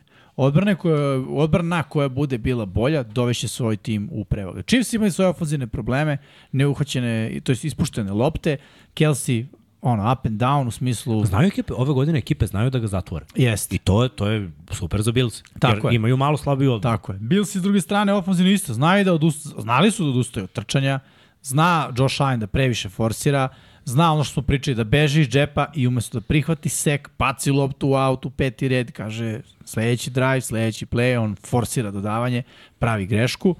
I ono, fokus na odbrane i ovo je zapravo jedan defanzivan meč. Ne očekujem da pljušte poeni, neće biti ni blizu onog playoff meča sa onim produžecima, touchdownima i čudima ovaj, mislim da će ovo biti jedan ono solidno low scoring meč. Po 24 poena plafon po, po ekipi. Meni je dole će bude ista utakmica kao i u regularnom delu.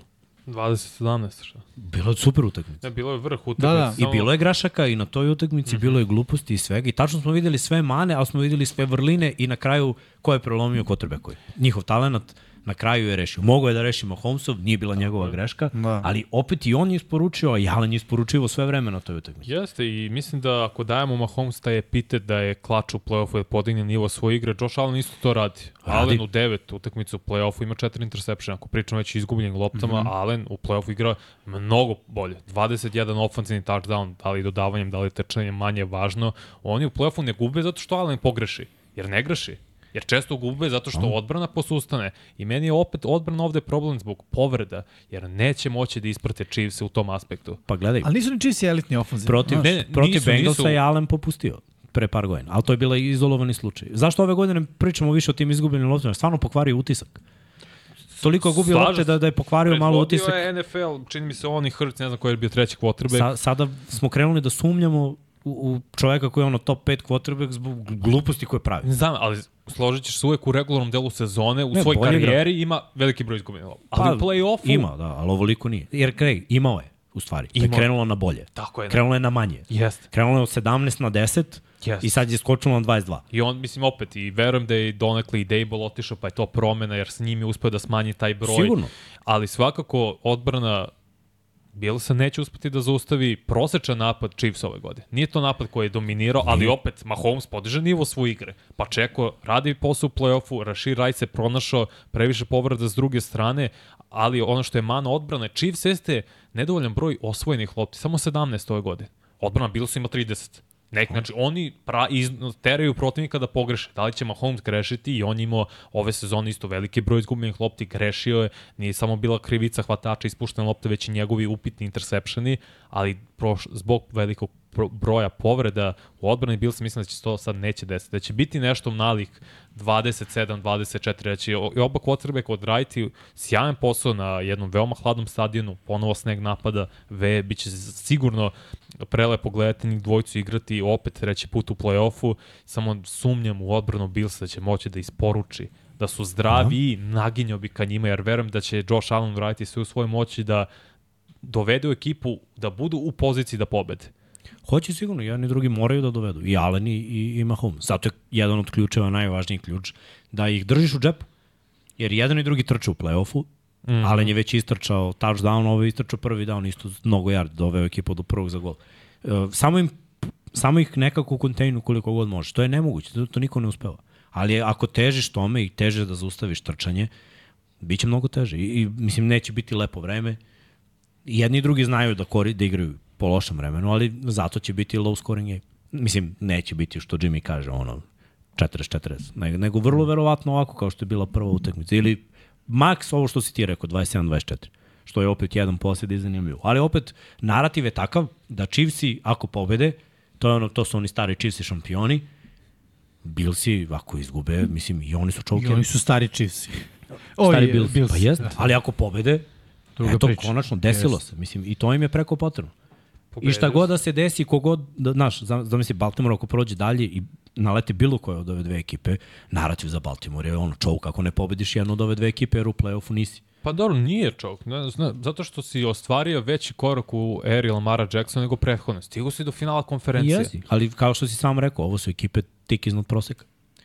Baltimore odigru mnogo dobru sezonu. Jesi, Baltimore. Ono, vrhunsku Naravno, sezonu. play-offu je sve drugačije, ali znaš, narativi su narativi. To je nešto što se priča. Pričat će se uvek. Josh Allen izgubi od Mahomesa, u play-offu biće ne može da pobedi Mahomes u to je play-offu. Nema veze da li je to to istina je ili nije. kao Peyton i sa Tomom. Tako je, pobediš ga u regularnom delu, ne možeš u, u play-offu. Mahomes ako nastavi da pobeđuje, narativ će biti novi Brady. Ono, pobedit će, osvojit će. Ako da. Chiefs ovo dobiju, svi će krenu njih da stavljaju u Super Bowl. Da, da, da, to je sigurno. 100%. To je 100%, slažem se. Oni su Ovamo- tamo ljudi, ne znam šta mi. Da. Ti si, Deško, ti si stavio drugačiji kostur. Ja, moj, nije mi prošli, Brownsi mi nisu prošli, ali meni su Kansas City Chiefs u Superbolu bili. Dobro, e kad pričamo o Kosturu, ćete da prođemo dalje. Hoćemo da prođemo dalje, ajmo da vidimo Kosturča. Ajmo da vidimo, pa ne znam I imamo gde, ko Kostur će biti sada. Kostur? E, Imamo I Opera Kostur. pravio Kostur. Nema Mislim da nije, nema, Nema. potrebe, ajde da vidimo prognoze naše. Ajmo prognoze, to će To da bude je- jasan Kostur. Što nam je ostalo? Pa da, mislim, sad nije teško zamisliti ostatak Kostura. Mislim, možemo Dobro, da se nadovežemo na... Pa ne, ne, jeste, slažem se. Jimmy je igrao na Houston. Jedini. Jimmy... Vuk samotnjak. Pa malo i da bude zanimljivo, a i zato što stvarno verujem da je 55-45, tako rekao? Jesu. Yes. Dva srđana veruju u Green Bay. Romantično. Tako je, naravno da gledamo. Vidi, vi ste svi birali, svi smo birali Baltimore osim Jimmya. San Francisco ste svi birali osim nas dvojice. Istorija se ponavlja. Dobro, za Okej. Tampu i Detroit onako fair pola-pola. Pola, pola. Da. Detroit ste birali Vanja i ti, Miksa, I i, Pablo. Dom Pablo. Mi verujemo u Tampu, Jimmy i Srki. Srki, kad sam ti rekao da se ne oklizneš i da ne upropastiš ovo što vodiš, baš sam mislio na ovo, brate. Na ceo ovo tvoje Buf. prognoze koje se razlikuju od nas. A dobro, nije, izabro je Baltimore. Vidi. Dobro, ajde jedno od Ej, četiri. vidi, ili, ili će nas zaku... Vidi, ili će nas zakucati. Da, da, ili kucaš tebra, ili je... Znači, Ili se Ili je. Gordon, Gordon ispod dupeta, razumeš? Ili kao i on, E, gubiš. ali moram nešto da vam pokažem. Daj samo screenshot onog momka, šta, ona dvojice momaka ili devojaka, nemam pojma, iz, e, pogledaj ovo, ovo je Super Wild Card, e, tipovanje Ninja Crow Green Bay 6:0. 6-0 i Sider 6-0. Bravo, je. O, inače, ovo su svi koji su imali 5-1. Gledaj koliko ih ima 5-1. PG, Kovitali, Din, El Vidu 47, JV, Megaman 69, Miodrag Milovanović, jedini koji se potpisao čovjek kulturno ime i prezime. Ime, prezime i broj čekati. Mi, to, to, to, a gde je pečat? Pozdrav za Biodraga. e, pozdrav za Miodraga, Rej 1983 i Zorgliš. Pazi, ali dvoje, A- dvoje ljudi, Čekaj, čekaj, zašto se ne računa sve skupa? To... Polako, mlade, Zoris. A ovo je najvažnije, koga Pa briga nije ko je. najvažnije. najvažnije. Mene briga. Učini, molim. Ono je super, Mene briga, pritom, evo ga red Wild Card. 1983, tu je. Pazi ga, Džikara, to razumeš i dalje je tu, pa Kansas, Bogdan S1, MCMXI, od, kako smo, šta smo rekli, 1911. Da, Dobro. sad skaču poeni. Miho, El Diablo 20, Miho, pozdrav za Miha, Magellan, Steelersi, Emir Lužđi, Emir Luin. Luin, Luin Ninja Grok Grip, vidi ga Ninja. Grok Green Bay, vidiš kako je skočio bio sa Ali zato što su dobili duplo šta Tako mi je. nije Da, da. jasno? Kako... Kobayashi, Ni meni ja. Lago, He Hate Me 17, Evo, Cicero vidiš, Zaplanski, da, Ray šta? 1, Čovjek ima... Pa kako ima više broj pobjeda nego poena? Ako A, je znaš kako. Zato što su play-off. I onda Play-off recimo on imao dva poena 5-1, po a. Emir Luin je imao 4-2. Razumiješ? je. ovaj ga Ninja je ima 6-0, prestigao. to je 12 pojena. Ninja imao 12 Pa poena. ne, brate, ja, zašto Džikara ima više pobjeda nego poena? Pa to je ti jasno. govorimo, imaš dva poena, dobiješ po pobedi u play-off.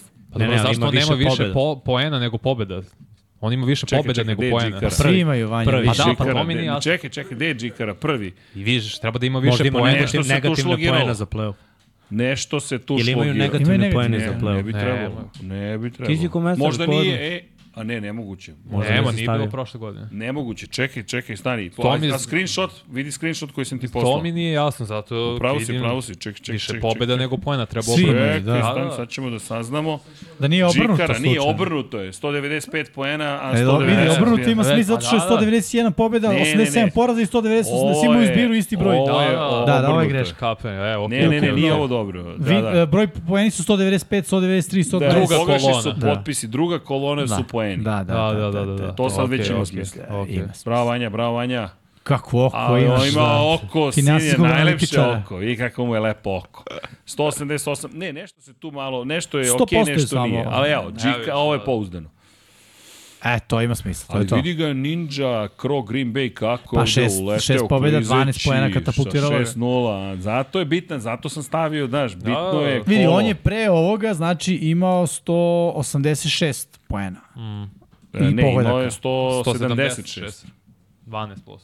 12, 176. To sam To, to, si, to si rekao. U nego divizijskoj rundi je po 3 poena. Da, divizijska mislim da je 3, pa onda to. 4 po 5. To. Ima šans. Ajmo da vidimo, Džikara, čuvaj se, napadaju te ovi play-offovci, a ovako će izgledati televizijski raspored. Arena 2 Premium, Ravensi dočekuju Texans, Znamo subota 22.30. ko radi, tako? Ti i ja prve U subotu i u nedelju. subotu i nedelju, Vanja i ja druge. Dobro, Packersi idu kod 49ersa, Arena 2 Premium od 2 časa 15 minuta, noć subota na nedelju, a onda nedelja veče 21.00 u Detroitu Buccaneersi stižu na Arenu 1 Premium, na Arenu 2 Premium od 00.30 noć nedelja na ponedljak Billsi dočekuju Kansas City Chiefse. E, samo da vam spomenem, i ajde vremenski uslovi, mada to u ovoj utakmici ne igra tako veliku ulogu, pošto su No, svi biće, tamo biće hladno. na zimi Jeste, Znaš bit šta će je, hladno. razlika između Kanzasa i, i Buffalo je vetar samo. Ne, ne, nema... Pazi ovo, vetra skoro da nema. Da, da. Ja slušaj ovo, minus 14, u, minus 10 gornja temperatura, donja minus 14 u subotu. To je Buffalo. U, e, da, Orchard Park, a minus 5, to je minus 13 u nedelju. Malo bolje uslovi. Će bitne ladno. Ali, Ovo je Raidersi baš su kasno, kasno, kasno. Da, da igra se kasno, angažovali- noći će da padne, bit će zima. Antonija Pierce zvanično kao glavnog Da, trenera. zvanična informacija da Antonio Pierce. O, glavni hvala. Bogu su radili pa. Hvala Bogu, bukvalno. uh, fool me once. Shame on you. Nisu hteli da bude shame on me. I pametno. mislim. Pametno. Srki, pitanje i odgovori, razlači traku. Zlači traku. E, zlači traku. Čekaj, čekaj, pita traka. Inače, nismo prokomentarisali glasanja, koliko su glasali ljudi, ko je za koga. Inače, 61% gledalaca veruje od glasača zapravo, 60 u Buffalo, 40 u Kansas City, Gasim and Paul lupam. E, da se vratimo malo pre na, na, na, na pre toga kakva su bila glasanja. Si ispratio. Zatim Green Bay, San Francisco, San Francisco 66,6, 33,3 Green Za Bay. Cisco i Baltimore su i Detroit je 58, 41. Da, Baltimore 66,6, Houston Texans je 33,3 i ostaje prva tekmica... Ne, ne, stvari ne, Detroit. to je to, to, je to. Detroit, tamo. Detroit mi je negde, pogled, Detroit 58, Tampa Bay 42. Dobro, Dobro. malo se razlikuje. Malo se razlikuje. Pitanje i odgovori. Ajmo, Pitanje da i čujemo odgovori. pitanja. Pitanja i odgovori. Možemo i neke odgovore da čujemo, što da ne. Pitanja i odgovori. Gde sleće Jim Harbaugh? De, Nadam se u Chargers. Mada su obavili razgovor sa Mikeom Vrabelom, tako da... Da, kažu ljudi da je Ja- Jason Kelsey otišao u penziju, ali on to nije rekao. On to Da. još ne zna. Da. To još nije izjavio. Uh, gledao sam podcast, mislim. da, Tako da, da je pričao u podcastu, to, to mi je merodavnije nego što je neki insider rekao. Novinar. Da, da, da pa isto, kao, za, priča, mislim, isto kao i za Brady. I ja, ja se uvek držim onog. Dok ne čujemo čoveka lično idemo u penziju, To, to, to. po mom mišljenju ti ne ideš u penziju. Da, da. To što je neki novinar došao do, do, do svog, ono, ko je, to je to, kraj ere, pap, to je ono, kupovina. Mislim, iz razloga... hoćeš da se priča, Prodaje. da, lažne vesti. Jeste, iz E, razloga clickbait. zato što je on kao pričao sa, sa igračem u slačionici, oprostio se od njih džabu, ali ništa, on zvanično Sve nije rekao. Vanja. Idu čist. Sledeći put kad ljudi budu videli tebi i mene kako pričamo, to znači da Ja, dajem čekaj, otkaz čekaj, i Moram nešto samo da počinjem da radim konstatujem. drugi. Ne Znaš, kažem, Ne znam, ne se. kažem da ovo radi Kelsey, mada ste vidjeli onaj, onaj snimak kad kaže, e, ne znam ko je od igrača Kansas City, kao, znaš da se on ne čita Kelsey nego Kels. Da, Chris Jones je pričao. Chris Jones jeste, e, i, i kao Kels, bro, kao crazy. Zapravo trebalo bi da se čita Kels, ali pošto su svi osvojili Kelsey, Kelsey it is. Ali slušaj sad još jedna stvar. Uh, kada spominjemo e, penziju, vi znate da Matt Ryan nikad nije otišao u penziju zvanično. Nije papire pred. Nije papire predo i dobija lovu. Da, šta Kako lovo? Pa dobija od lovu, zato što nije otišao u penziju. Od kolca, mislim, zapravo. Da, A to ima ugovor i dalje. I da, da, da, A to da. zato se nije penzionisao, logično. Ne, ne, samo hoću kažem, on A čovjek zauzima zvani- mesto na rosteru, ne? E, Ne, ne, ne. mislim da ne, Ne, samo... Ali oni oni mogu da moraju ga cimnu, kažu me ti, ajmo. Pa ne, oni moraju ga platiti i da on u penziju, nije zato što dead cap postoji. Ali nije, nije otišao u penziju. Nije nikad podno... A su raskini ugovori, ne razumem zašto nije na trening kampu. Šutnuli su ga. Šutnuli E, su. dobro. Hvalili su mu se na saradnji, samo Ali što mislim, nije otišao u penziju. ugovoru je sigurno postoji klauzula negde. Ako me šutnete, morate mi platite. to, to, to, razumem. Tako da on nije u penziji Dobro, to, to, to mi I je... sad, slušaj ovo, izvini, sad Bill, Bill dođe u Atlantu i Matt kaže duguješ mi za Super Bowl 51. Dođeš mi jedan. Pa ne znam da ste videli ono, kao da ljudi pišu, ako Lionsi dođu do Super Bola, da potpišu uh, Berija Sandersa. Da, Barry Sandersa, da, na jedan, da, da. I da ga ubaci jedan play. Play. I ako osvoje da kao ima osvojen Super Bowl. Da, Megatron ako da, šiša, me- brate. Sad, šta sad, brate? Megatron, Potpiši mene. Šta, Megatron? A Jimmy? Šalim se. Ajde, ajde par pitanja, pa ću ja da vas napustim. Uh, da li Miami treba da da tu i pare? Uh, iskreno, ne. Uh, ima pitanje za da li će dobiti ugovor i kakav. Neće dobiti ugovor sledeće godine, jer on ti je kao Kirk Cousins. Nije se dokazao i ja bih iskreno njega, bez obzira što malo šteti franšizi, dok ne saznam šta je on, tek. Ono, to je bezbolno. Pa ćemo da razmislimo. Skup je tek za quarterback. Jeste, ali mislim nije ni lako naći quarterbacka koji može da ovako kao Tua bude efikasan. Sad nije dovoljno dobar, ali ne znaš šta je, nisi znao ni za Kazansa, zato je bio tag i nije se isplatio Commandersima jer su odustali na kraju, ali se isplatio Vikingsima jer su oni pronašli quarterbacka koji je dovoljno dobar. E sad, za Miami je isto dove, napraviti ekipu koja može njemu da pomogne. A to je ova ekipa, samo što Tua sam sebi ne Pa može nije, da pomogne nije, u play-offu i u Uh, drugom oduz- delu sezone. I bilo je mnogo puta zaborave trčanje, to nema veze tu, to je trener. Ne zove Jeste, to, ne menja tu akciju, ovaj kaže trčanje, go ne, ne, ja bacam interception. Ne. Odustaju, pritom, znaš, ok, Ečejn je bio mnogo povređen. Yes. Ajde da ga vidimo da je u fullu cele godine i Monster da bude, da, da vidimo to, nisu tight enda imali pravog ove godine, to im isto. Smite nije taj tight end. Moraju da, da izaberu nekoga ko bi malo pomoći, za ovaj sistem je ključno da imaš tight end. Pa Pogledaj to- sve koji igraju ovaj sistem, svi imaju tight end osim Miami. Otpustili Gesike. Jesu, jer je trebalo ga plati više. Očigledno nisu hteli, znaš, sad, sad je već malo prpa. E, Ti ako otpustiš tu i dovedeš nekog mladog kvotrbeka, onda zaboravi uopšte ćeš pobediti u play-offu. Ovako nada postoji ako bude savršen scenarij. A za taj scenarij moraš malo da daš para. Mislim, tako je kako je. Imaš sreće da su ti neki igrači, Chain ti je na ruki ugovoru, Waddle ti je na ruki ugovoru. I to je da. Ostali, mislim, nisu. I odbranu se dosta Da. uložio i tamo dao određenu sumu para. Jesi. I tamo moraš da radiš rebuild, jer su polako i oni stari, vidjet ćemo kako će se oporaviti Jalen Phillips je na ruke ugovor, kako će Bradley Chubb izgledati i tako dalje. Jel Čabo se platio. Tako da- Jesu, pa da zna, ali Ima, imaju načine da ostanu relevantni još godinu dana, ali najpametnije im je da, da tu ne dobije long term ugovor, to baš može da bude greška. Jer zamisli da, da ono, odigruje dve dobre sezone i sada od, ti ga platiš na sledeće tri, on ti da još jednu, to je fail. Bolje da, da bolje je da žrtvuješ te pare, nego Jest. da, znaš, i ako, na primjer, bude debakl sledeće godine, zahvališ mu se na saradnji i shvatiš, moramo da idemo u drugom smeru. Ako nastavi da bude konstantan, produktivan i eventualno pobedi u play-offu, ok. Šta, ali evo, to hoću te pitan, šta očekuješ, koju vrstu napretka? Da u drugom delu od novembra do januara da. igra kao što igra u Da, da. septembru, oktobru. To mi treba. To mi treba i, i uh, da osvoje diviziju.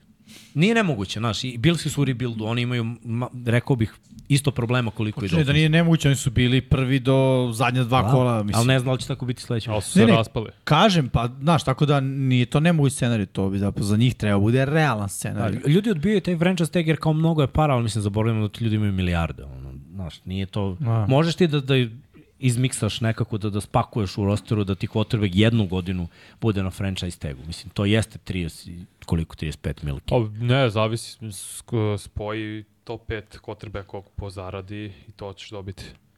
Kao, A dobro, ne znam, sam, mislim da će biti možda 40, dobro, ali... bude četiri. I I žrtvovao pritisak- bih četiri zato što ne znam šta dobijam. Tako je. Pritisak je na celoj franšizi. Oni sad imaju najduži niz bez pobeda u play-offu. To više nisu Detroit Lions, Da. sad je to Miami. Znaš. Pitanje za Ercega, Jimmy i Vanju, za koga navijate u ostatku play-off?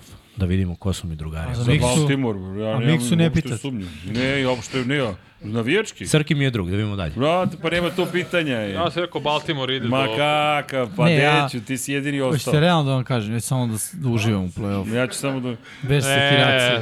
E, A ne, ni, Srki Ne. nam je ostao. A, Ja, da, da, da. A, ajde ovako. Navijamo za taj Super Navijam za Bowl. Green Bay u NFC-u, u AFC-u za Baltimore. Ako dođete zajedno u Super Bowl, Potucite se.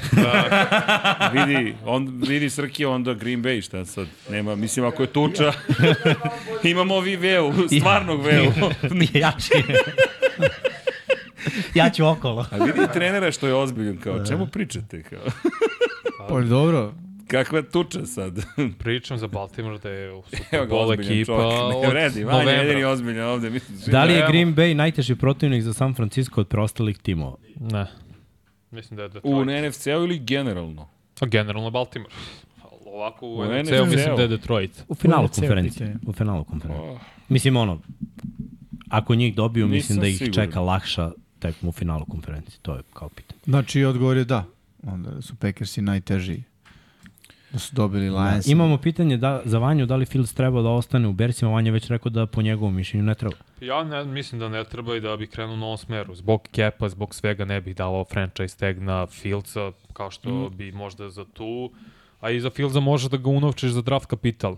Atlanta, ako je toliko luda, oni će dati pika prve runde za njega. Ti to, znači, možda imaš tri potencijalna pika u top 10, zašto to ne iskoristiš i na taj način zapravo u, uradiš promenu i unaprediš ekipu. Da, pitaju tebe, Vanja, da kažeš Srkiju ponovo da, da izvini, ali Jordan Love nije rešenje za Ko ja meni? ne, ne, E, ja kažem to- to se, Vanja želim, rekao a, ja, sam, ja, ja sam to rekao kad je igrao loše. Igrao ja loše. se zasnijem na novim informacijama. Neću sad kažem da nije rešenje kad je dečko pokazao poslednjih dva meseca da igra sjajno. Mislim da je bez veze i glupo da neko ostane istog mišljenja uprkos ovaj, kada upravo... Tako je, mačko, evoluiraj. Pa jeste, dolasku novih informacija, onog što ja vidim na terenu, ja to kažem. Ja ne Ali kažem, to ti je naravoučenije da zaključke ne donosiš nakon pola sezone. Dobro, Srki. Gledaj, Okej, ne možemo, to je ne, više. jedna, Polako. jedna godina, opet kažem, za Filca ima rezona jer ima tri godine. tri godine.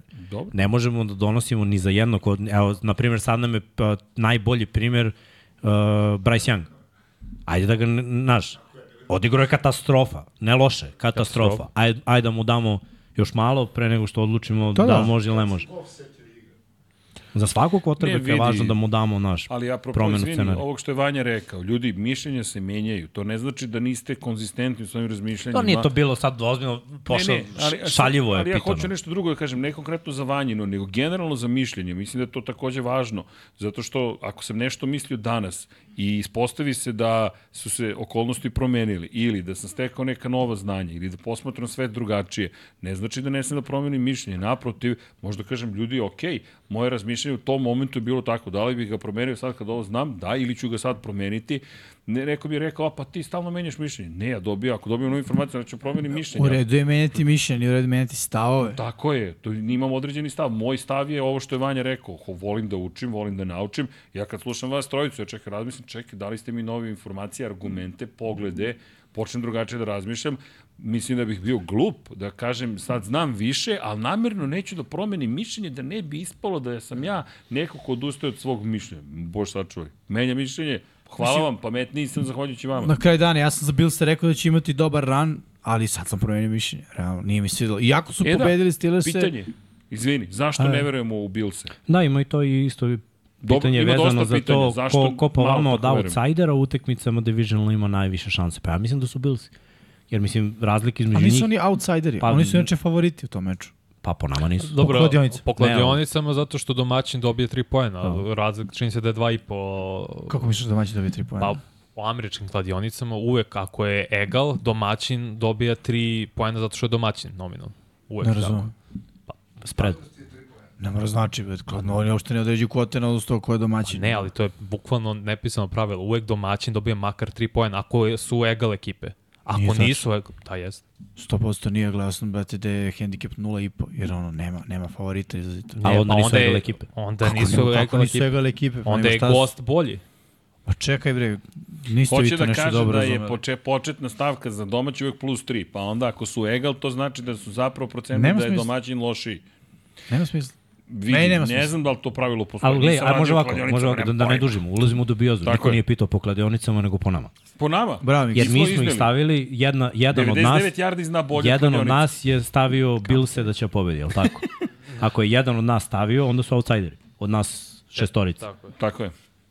Za nas su outside. Za nas su outsideri. I onda su oni To je naš stav. outsideri koji najlakše mogu da A zašto pobede. su outsideri zbog odbrane? Veliki broj povrede u odbrani, zato su meni outsideri. Zašto ne verujemo u njih? Zato što verujemo u Mahomesa. Zašto verujemo u Mahomesa? Pa zato što je...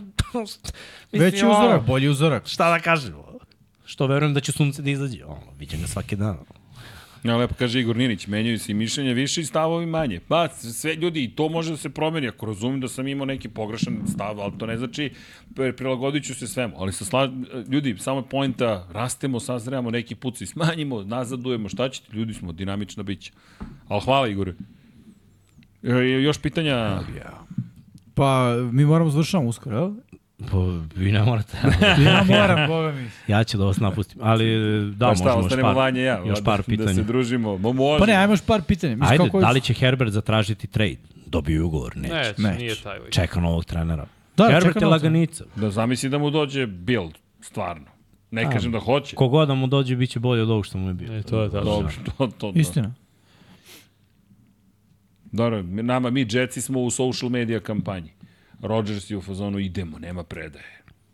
Evo, Okej. Rodgers otišao. Evo, mogu li Jetsi sledeće sezone kao Houston ove, do play-off dobiju utakmicu istom uz Rodgersa na poziciji QB?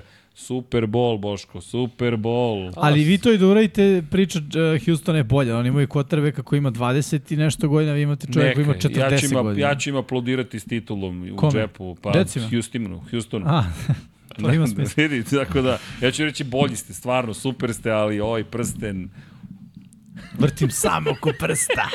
kupio sam prsten, kupio sam Rodgersa. Da, imamo pitanje, smo videli statistiku koju je iznao Dan Orlovski negde pre U vezi U posljednje tri godine quarterbackovi koji su uzeli Super Bowl bili su top 3 što se tiče interceptiona u ligi.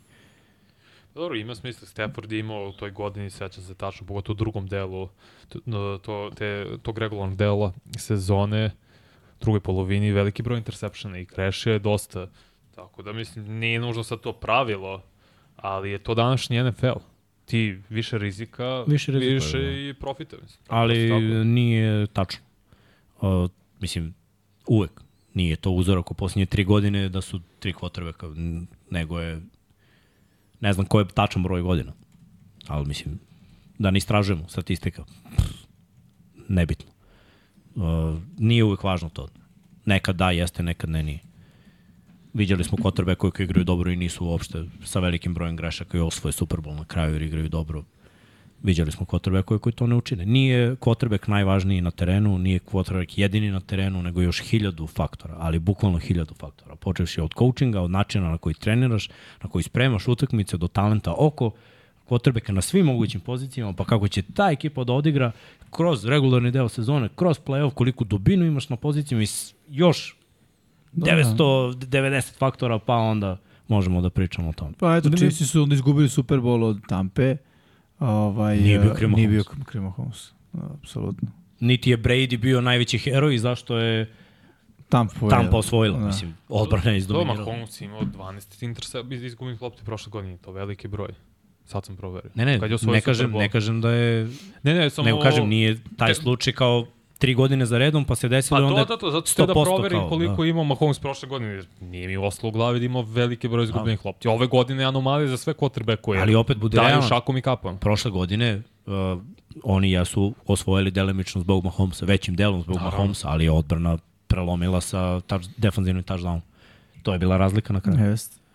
Ni Hurts nije prošle godine imao isto veliki broj izgubljenih lopti. Da. U ovom godinom. Da, mislim da ni Burrow nije nešto grešio kad je bio u finalu, kada je Stafford osvojio. Tako da Stafford nije- jeste. Stafford jeste imao Da. veliki broj izgubljenih lopti. Ne mora, ne, ne mora da znači ovaj, Ali u play-offu nije. To je ono, nebitna statistika. Sve u stilu Dana Orlovskog. Mnogo priče, malo suštine. Kao i njegova igračka karijera, manje više. Udari po čovjeku. Pa, pa š- mislim, to ti je ono, traženje medijske, traženje medijske pažnje na, na skretanje, ono, na gluposti. Ne To ti kao Kendrick Perkins u, za, za NBA njegova Dobro, ne bih ga stavio na tom nivou, toliko nisko, Lagano je na tom nivou. kad se ne, ne zasne na statistikom, ima dobre poente Orlovski, ali nije kao Perkins koji lupa gluposti prosto. Pa i ovaj lupa gluposti. Dobro, Miksa, Perki, nešto te je Perkins je, uvredio. pe, nije, nego, znaš, Perkins je baš nisko. Znaš, baš Orlovski je uzme- loš, znaš on je ne baš sviđa? loš. Ja baš ne pratim, nema Or, pojma. Orlovski je bio deo Lionsa bez pobede sezone. Da, Kad je da. izašao u aut. Onda čuti, brat. Slažem se, Znaš, slažem se. I to je to, to je, Hteo to je sve, da... to je sve u njegove karijere. I onda Da. uzme Burazer i kreće, znaš, ono, kritikuje okolo. Kao Toni Romo koji nije pobedio u play-offu i uzme ono, na utakmici komentariše kao ovaj cornerback loša obara kao Dion Sanders. Burazeru.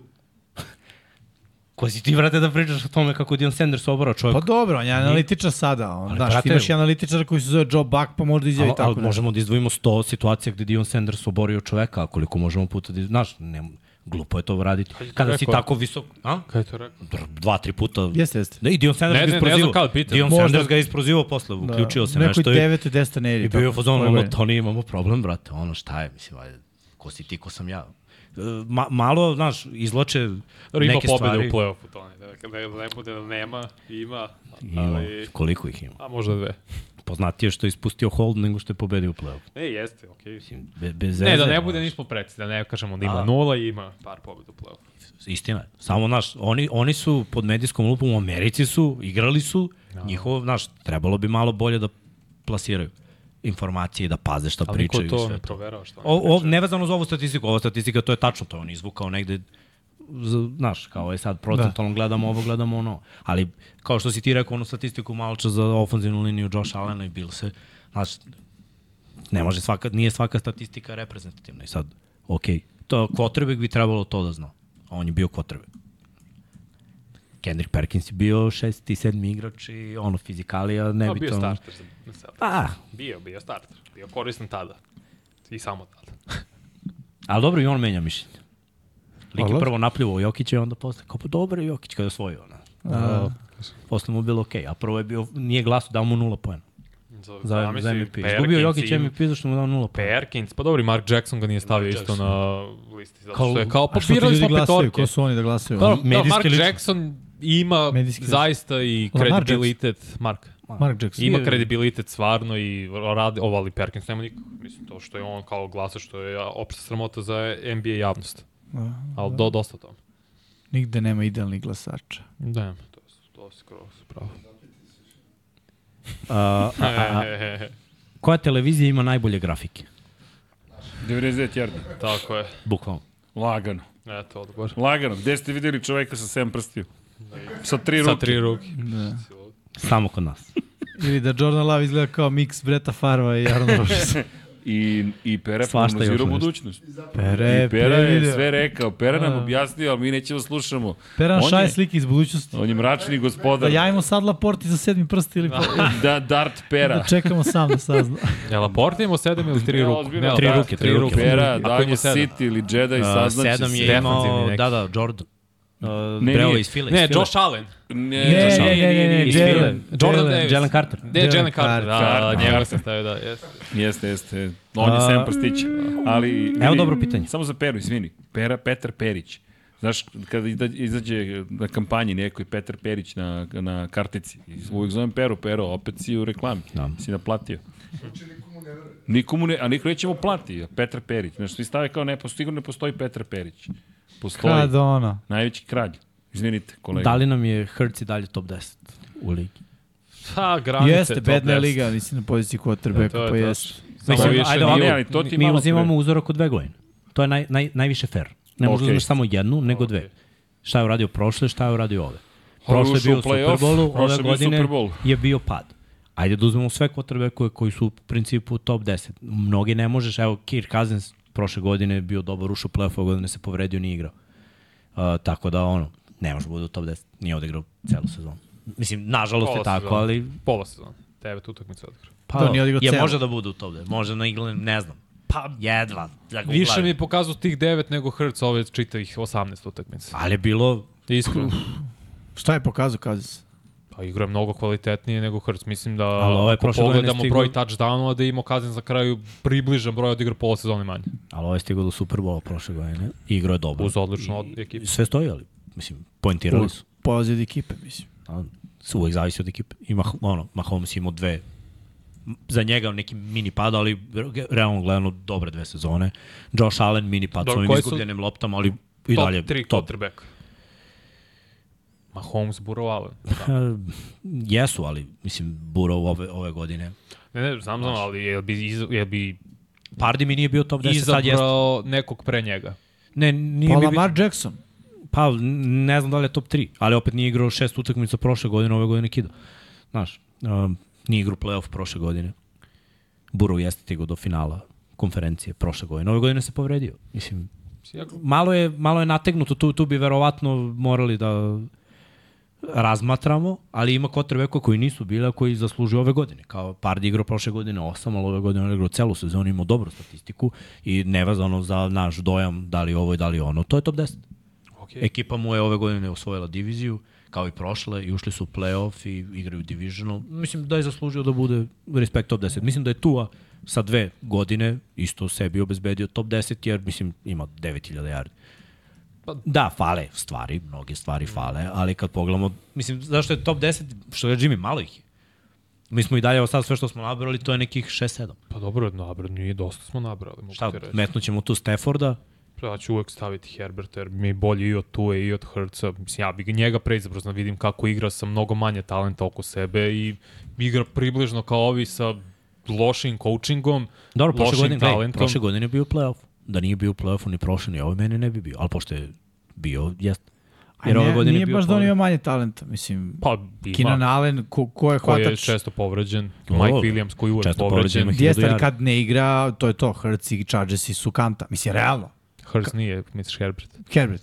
Herbert Nema. sam može da izvuče sa prosečnim hvatačima. Ja Pa, to a kad tu je nisam vidio. Koju utakmicu pobedio s Pa i prošle? Godine je isto. Ne, pa I bez Majka ove- Williamsa i bez Keenan Allena. Ja ne znam šta je on Ti pobedio. izvedo pobed, pa nije on kriv što odbrana primi 30. Ja znam da nije kriv, sve ali ti si rekao da može sa prosječnim Ja, da, talentom, pa ajme, ja, ja ne znam, ja stvarno nećem da je pobedio. Sa mnogo lošijom Da se razumemo, ja ne mislim da je Hertz može to da uradi. Ja mislim da Hertz je uh, Ja mislim da je quarterback. mnogo više limitiran nego što je Herbert limitiran. Definitivno, Herbert ima veći Samo ima plafon. bolju rezime. Pa Ne vezano što je timski, nego Mislim da ima bolju situaciju. jeste, ali i opet uspeh govori sam za sebe. Znaš. Ali opet kažem, Herbert jeste top 10 jer je ušao u playoff prošle godine i ove godine se povredio, ali bar je ušao u playoff. Ne možemo da razmatramo da je neko top 10 ako dve godine za redom nije ušao u playoff. Nevezano što je tim loš i što nema ovo oružje, ovo ili ono, ali ako dve godine ne uđeš u playoff, mislim, nisi top 10, to šta onda ti menjaš u toj ekipi? Ako si top 10 quarterback, dovoljno menjaš da možeš da uđeš u playoff. Ali eto, stavi i njega, opet nismo na naš. Malo ih je. Mislim da samo Malo ih je sam dobro. siguran za trojicu koji su top 3. Ja mogu ti kažem da sam Burrow, siguran- Allen, Mahomes. Da, Evo, evo meni, meni, siguran. meni Lawrence nije top 10. Ja ga ne bi stavio u top 10. Ove godine nisu ušli u playoff, prošle godine jedva. Sve ugubno kad se spoji, Znaš, nije mi dovoljno dobar utisak. Jeste, pobedili su prošle godine u I play-offu, vidi, to je ono što je meni ali- još važnije ove godine je pad za Lorenzo odnosno prošlu godinu. Realno, možda ne statistički, možda i da, nemam pojma, ali vizualno je pad. Mislim, ono, nije me ubedio. Pad je iza Hrca. Ne ali bi nije stavio takav ni jednog pad. ruki kvotrbeka, jer je jedna godina, ali već sledeće godine Stroud i Lav ono, čekaju, kucaju na vrata. Dobro, jeste, Ja, znaš, jeste. povlače nekog za Ako rukav da ispadnu iz top Stroud, 10. ako Stroud odigra ovako i godine sezonu kao i Lav, 10 lagano. Hrc, ćao. Top Mislim, pet. realno. Od top 5 u tom slučaju. Mislim, ja gledam sve kako liste, je bez problema. ekipa, ne samo njihov uspeh, A kako znam, ali ne ekipa, možeš da, kako da je donosiš coaching. top 10 quarterback i da gledaš kako igra cornerback. Mislim, znaš. Pa ne, ne, mislim, ne Jedan presko top 10. Pre, da. Smo ušli u playoff. Dve Jo, ne da, znam, samo ljudi. zato što je Ne takva znam. liga, a ne zato što je Pa on top nije, 10. on je imao vrhunsku sezonu. Da, pa tako dobro. liga. i mi znamo kako će se ovo Srki, završiti. bacio je 36 touchdownova, znači to nije slučajno odradio. Nije imao, Pa, de, imao je odličan 9 bacač. interceptiona. Odličan Okej. bacač. Vrhunski bacač. Mino Vazar. Ne, Okej. ozbiljno, jeste vrhunski. pa dobro, ali- ali mogu deca, da Isti je to. raspored, vidi, oni su u play-offu i oni Eaglesi su ekspozovani. Realno, je- Izvini, raspored. Mogu samo se nadozati nešto Raspored što je Miksa rekao malo pre. Da Brady nije bio ključan za pobedu u Superbowlu. A ni, rekao sam da nije bio glavni Nije bio glavni, ali je bio ključan kroz sezonu. Ja o tome pričam. Znaš, quarterback nije samo bacač. On je, njegova uloga je centralne figure je svake ekipe. Redki su quarterbackovi. Koga si spomenuo iz Tampe si morao da izvučeš iz 2002. Quarterbacka ka- koji poslednji... Dobro, to nije fair poređenje, da se razume, Prescott je mnogo bolje nego što je Nisam, Brad ne, ne, ne, ne, ne, ne, pogrešno tumačiš moje reči, izvini. Ja ne poredim Preskota sa njim. Ja ti samo govorim koliko je centralna figura, to mi je primjer, da postoji jedan čovek u poslednjih 20 i kusur godina koji nije bio centralna figura svoje ekipe na poziciji quarterbacka koja je osvojila titulu. Jedan. Ako hoćeš da budeš taj, da, Dak Bilo ih je više. Pa dobro, nije. Bilo ih je Na znatno tom nivou više. nije. Kako nije? Pa kako, na tom nivou? Ko je na tom nivou bio? Trent Osvojio Dilfer. Prvi. Brat moj. Dobro. Prvi. Ajde, dva, dobro. Šlepo se s najboljom odbranom Dobro, svih vremena. se. Dobro, šlepo se, okej, to su dva. Dozvolili su kick-off return u Superbowlu. Dobro, Je li Ka Colin Kaepernick vrh quarterback? Nije Ili bilo... Pa, bo, nije Dilfera je, osvojio, brate, ne razumem, nije ubica. osvojio titulu, on čovjek ušao u Super Bowl. Ušao u Super Bowl. Ali nije svoj titul, nemoj da Pa menjamo dobro, nije sad Joe reči. Flacco, nije elitni quarterback. On Pa se nisam šlepa rekao da je elitni, ali ne možeš da ga porediš sa, sa ovim ljudima. sa kojim ovim, tačno. Pa ćeš sa Dilferom da ga porediš, zaista. To je flako je bolje od Dilfera. Pa ne, je bolje, pa ne, ja kažem, Breda ja kažem da je. Prescott bolji nego što su ovi sve što ste nabrali. Ali- Brad ne, ne, ne, Johnson i meni nije. Prescott, Dilfer, ok, bolji je Prescott je bolji, A druga era, neće sad osvojiti Super Bowl. druga era, bolji bacač. Misliš da bi Prescott preživeo u eri gaženja quarterbacka? ne. Niko ne preživeo od ovih quarterbackova. Sad menjamo temu. Nisam menjao temu, ti si je promenio. Vidim ja ti- kome neće biti ne, ne, u ne, top Ti 10. si je promenio, ti samo kažem, ti sad kažeš, nema, o, ti ljudi su loši od njega, on ne bi preživeo njihovu eru. I ja nemam problem sa time da, se, da posmatramo kroz RL. Meni je samo, hoću ti kažem, moje mišljenje. A to je da Dak Prescott je, dovešćete u, u playoff kvotrbek okay, i to je to. Okay, znači nije u tvoj top 10. Al, uh, Jel ne, to, on jeste, u nemaš boljih. Eri, u današnjoj eri da budeš top 10, tragedija 10, je. to je dovoljno. To je dovoljno, to je da, tragedija. To je dovoljno Samo za govorim, top 10. Da nije dobar, nije dobro, vrhunski pa quarterback. Pa dobro, okej, ali pitam gde bi ga stavio. U, u ovom, u ovom, sad u ovoj ligi. Ako pa, nije top 10, 10 svakako. Ako nije top 10, onda između 10 i 12. To ti je najveća kritika lige koju mogu da ti dam. Da je on on u top 10 quarterbackova. Zašto bi ja kritikovao čoveka koji je imao jednocifren broj intersepšena, jako je prošle godine predvodio ligu. Što je izgubio? Pa, pa nije on primio 48 poena. Da, ali da, dva intersepšena, brate.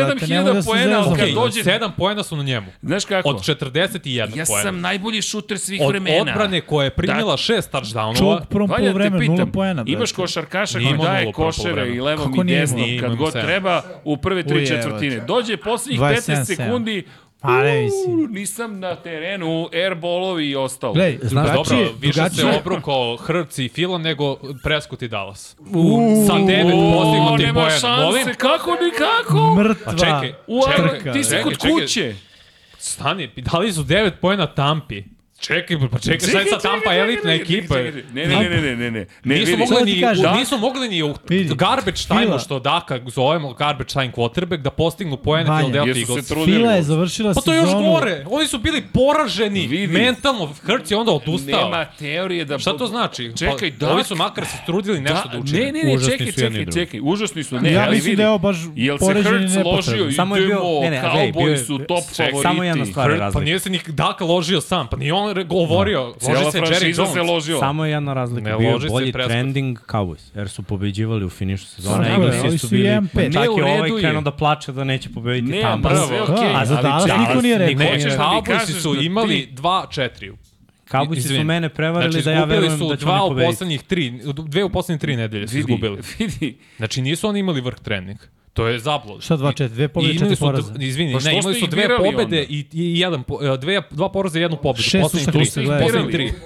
Fila je bila znači, 0-3, brate. Tako je. Pa znam, ja sam rekao da će Fila da padne pre utakmice Bielsa. Pa ja to ti kažem. Ja sam rekao da će da se ravno. Ti si tampu. Sa 1-5. Ne, ja sam biro Filu. Ja sam biro tampu.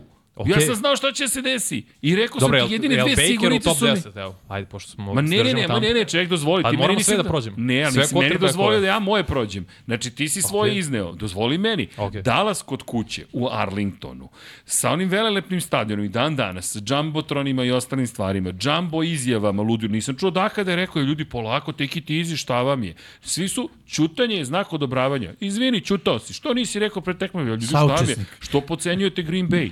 Ko sme da poceni takvu ekipu? I oni svi su bili u fazonu tumba lumba, idemo, A kidanje. A ko je, si čuo nekog igrača kao bi se pričao tumba bumba? Ja sam čuo da nije. Ja, Majka ja tu što sam ti rekao, mora da kaže, Laje, ne, poštujte protivnika. Ko je Izvini. Majka Parsons. Šta je rekao Majka Parsons loše? Laje, non su cijele da, godine laje, brate. Dobro, ne, izvuci, ne, šta su rekli pre pa pa ne, Ne, ne, ne, ne, ne, pa dozvoli, ne, ne, meni da, da su govorili da, su, ne, Green Bay treba poštovati. Ti to tražiš od mene da argumentiš. Što bi to govorio? Moraš... Čekaj, što, što bi to govorio? To? Ma ne, ali što bi to bilo pa ne, koji ja znači, samo oni ne dižu hype znači, sebi. Brate, Aha, nego izgubili... digo se hype i niko njih nije u fazoru pa polako. Ne, ne, pa ne, ne, ne, ne, kažem, ne, kao ne. Digo se hype nisu izgubili dve godine kod kuće, naravno. 600 su imali. Znači, bio je hype. A nisu oni digli hype kao svojim znači, ne, pričama oni, pa bez oni, ljudi, grešni, a to nisu priče bez njima. osnove. To, to je prošlo pored Grim Srki, to nisu priče bez osnove Dallas što je di, di, podignut Play. hype. Pa, pa da beležeš 40 poena, 37, vidi, da ne bude da nisam tačan, kod kuće. Znači, Dak nije verovao da će oni da pobede. On je bio u fazonu, ne, mi... Srki, naravno da, da je verovao. Naravno da je verovao, pa nije sam sebe dizao, nije bio u fazonu, kao što su pričali Ravens 2019. Super Bowl, Super Bowl. to je hype. Tako je hype. E, ali to oni nisu radili. Oni ne pričaju. To što Jerry priča, To nije uh, krivica Majka McCarthy, nije Dobro. krivica Daka i tako Moje dalje. Moje mišljenje nije da treba da posao, da kažeš polako. Ne, ne, Moje ne, mišljenje, nije njihov posao. Čekaj, čekaj, Moje mišljenje da, da kao pređe, potrebe... Krenuli su komentari samo... zadruga i moram da vas prekinem. Sudija ulazi. Ne, ne, ne, ne, ne, to nije njihov posao da on kontroliše vlasnika. Ne, izvini, ti ne dozvoljaš da, da završim rečenice, Vanja. To nije pristojno. Znači, ovo je moje mišljenje. Time ti si u fazonu promeni mišljenje. Neću. Dakle, dakle ti iznosiš svoje argumente. Ja ti govorim, ja to gledam drugačije. Ako si lider, kažeš, ljudi, take it easy, još nismo pobedili. Hajmo da pobedi, to je moje mišljenje. Znači, što ti meni dozvoliš da ja tako razmišljam? Ja mislim da bi, ja bih volao da čujem mog Waterbeck, kaže, drugari, imamo šansu da pobedimo, ali take it easy, svaki put smo dobili Prespot po nosu. Je to rekao nakon poslednje utakmice, kad se digao hype, kad su svi počeli da slave jer su osvojili diviziju, on rekao, ne, polako, nismo ništa uradili do play-offa. Evo, Prescott je jedan divan, fantastičan čekaj, quarterback. to tražio ja da ga kaže? želim u Jetsima. Ne, ne, jel si to ja tra- ga pa že- imali evo, biste bolj- ni- da, boljeg Malo pre niste si imali rekao od da Joe- to ne Joe znaš, sad odjednom znaš. Jesi to pronašao njegovu izjavu? To sam se Ne, ne, ne. setio izjave Upravo posle je. utakmice. Čak u stavi ni kačkit na Eto, glavu. Onda šta ti kažem? Nadam se da će doći u Jets NFC. i mi osvajamo Super Bowl. Okej, ne znam kažem da ćete osvojiti, nego. Meni je on loš quarterback. I dalje mi je loš quarterback. Ja smatram Srki, da on nije čovječe loš, nije lider, nije ništa elitan. drugo. Nije loš. Da. Nije loš kvota. Nije loš, samo nije elitan. Nije loš. Okej. Nije, nije, nije ni dobar. Pa, U stvari, šta izvini, je? nije ni odličan. Pa nije odličan, dobar je dobar je. Dobar je dobar je. Ja U mislim ovoj da je... eri krš quarterbacka, volao bih da imam dobro u Ali ekipi, da nemam već vrhunska. Ja ljudi, ja, ja znaš kako, koji ti je, koje ti je ambicija, hoćeš osvojiš titulu? Je li on stvarno čovjek koji će te odvesti do Vidi, titula? ja sad Ikad. Sa trenutno- bilo kojom Čekaj, ekipom. evo, zašto je on kriv što je odbrana primila 41 poen? Što, pa ne, pa evo, Pa ja pa, ti samo kažeš što ja mislim. Ja, Pa dobro, ali objasni ti sad mi ideš taj sa argument. hipotezama. Ja Pa ti znam, tamo, ali to se čekaj. Vanja, Čoveče, ja sam ti rekao zašto nije lider, bre. On se izgubio. On je na kraju druge četvrtine Ende, i još jedna stvar, dozvoli, Imamo još nekoliko kad osvoji titulu, da nisu. eto ti dokaza da je osvojio titulu. Jednostavno je. Čovječe, sport je super jednostavan. ok, koliko quarterbackova je osvojilo desilo- Super Bowl do koji igra danas? Ma ne, Znaš? Vanja, nemoj da menjaš, dozvoli mi. Čekaj, ti si sve promenio svaki put kad ti se ne dopada i da ja idem, ti kažeš, a sad mi odgovori na ovo.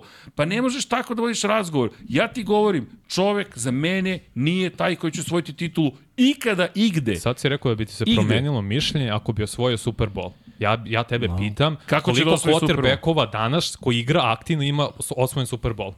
Kako to znaš, veze ima s mojim izjavom? Pa sad rekao bi promenio mišljenje zato što je očigledno jedini način da se promeni Znaš šta, mišljenje za, za osvajanje Super za Bowla. njega je Nije, ja ne, te ne neopipivi, razumem. čekaj, čekaj, čekaj, pusti mene zato što moram da idem, a krenuli ste, Pa trajaće ne, do ne. 11. Evo, ne, za tebe je vrlo važna neopipiva. uh, Tako je. Kakav si Tako čovek, lider, kako znaš da povedeš Tako je. ekipu. To nema preskusa, ali mnogi quarterbackovi koji su top 10 nemaju. To nema ni kaznac. On ne vodi ekipu, Okej, čuti igra. A, ko, ko ima to? Pa- Jel ima Hurts? Nema. Kao što nema ni Dak. Ko Ima Mahomi. Ima, Ima- Mahomes. ima tri- ima, ima Allen, ima Allen, ima, Ima Burrow. I to je to. i Ima Lamar. ima Lamar. Ima Lamar. Znači, Jer gledaj, ekipa, ekipa Dakle, je uvek, slažemo se. ekipa je uvek uz njega, ali Srki mi pričamo o top 10, Sve u redu. a koliko ih Ja ima sam u ligi? da ima ih top 32. 10. Ja nisam rekao da nije. Pa znam, ali sad dolazimo o tome da je dobar ili loš. Ne, nemoj da pričamo o tome. Pa ne, ne, pa dobio sam pitanje, ja sam odgovorio, sad što se Vanji Nije, ne sviđa dobio odgovor, to si pitanje da li je top 10. Znači, Ja sam odgovorio i, i da, da jeste, ti nije, odmah. I da ti ja, nije, i ja da sam jeste, odmah okej. rekao da jeste top 10, ali da sam smatram da, će, da neće nikada osvojiti titulu nigde. I da ne može to da osvoji. Mnogi neće. I to I je u redu. nisu. Tako je. I Ja- mnogi tako je. nisu. Ja, ali vi ste mi samo to, ja sam rekao šta, šta smatram, pričamo o superbolovima. Neće ga osvojiti. Glej. Samo to. I ne znam zašto bi onda se bavio njime. Ja ne Ako da kritikujem, ja ne stavljam samo Pa- najveću krivicu na njega za ovaj To poraz, sam jer isto on. rekao. To je prvo što sam rekao kad smo komentarisali utakmicu. Da ne bih sve ovo na Daka. I ja ti ne govorim da je on krivac, ja ti samo govorim da nije quarterback koji može da te spasi u toj situaciji i da mi zato je quarterback koji nikada neće doneti titul u svojoj ekipi. Zašto sam i rekao za Brady-a? Brady nije zato što on fantastično bacao, imao on sjajnih bacanja u pobjedničkoj sezoni, nego je doneo to nešto da veruješ u suludu priču da će Tampa bude šampion.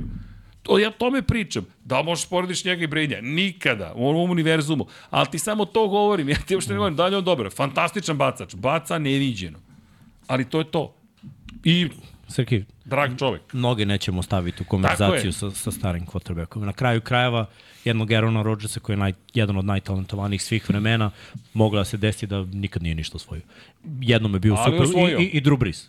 Stavit ćemo ih u top 5 svih vremena, I vrlo verovatno i na poziciji svih vremena. Ne, ne, a Bili dobro. po jednom u Super Bowl. Vidi, evo ti ga Dan Marino. Nema titul. Nema Super Bowl prsten. Tony Romo. Šta? ne, Toni, Imaš- Toni. imaš Ne, ne, koji imaš, znaš. I- imaš- Najbolji analitičar Tony Romo. Imaš ljude koji će biti koji će biti u jednoj eri top 10. Pa ne, pogledaj Bilse. Četiri Super Bola za redom, nema titule, nema prstena. Dobro. Znaš, Naletili na bolje. Da, sve je okej. Jest. Znaš, ali sa njim, o njima mogu da pričam neke druge stvari. Ovaj čovjek nije divizijonu rundu pregrmeo. Nije pregrmeo divizijonu rundu, Mnogi ljudi. nisu, brate. Pa dobro, Koji su top 10. Ja ne pričam Samo o to hoću da pričam o njemu. Nije. Znaš. I zašto mislim da je veći poraz njihov? Samo zato što su oni bili domaćini na velikoj sceni. U priči koja je cela ljudi i ono ludilo mozga, ok, evo izvinjam se, Dak je bio smiren, sviđa mi se ako je to rekao, ljudi polako ništa nismo uradili, nažalost nije bilo dovoljno. That's it. That's it. Ćemo zatvaramo radnje. Ja se obuko. Vreme. Sneg na polju mora se Gde čisti. ćemo? Mora se čisti auto. Jedan kući kume. Dosta je bilo. Ku, kući. Vanja, idemo na mi smo piće. krenuli ranije, da bismo završili Da. ranije, završavamo ga skoro po isto. A, Nije. Dobro, nismo baš krenuli ranije, nisi bio tu. Ali Kad ste krenuli? 7? Ne, u 15. 43. Pa vi će 4 sata. Da. Vidi, vidi, vidi. Nama vidi, ispod vidi. četiri. Ne, samo da ne bude. Vanja, ja cenim to, samo dozvoli da kažem, ništa drugo. I, i da nek su moja razmišljanja suluda. Srki, Pola ljudi da je mislilo da sam lud kada, kada biram timove. Nisam lud, samo gledam ovo što, što Miksa priča. Ne gledam samo to, imam neki osjećaj. Ljudi, Možeš da imaš, nije, nije ništa diskutabilno. Samo, Samo toliko to. je krš liga da jes krš. dečko spada u top 10. Mislim, I zdravije slažem se, igra među dve top 10 sezone, ulazi u play-off. Samo, kažem ti, na, nažalost, ja da bih volao da je i- već I da nije top od toga. 10, nije uopšte problem. Vidi, nadam se da će se probuditi u njemu neko ludilo, da će doći istetoviran sa čirokanom i reći, ma osvajam titul, je- aj čao. I da ti nije, nije problem. Ne, ali dok reklamira supice, Nije da teško. pričamo da je najbolji. Ono. Tako da, to biti Da, da, u top on 10 reklamira ili ne biti u top redu. 10, a da nisi u top 5 je zapravo ono, ok, nebitno. Znaš, problem je kad neko ko je top 5 ga ne stavimo u top Samo 10. ću reći, to zaslužuje ovakvu Baker je u divizionoj rundi. debatu. Ajde, ajde ovaj, da se zahvalimo svima što ste bili tu, bilo Hvala. sve vreme 350 ljudi u live-u, što je... Baš po. Da, da, sve vreme preko 300, što je 399. isto full, znači spremni ste, znači I plus prati dva se. ovde. A, da, Niste pratite- upalili uređaje. Gde Tu su, nisu, kako nisu.